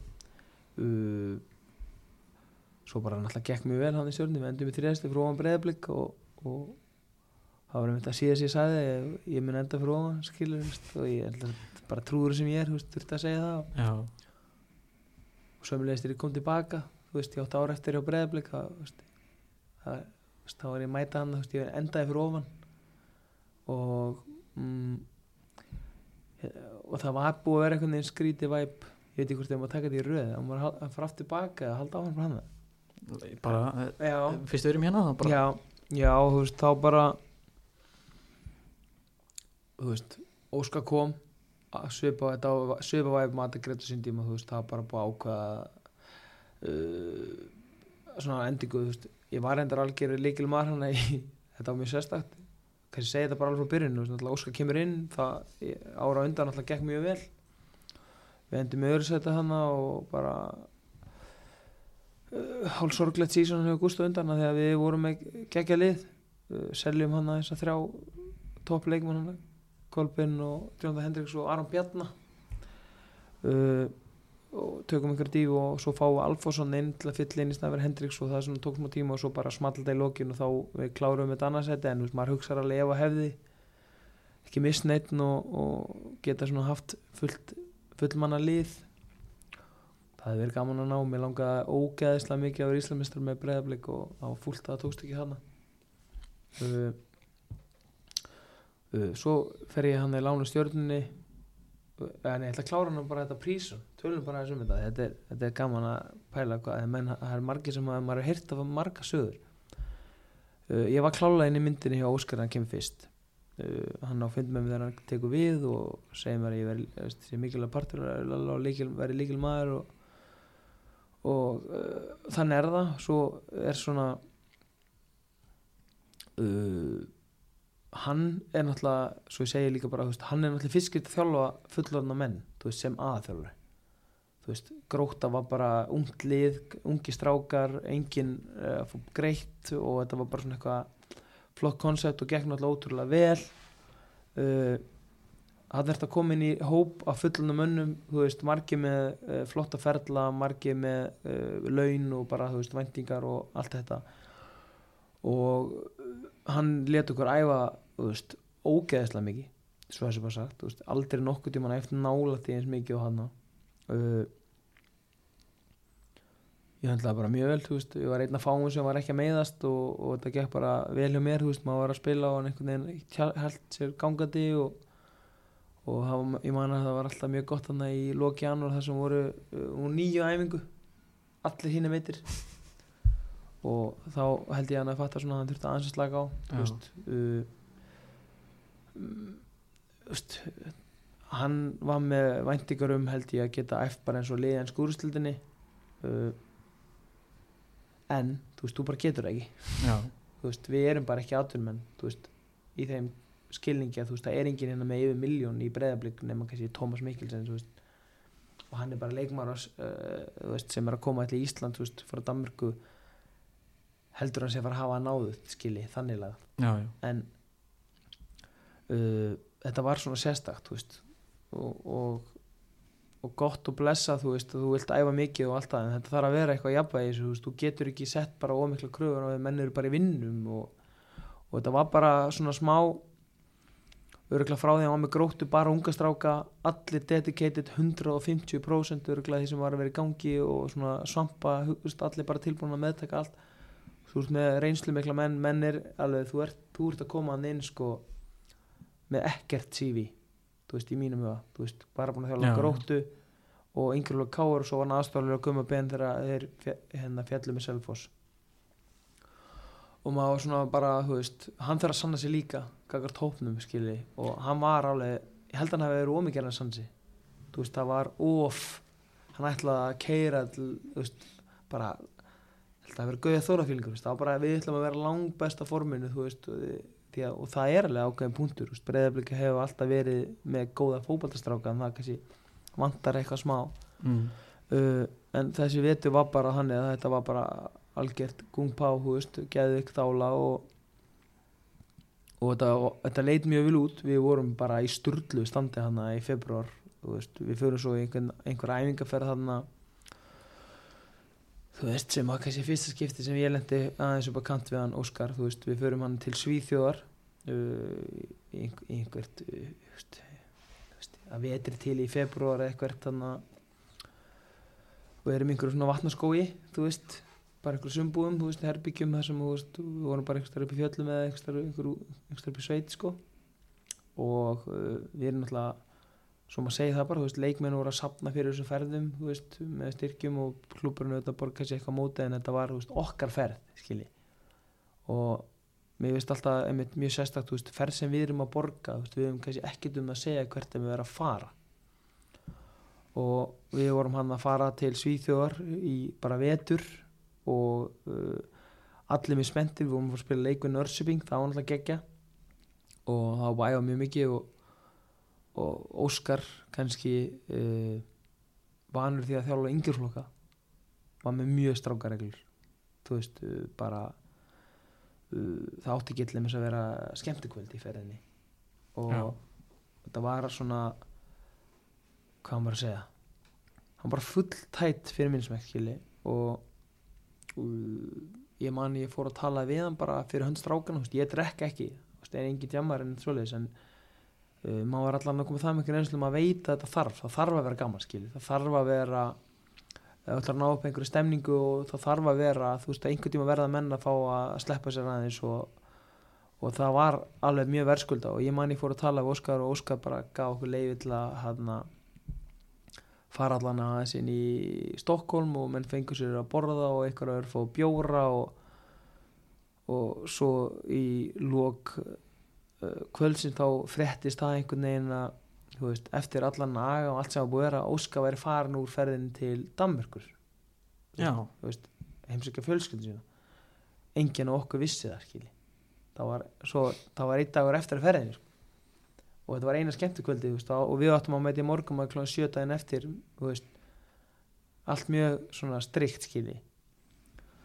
Og þannig er mín skoðun svo að, að Óskar gerði þannig að einhver smá mistök með því að þú veist fyrstulega ekki að tilkynna hópnum að hann væri að fara en hann fekk leifi frá stjórninni en enginn vissi það allan að enginn að leikmannu sem var hann og þetta bjóð til svona eitthvað konflikt skilju það voru menn búin að leggja mjög mikið á sig með allar aðrar gamlar forsendur, þú veist, varandi álag og bara dedication. Og það kann ég mjög vel við Óskar skilji það er alveg geggja hvað hann var dedicated og mikið álag og mikil, mikill vilji til að gera eitthvað. En þarna lenda hann í einhverju svona og uh, ég ætla bara að segja smá re reynslu leysi með eldri leikmenn og hann var eitthvað svona mín tilfinning allan bara svona einhver smá uh, ótti við eldri leikmenn þú veist, einhverju hrættur um að við varum að grafa undan sér eða uh, hefðum áhrif á ómikil áhrif innan hópsins einhverja sem eldri og, og en veist, ég get bara sagt það hér veist, ég held að get allir votta það veist, það var ekki hann það var bara 100% dedication að breyðaflugum myndi vera nárangur og allir með honum í liði sko.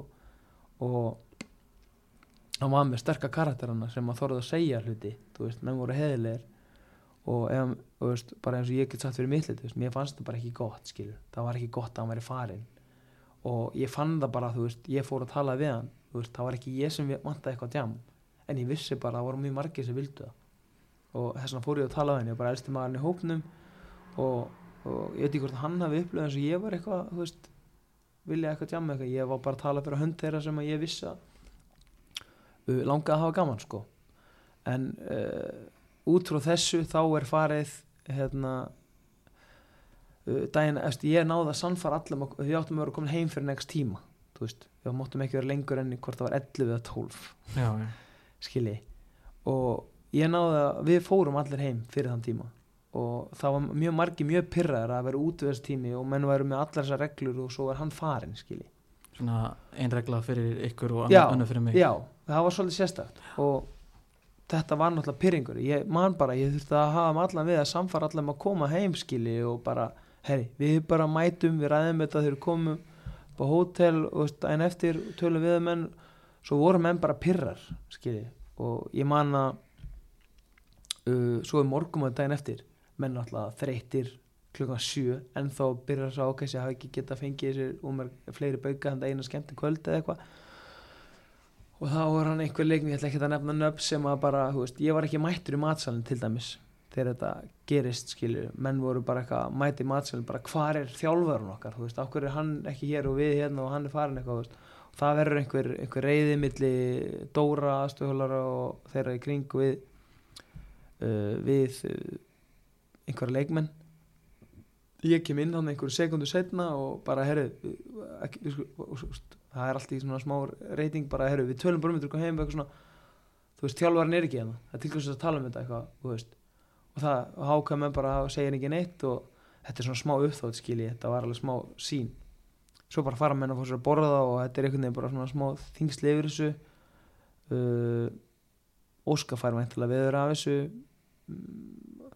veit ekki hvort hann finnist hann eins eins og, hann, eins og hann sé eitthvað að missa tökin eða um, tekur uh, ræðu hann yfir okkur öllu þegar við komum heim og ég maður bara að fá veður á því að er einhver hitti hann hann var eitthvað pyrraður og maður bara svona þú veist, ég veit ekkert hvernig eins og að þetta var matritt frá Dóra eða Óla P. Markusjálfur eða eitthvað þú veist, þetta allan að mín tilfengi var bara þú veist, menn voru bara að segja þú veist, segja það sem þeim fannst og svo getur þú þetta bara ákveðið þú sem þjálfur er náttúrulega einræður þú bara ákveð hvort þú ætlar bara virðingur því og hlusta eða, eða því finnst þið eitthvað þú veist, eða þú ert eitthvað í gagart í að menna við sagt eitthvað skoðanir þú veist, inn í enda bara þú, þú veist uh, hvað maður að segja þú stendur og fellur bara með því hvernig þú haga er gagart leikmenn, þú veist, þú vilt fá virðingu og allt þetta og, með, og fá tilbaka. Þarna fannst mér bara hans smá klikka en það var haldið fundur þarna út á miðjum velli eftir þessa ferð og uh, og þar voru menn bara að segja sína skoðanir. Mjög hreinskipt og, og hann hann á þessum tímbúti nú er það búin alveg fyrir sig nú er ég að er að, ég ætla að fá að vita hvað ég ætla að setja ef, bara- ef einhver nær svona langt inn í þáttu Já, akkurat, menn gefast upp. En bara þú veist, þá, har hann að háta hætta skilur og, og það var svona mjög sérstakt og maður bara svona uh, bara rosa mikið mál úr þessu, þú veist í staðan fyrir að þetta bara, hefði verið bara hefði, auðvitað átti að láta ykkur vita, hefði farið þá var bara uh, stjórnin átti að láta ykkur vita eða ég, veist og, og hérna, ég byrst afskrona farið og bara, hérna, getu, veist, höldum bara áfram hérna, og þetta hefði ekki verið eitt mál. Þetta var það alveg máli. Veist, hann, svo, hann fannst þetta svo mikið eins og menn var á baku sig það var náttúrulega mjög erfitt fyrir menn að tala við hann þegar hann var ekki hann skilji, hvað áttu menn að ringja hann ég veit ekki, hann farin í frí Danmarkur þetta var, veist, það var líka þannig menn bara hentu þessu fram hann í, í þá sem voru þannig, bara eitthvað afhverju ekki þjálfurinn Ég skil ekki alveg hvað hva var það Óskar pyrraður út af? Ég bara, við get ekki svarað þér sko. Jú, hann pyrrar yfir því að menn skildi ekki tala við sig skilji, að menn var að fara bak og hann að kvarti í teiminu og veist, hann hefði fengið leifi og, og þetta var alveg að dressa hann út af velli. Maður bara, herru, þú veist, snýst ekki um að skilja allir og fara að hitta fjölskyldana en þú veist, þú ert með reglur og það er finnst alveg eðlilegt og látið vita úr farin og ferðinni sem við erum allir í hérna skilji, það er, mér finnst það bara hljóma make a sense og ég held að sé flesti sammála um það. En þú veist, en það var ákveð hann bara, herru, við höldum bara áfram og bara áfram gakk og þetta var bara en þarna var held ég þú veist, minn tími búinn, skilji. Frá þessum tíma, þú veist, fram að þessum tíma þá upplýði ég bara algjörlega sem í hans plönum og hans leikmaður, skilji en þarna upplýði hann, eh, ég veit ekki alveg hvernig hann upplýði þetta, allan að mín tilfeng var bara, veist, frá þessum degi byrjar maður alltaf inn að heyra eitthvað slúður um að ég sé ekki í liðinu eða eitthvað svona og maður bara eitthvað, einhver vinnum bara, hei, já, doktorfútból er eitthvað, er eitthvað segðu þú, sérst ekki myndinni eitthvað? Og ég bara, hvað, byrju, hvernig Þú veist, búin að vera bara í byrjunlega öllu leikjunum og þú veist, fram á þessu í myndinni, skilji. Byrja hann að nörsubegling leik, skilji og, en það, svo bara var ég á bekknum skilji, málar hann þið þá sem andlit já, hérna greinilega veist, eða allan að mín tilfinning, Já. nú er bara að segja mín, nú er bara að segja mínu skoðan, svo getur Óskar einhvern verið vittal og sagt sína leið.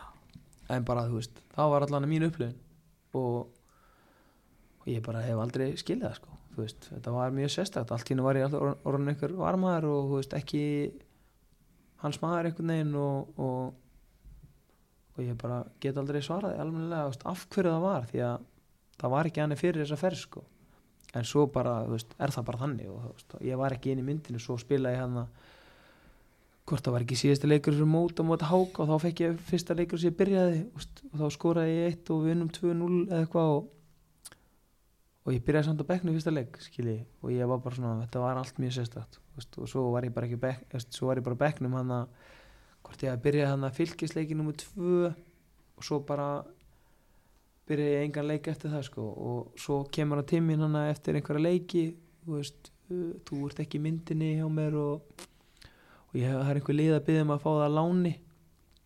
Og það var nefn einhver lið sem ég hafði engan á að fara í sko. Og ég sagði bara, herri, ef, ef þú vilt í fari þú veist, þá bara fer ég. En, en þú veist, ég tel mig að vera í liðu og þá segir hann bara, þú veist, reynd út og ég sé ekki að fara að spila mikið og, og það skipti ekkert máli hva, hvað ég gerið og þá segi ég bara ok, þú veist, þá ætlum ég að skoða mína möguleika og læt bara fyrirtast í einhver lið og, þá koma, þú veist, vikingur og stjarnan. Og ég ákveða að fara í stjörnuna en ég hef alltaf séð smá eftir því. Já, veist, þetta var kannski, Arna var hann að byrja með sitt prótið, það gekk. Ég heldur endur að þeir að bjarga sér frá falli. Já, þetta ár sko og ég fyrir stjórnuna og við endum í þriðja en það hefði verið gaman held ég eftir á, veist, að maður hefði tekið þátt í veist, þetta hefði kannski verið upp af að geta farið þanga og ekki það, svo tókum við bara pabla ára eftir. Það var, er búið að ganga heldur vel skilur en ég held að ég held að ég hefði fitta mjög vel með Ar Arnar Anna og ég svona sé eftir þessu en ekki það, þú veist það gekk náttúrulega mjög vel í stjórninni. En svo bara kannski scenario sem kemur í framhaldinu ég fer hann í uh, aftur í breðablík og veist, er algjörl út af myndinni og einhvern veginn staða mín þá er orðin verri þú veist, ég, Óli Jó er svo ekki áfram og, og, og Rúnar uppalega vill halda mér svo einhvern veginn allt í hennu tekur hann einhver ákvörð og þá er einhver stjórnamenn sem vil ekki veist, vil ekki taka svona gamla leikmann eða eitthvað svo leiðis og eh, ég enda einhvern veginn í breðablík þú veist, í staðan fyrir að maður hefði bara farið kannski alveg yfir stjórna. Uh, Óskar ætlar ekki að spila með skili ég er í einhverju vonlösu stöðu, ég reyna allt sem ég get spila veist, æfi vel, hugsa vel um mig reyna að koma í lið og, og líði vel á æfingum og allt það en veist, þetta bara veist, hann ætla ekki að nota mig og það er bara allt í læskili hann tekur þær ákvarðan en ég allan get, ald, get alltaf sagt reynd og ég laði mig alltaf fram. Ég var alltaf hrein og beinn með Óskar. Uh, hann var það alveg við mig líka og ég ber alveg virðingu fyrir Óskari og ég, veist, uh, og ég, ég viss alveg, þú veist breyðablík með það sem þeir hafa. Og Óskar var þú veist, þetta vant ekkert mikið upp á. Svo held ég reyndar að allt þetta sín, síns hann og allt þetta veist, og líka bara þegar við vorum farnir, ég og Arnar og fleiri hann held að það bara leta þess á hann hann var eitthvað, ekki alveg að höndla uh, hafa okkur hann einhverju leiti, ég, allan mín tilfinning og, og ég hef heyrt það bara frá strákunum, hann einhvern veginn slakaði rosalega á uh, byrjaði að einhvern veginn að uh, bara, þú veist, gaf þeim helgafrí inn á milli og þú veist, það var bara valla neitt þannig, skilji, fyrst. Já, já. það var bara rosalega keisla. Og svona he- hefði orðið svona mannlegri og, og þú veist, hann átti sína rimmu við gísla til þess þetta fyrsta ár, skilja, nú er bara ég held að hann sé búin að fatta, þú veist, þú þarft alltaf þessa típur og gísli er bara aðal gæina, skilji. Og, og sama með það er leikmennir svo Oliver, hann ætlaði ekkit hann var ekki alveg myndin en, þú veist. Hann er bara frábær en hann er ekki kannski með, þú veist talandi um þess að, nú er ég að tala fyrir aftur í veist, hann er ekki nú fljótur eða Mm. veist, en svo er hann bara geggjað djúb miðumar Mm. hann bara veist, hann svo árað eftir þá bara er hann aðal gæinn djúbara miðun og þau var Íslamestara skili og Gísli er aðal veist, hann var algjörlega ekki hans maður til að byrja með einhvern veginn það var, hann þurfti alveg að vinna uh, vinna sig inn veist, og, og, og ég held að Óskar og bara einhvern veginn þetta lið, þetta varð svona hann þroskaðist inn í þetta að, held ég að svona aðeins að læra á þetta umhverju að vera með fullanda menn heldur en að vera með krakka. Og svo sama tíma strákanir og þetta varði og Óskar kannski aðeins kemur niður á plan leikmann og leikmennin aðeins búin að og þetta er bara geggjað í dag sko þannig að það er eitt stæl úr þessu skilur fyrir breyðablík, þetta er bara geggjað lið. En líka það, veist, að þeir fengu leikmenn hann og þeir seldu engan. Á miður sísoni þeir voru nokkri búin að spila ógeðslega vel veist, Viktor Karl, Ísak, Dagur og einhverju fleiri það var alveg, þeir hefði getað selta á miður sísoni en gerða það ekki, veist þeir kláruðu þetta mót, bara, það var ekkert eitthvað aftur, herri, seljum þrjá bestu mennina hérna og sjáum hvernig gengur. Það var bara, við erum bara að fara að vinna þetta mót. Og ég, ég held að breyðablík að lærta þessu á sín tíma og þeir eru bara búin að fara í genum og nú er bara breyðablík orðið, þú veist, sigur vél skili þeir verða bara annað næstu fimm árin og þú veist, ef Óskar er að ná fram og þeir halda þessum kjarnar þá bara verður breyðablík ekki þér sko. klárlega Hvert er það að fara núna? Ég held, erum við ekki búin að, bara búin að fara um helviti viðan völl, búin að snerta á, á flest öllu Já, þannig að ég er ekki Við bara beint í léttmeti bara Já, við erum, komnir, við erum, við erum búin að, slá, við erum búin að slá, rústa metunni yfir lengst á þettinum sko. Já, við hefum nóg eftir sko. förum í hérna í sjömanalið þannig að sem að ég var alltaf seinn að láta þið vita Já. þannig að þú þú þurftur að gera það á, á hérna, með tíma með tíma já Já, ég sko ég ætla bara að byggast fyrir um afsökunar af því að ég potta að gleyma ykkur mönnum. Það, já, fólk verður bara að sig við það. En hérna, ég var allan að, þú veist, ég byrjaði bara markmannum já, ég var mjög erfitt með þetta því að, þú veist, ég er með Gull og Anton. Þeir eru bestu markmenn sem ég spila með. Og Gulli uh, sko, hann sín tíma 2014, hann var bara hann var fárálur, ég ætla bara að segja. Veist, við fengum á okkur held ég 11 eða 13 mörg eitthvað. Og bara galinn. En svo ertu með Anton. Og Anton er bara hann, hann eru svo ógeðslega ólíkir. Þeir er alger sikkur. Annar er bara besti shotstopper sem Íslandi hefur átt og hinn er besti playmaker skástrík markmaður. Já, og svona mismund eiginlega ég var bara ógeðslega erfitt með að gera upp á milli þeirra sko. hvað, hvað gafstu fyrir þannig að skot, marki sem hann fekk á sig móti háká já, sko málega það bara ég setti nú nýtti var að verja hann þegar Já. var að jarða hann. Og þú veist ef þú ætlar að vera, að leikstil breyðabils er svona og Antons styrklingar eru kannski þessi venjulega áhengandi er ekki að horfa á markmann skilur. Þeir eru að hugsa bara ok, hann gerði þessi mistök. Jú, jú, hann, hann gerir þessi mistök. Hann gerði líka með val en þú veist, Valur vann líka deildaði með 14. mun með hann í markinu skilur þú veist, við dominutum liðið með boltan við, possession, það var sem gætt pressa okkur því að ef þú gefur Anton og einhver ætlar að hlaupa út úr sínu þá bara spilar hann á mann sem er laus og úr allt í hennu yfirmann alla völlin og drr, þú veist, hann að gefur þér rosalega mikið sér lið ef þú ert með gott lið. Uh, Gulli bara, þú veist hellaður, þú veist, á þessum tíma. Ég er ógeðslega erinn, en ég held ég seti Gulla já, þú veist, prime Gulli. Mm. bara Anton er geggjar en fyrir ekki Anton en Gulli er nummer uno. All right, Anton er bara böknum já, já, Anton er á bekknum. Hvað, er þetta með í, vörn? vörninni, sko. Ég er búin að með nokkar heldur góða sko. sko, ég er með Eiðar án hana. Sko, ég skrifa sko Eiður Aron, Sverri Ingi, Arnarsveit, Alfons Erik Edman og Daniel Lagstall sko, þetta eru nokkru góðir. já, þeir eru allir ógeðslega góðir.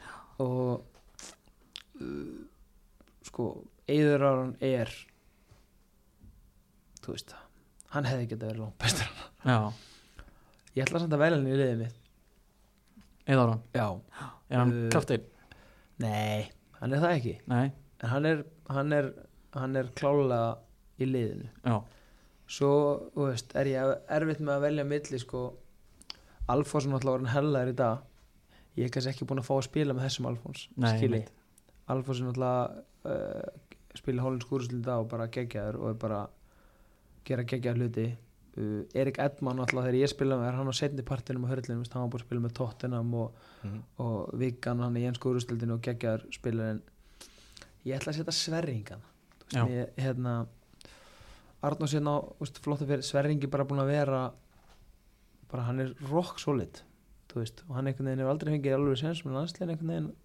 Hann er alltaf meitur líka alltaf þegar, Já. alltaf þegar það er já en ég held bara tímubili þá var hann alltaf bara, það var bara Raggi og Kári spilu, no matter what. Já, já, og hann var kannski svona brillera sko, og hann er bara fyrirli í, í grísku úrsli, toppliði skili og hann verður með líka í Granada já, þú veist, þetta er bara það er náttúrulega gali að hann sé ekki búin að við fá að spila fleiri leiki sko. Já, það, og það er líka svo pyrrandi einmitt eftir að Káru Rækja hætti þú veist, þá byrja hann að vera alltaf meittur þegar það Já. er la já, landslið ég veit það.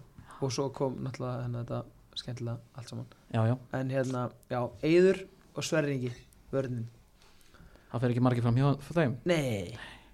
Svo er ég með miðjuna, það er líka djöfis Þú veist, ég ég seti hérna þetta er sjöð ekki? Sjö, það er að koma þér líka fyrir? Já, það er komið í liði, nei, ég slepp mig bara. Já, þú, þú ræðir sko. Já, ég ætla að setja hana á Ég ætla að setja Sko ég er náttúrulega með Rúnam á Ég er ekki alveg viss hvort ég ætla að hafa liðin Ég hann er samt hann á lista. Hauku Páll, Gísli Eyjóls Sett Höskuld Sigur Egil og Halldór Orri. Halldór Orri fyrstu besta var bara einna bestu leikmannum í bestildinni Mm. og var bara svindkall uh, Ég ætla að hafa Hauk Pál og ég ætla að hafa mm, ég ætla að hafa Gísla Eyjóls og ég ætla að hafa þetta er erfitt maður. Mm. og ég ætla að setja ég ætla að setja Rúnamá ok, Veist, hann er alveg, það er enginn að pæla í honum. Hann er samt bara búin að vera í geggjum liðum þú veist, það er bara hann er í austur og hér og það Já. og bara búin að og alltaf til lifur hann skilaði líka alltaf sínu þegar hann kom inn á fyrir landslið Já. sko. hann er bara skefna sko. hann er alveg spilari. Þetta er, ég held að þetta gerir alveg tilkall í besta sjómanlið sem við fengið hingað til sko. Já, Mm. Haukur Rúnar Gísli og þá er komið hvað, það er komið 1, 2, 3, Það var 4, einn 5, í 6 einni viðbót.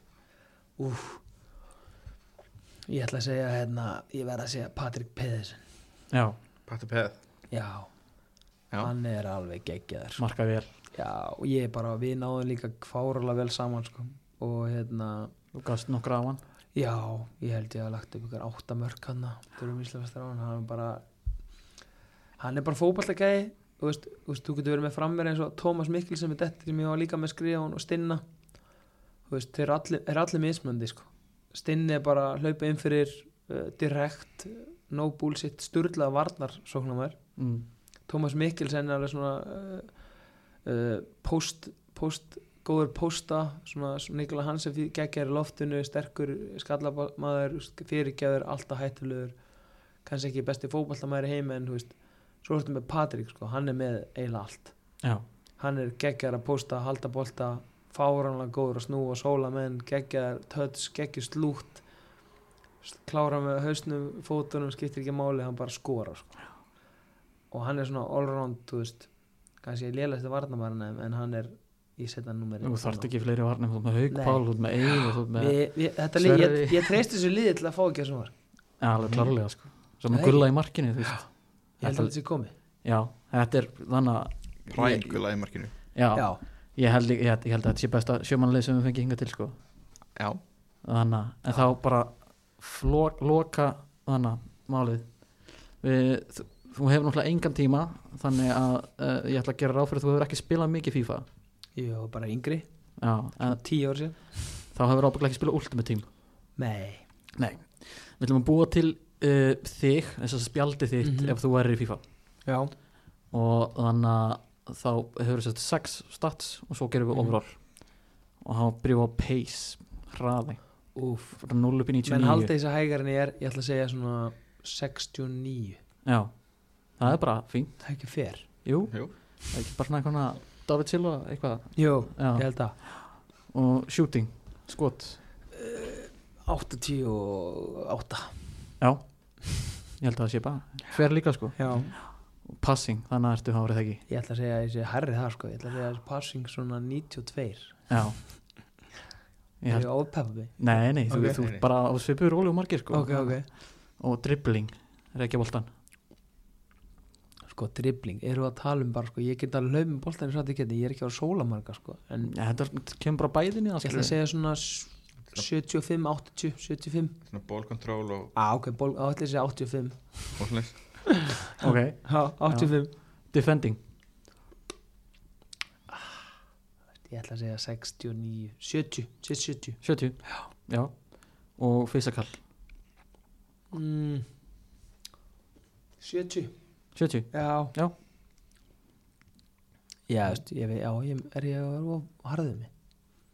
Þú, það, physical, þú veist, það er, það er allt svona physical, það er ekki bara kótt sterkur sko. Nei, stamina náttúrulega, ég, með, Já, já, já. ég get hlaupa enda löst en þú veist, mm, ég get ekki flótistur heim en ég er svona Það kemur allir inn í fiskal já, ég er svona já, ok, segjum 75 75, já, og overall þá?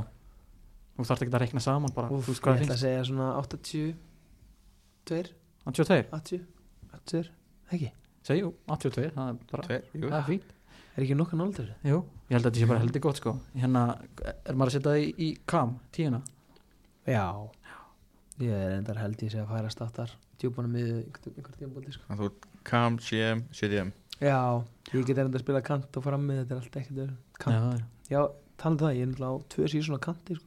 já, ég seti það ábygglega hérna, ég, ég er svona hægt og rólega eftir við fá, sem við fáum fleiri viðmælendur þá er ég að byggja lið þannig að þú veist til þess að þannig að setja saman. Já, uh, mér vantar CDM, þannig ég seti kannski CDM var, já, já þetta, það er, ég er búin að vera að spila það núna já, það er bara að ganga vel. Þannig að þá held ég að þetta sé bara komið helvíti gott hjá okkur. Já, en við erum búin að við erum alltaf lengra og lengri hérna. Já, hann En fylgir hérna, ég ætla bara að sjá þetta Instagramið okkar og, og, og TikTok okkar það er bara allt tiltalið ég, meni, ég geti talað allan dag sko, hérna, en talsjúkur bara takk hérlega fyrir, þannig, fyrir, fyrir okkur gísli, uh, Gu- Guðjón. Já, takk kærlega sem ég ætla að fá eitt punkt. Já. ég ætla að fá að peppa konuna mína.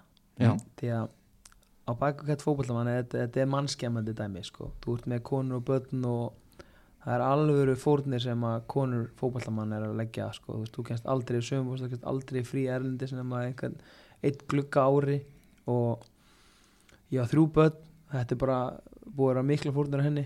Og ég ætla bara að segja takk fyrir mig. Á, takk fyrir. Já, Og með mig. orðum lokuð við þetta Já,